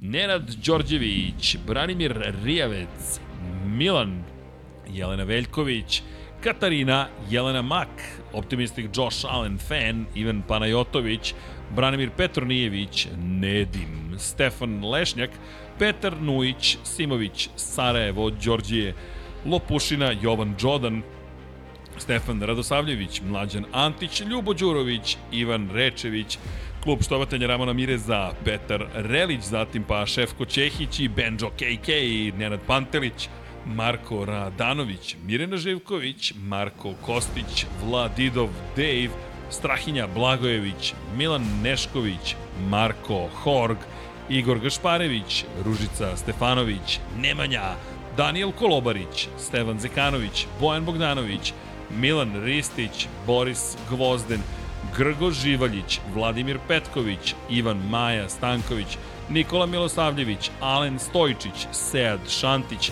Đorđe Andrić, Laslo Boroš, Bogdan Uzelac, Ivan Ognjen Ungurjanović, Stefan Dulić, Đorđe Đukić, Renata Neš, Vladimir Stojadinov, Mihovil Stamičar, Armin, Mario Jelena Komšić, Danka, Bojan Majstorović, Lufonac, Šmele, Davor, Goša 46, Aleksandar Milosavljević, Kovačević, Omer, Miloš Prodanović, Đorđe Milanović, Denis Špoljarić, Branimir Kovačev, Predrag Simić, Sava Dugi, Anonimus Donatorus, Marina Mihajlović, Mladen Mladenović, Marko Ćurčić, Stefan Vuletić, Dejan Vujović, Dušan Ristić, Branislav Dević, Boris Erceg, Stefan Milošević, Vučinić Miroslav, Jugoslav Krasnić, Dušan Petrović, Marko Petrekanović, Vukašin Jekić, Ivica, Luka Martinović, Zoran Baka, Tijena Vidanović, Crnogorski Džedaj, Miloš Rašić, Džigi Bao, Dorijan Kablar, Bojan, Marin Antunović, Mario Vidović, Marko Mostarac, Salim Okanović, Ognjen Grgur, Kosta Ivanov, Darko Trajković, Deus Nikola, Bojana Zrnić, Admir Dedović, Nemanja Jeremić, Zoran Cimeša, Srđan Sivić, Vukašin Vučenović, Marko Marković, Branislav Marković, Daniela Ilić, Đole QB4, Damjan Veljanoski, Monika Erceg, Luka, Jelena Jeremić, Alen Vuletić, Dimitar Vasilev, Životić Jovan, Zoran Šalamun, Marko Blagojević, Nebojša Živanović, Tijana M, Luka Savović, Đerman, Žorž, Nikola Marinković, Đurović, Stefan Prijović, Milan Milašević, Filip, Peđa Janković, Bogdan Mitrović, Matija Rajić, Miroslav Cvetić, Đole Bronkos, Ivan Čule, Matija Binotto, Antonio Novak, Nenad Simić, Tina i Ilija, Sean Hing, Jasenko Samarđić, Aleksandar Mitrović, Lašlo Bolok, Jecaen, Stefan, Ivan Ciger, Ferenc Laslofi, Mladen Tešić, Lazar Pejović, Veselin Vukićević, Nikola Beljić, Vladimir Uskoković, Ertan Prelić, Miloš Radosavljević, LFC, Viros, Borislav Vukojević, Robert Čolić, Dejan Avić, Andreja Branković, Mirina Kovačević, Stefan Ličina, Dragan Nikolovski, Bahtir Abdurmanov, Predrag Pižurica, Neđo Mališić, Aleksa Lilić, Vambli Sapa, Armin Durgut, Boris Golubar, da žena ne sazna, Ivan Maksimović, Živojin Petković, Stefan Janković, Luka Klaso, Toni Ruščić, Jugoslav Ilić, Nedo Lepanović, Ivan Milatović, Pavle Nj, Emir Mešić, Đurđica Martinović, Borko Božunović, Aleksa, Đorđe Radojević, Hrvoje Lovrić, Ljiljana Milutinović, Zorana Vidić, Vojin Kostić, Nemanja Miloradović, Nenad Ivić, Boris Radović, Klara Gašpar, Branislav Milošević, Aleksandar Čučković, Kimi Rajkonen, Igor Jankovski, Nedim Drljević, Branko Bisački, Stefan Vidić, Aleksandar Radivojša, Aleksandar, Inzulin 13, Andrea, Josip Kovačić, Aleksandar Antonović, Anonimus Donatorus, Nemanja Zagorac, Zoran Majdov, Bojan Markov, Boris Kujundžić, Kristijan Šestak, Ante Primorac, Stefan Stanković, Andrej Bicok, Andrija Todorović, Milan Kića, Zoltan Mezeji,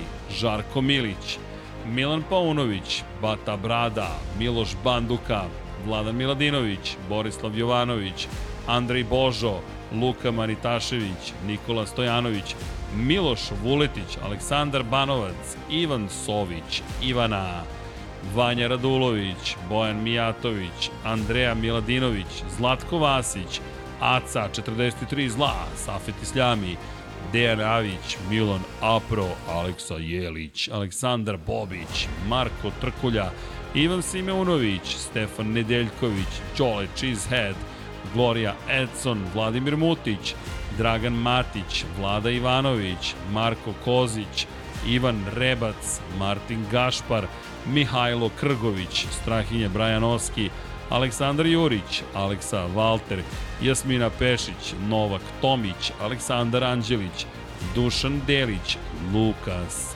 Aleksa Vučaj, Nemanja Labović, Nikola Božinović, Saša Ranisavljević, Kristina Ratković, Dimitrije Mišić, Igor Vučković, Anonimus Donatorus, Branislav Kovačević, Dejan Đokić, Miloš Rosandić, Dario J, Matej Sopta, Mladen Krstić, Miloš Todorov, Dejan Janić, Ognjen Marinković, Vladimir Jovanović, Nikola E, Vladimir Filipović, Nikola Grujičić, Vuk Korać, Marko Bogavac, Ivan Toškov, Lazar Hristov, Petar Bijelić, Uroš Ćosić, Luke Williams, Pujo, Milorad Reljić, Zlatko Marić, Nemanja Miloradović, Nikola Grđan, Drago Veković, Bojan Markov, Sadam Mehmedović, Peja MD, Dejan Plackov-Plackov, Marko Jevtić, Zoran Mladenović, Bojan Stanković, Amar Taso, Nikoleta Minić,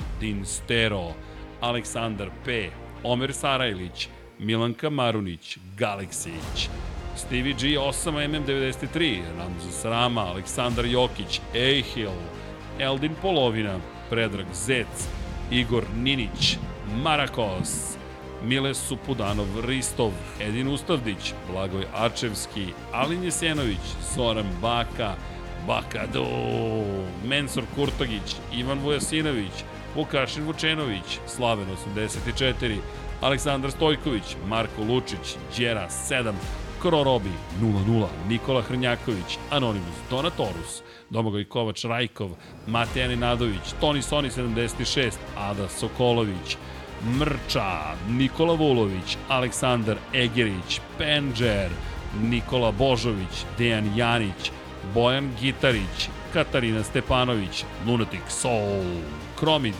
Saša Stevanović, Marko Bogavac, Ljiljana Milutinović, Nikola Adamović, Žika Su, Aleksandar Kockar, Konstantin Mlinarević, Almedin Ahmetović, Igor Ilić, Vladimir Vujičić, Ivan Božanić, Mađar 007, Almir Vuk, Aleks Vulović, Vojislav Tadić, Nikola Grujičić, Igor Vranić, Miloš Stanimirović, Nemanja, Pavle Lukić, Jovan Bojanić, Nedžad Mrakić, Miloš Zed, LFC, Bruno Jurić, Filip Knežević, Vladimir Subotić, Future Graciano Rossi, Tatjana Lemajić, Nemanja Cimbaljević, Tomić Miloš, Aleksandar Radivojša, Uroš Čuturilo, Branko Rašević, Marina, Vlada Ivanović, Vladan Đurić, Ivan Vincetić, Deni Fejzić, Stefan Škrbić, Ivor M, Srđan Ćirić, Vladimir Bulatović, Ivan Hornjak,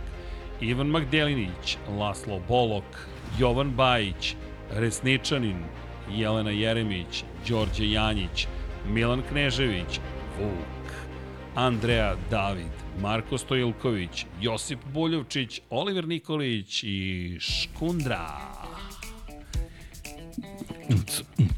Daj šesticu, Vlado, daj šesticu. Gledaj sa ovu ekipu. To je sad naše vreme. Posle jedan. Tad kreće. Ćemo to. Boombox.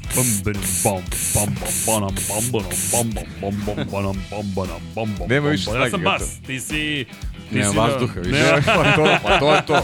to. Paja mudro ćuti i posmatra nas.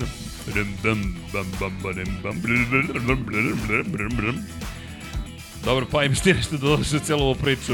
Osjeća se kao da smo Imam. u Sunđer Bobu. Imamo ovaj... Jedva čekam da, da legnem u krevet.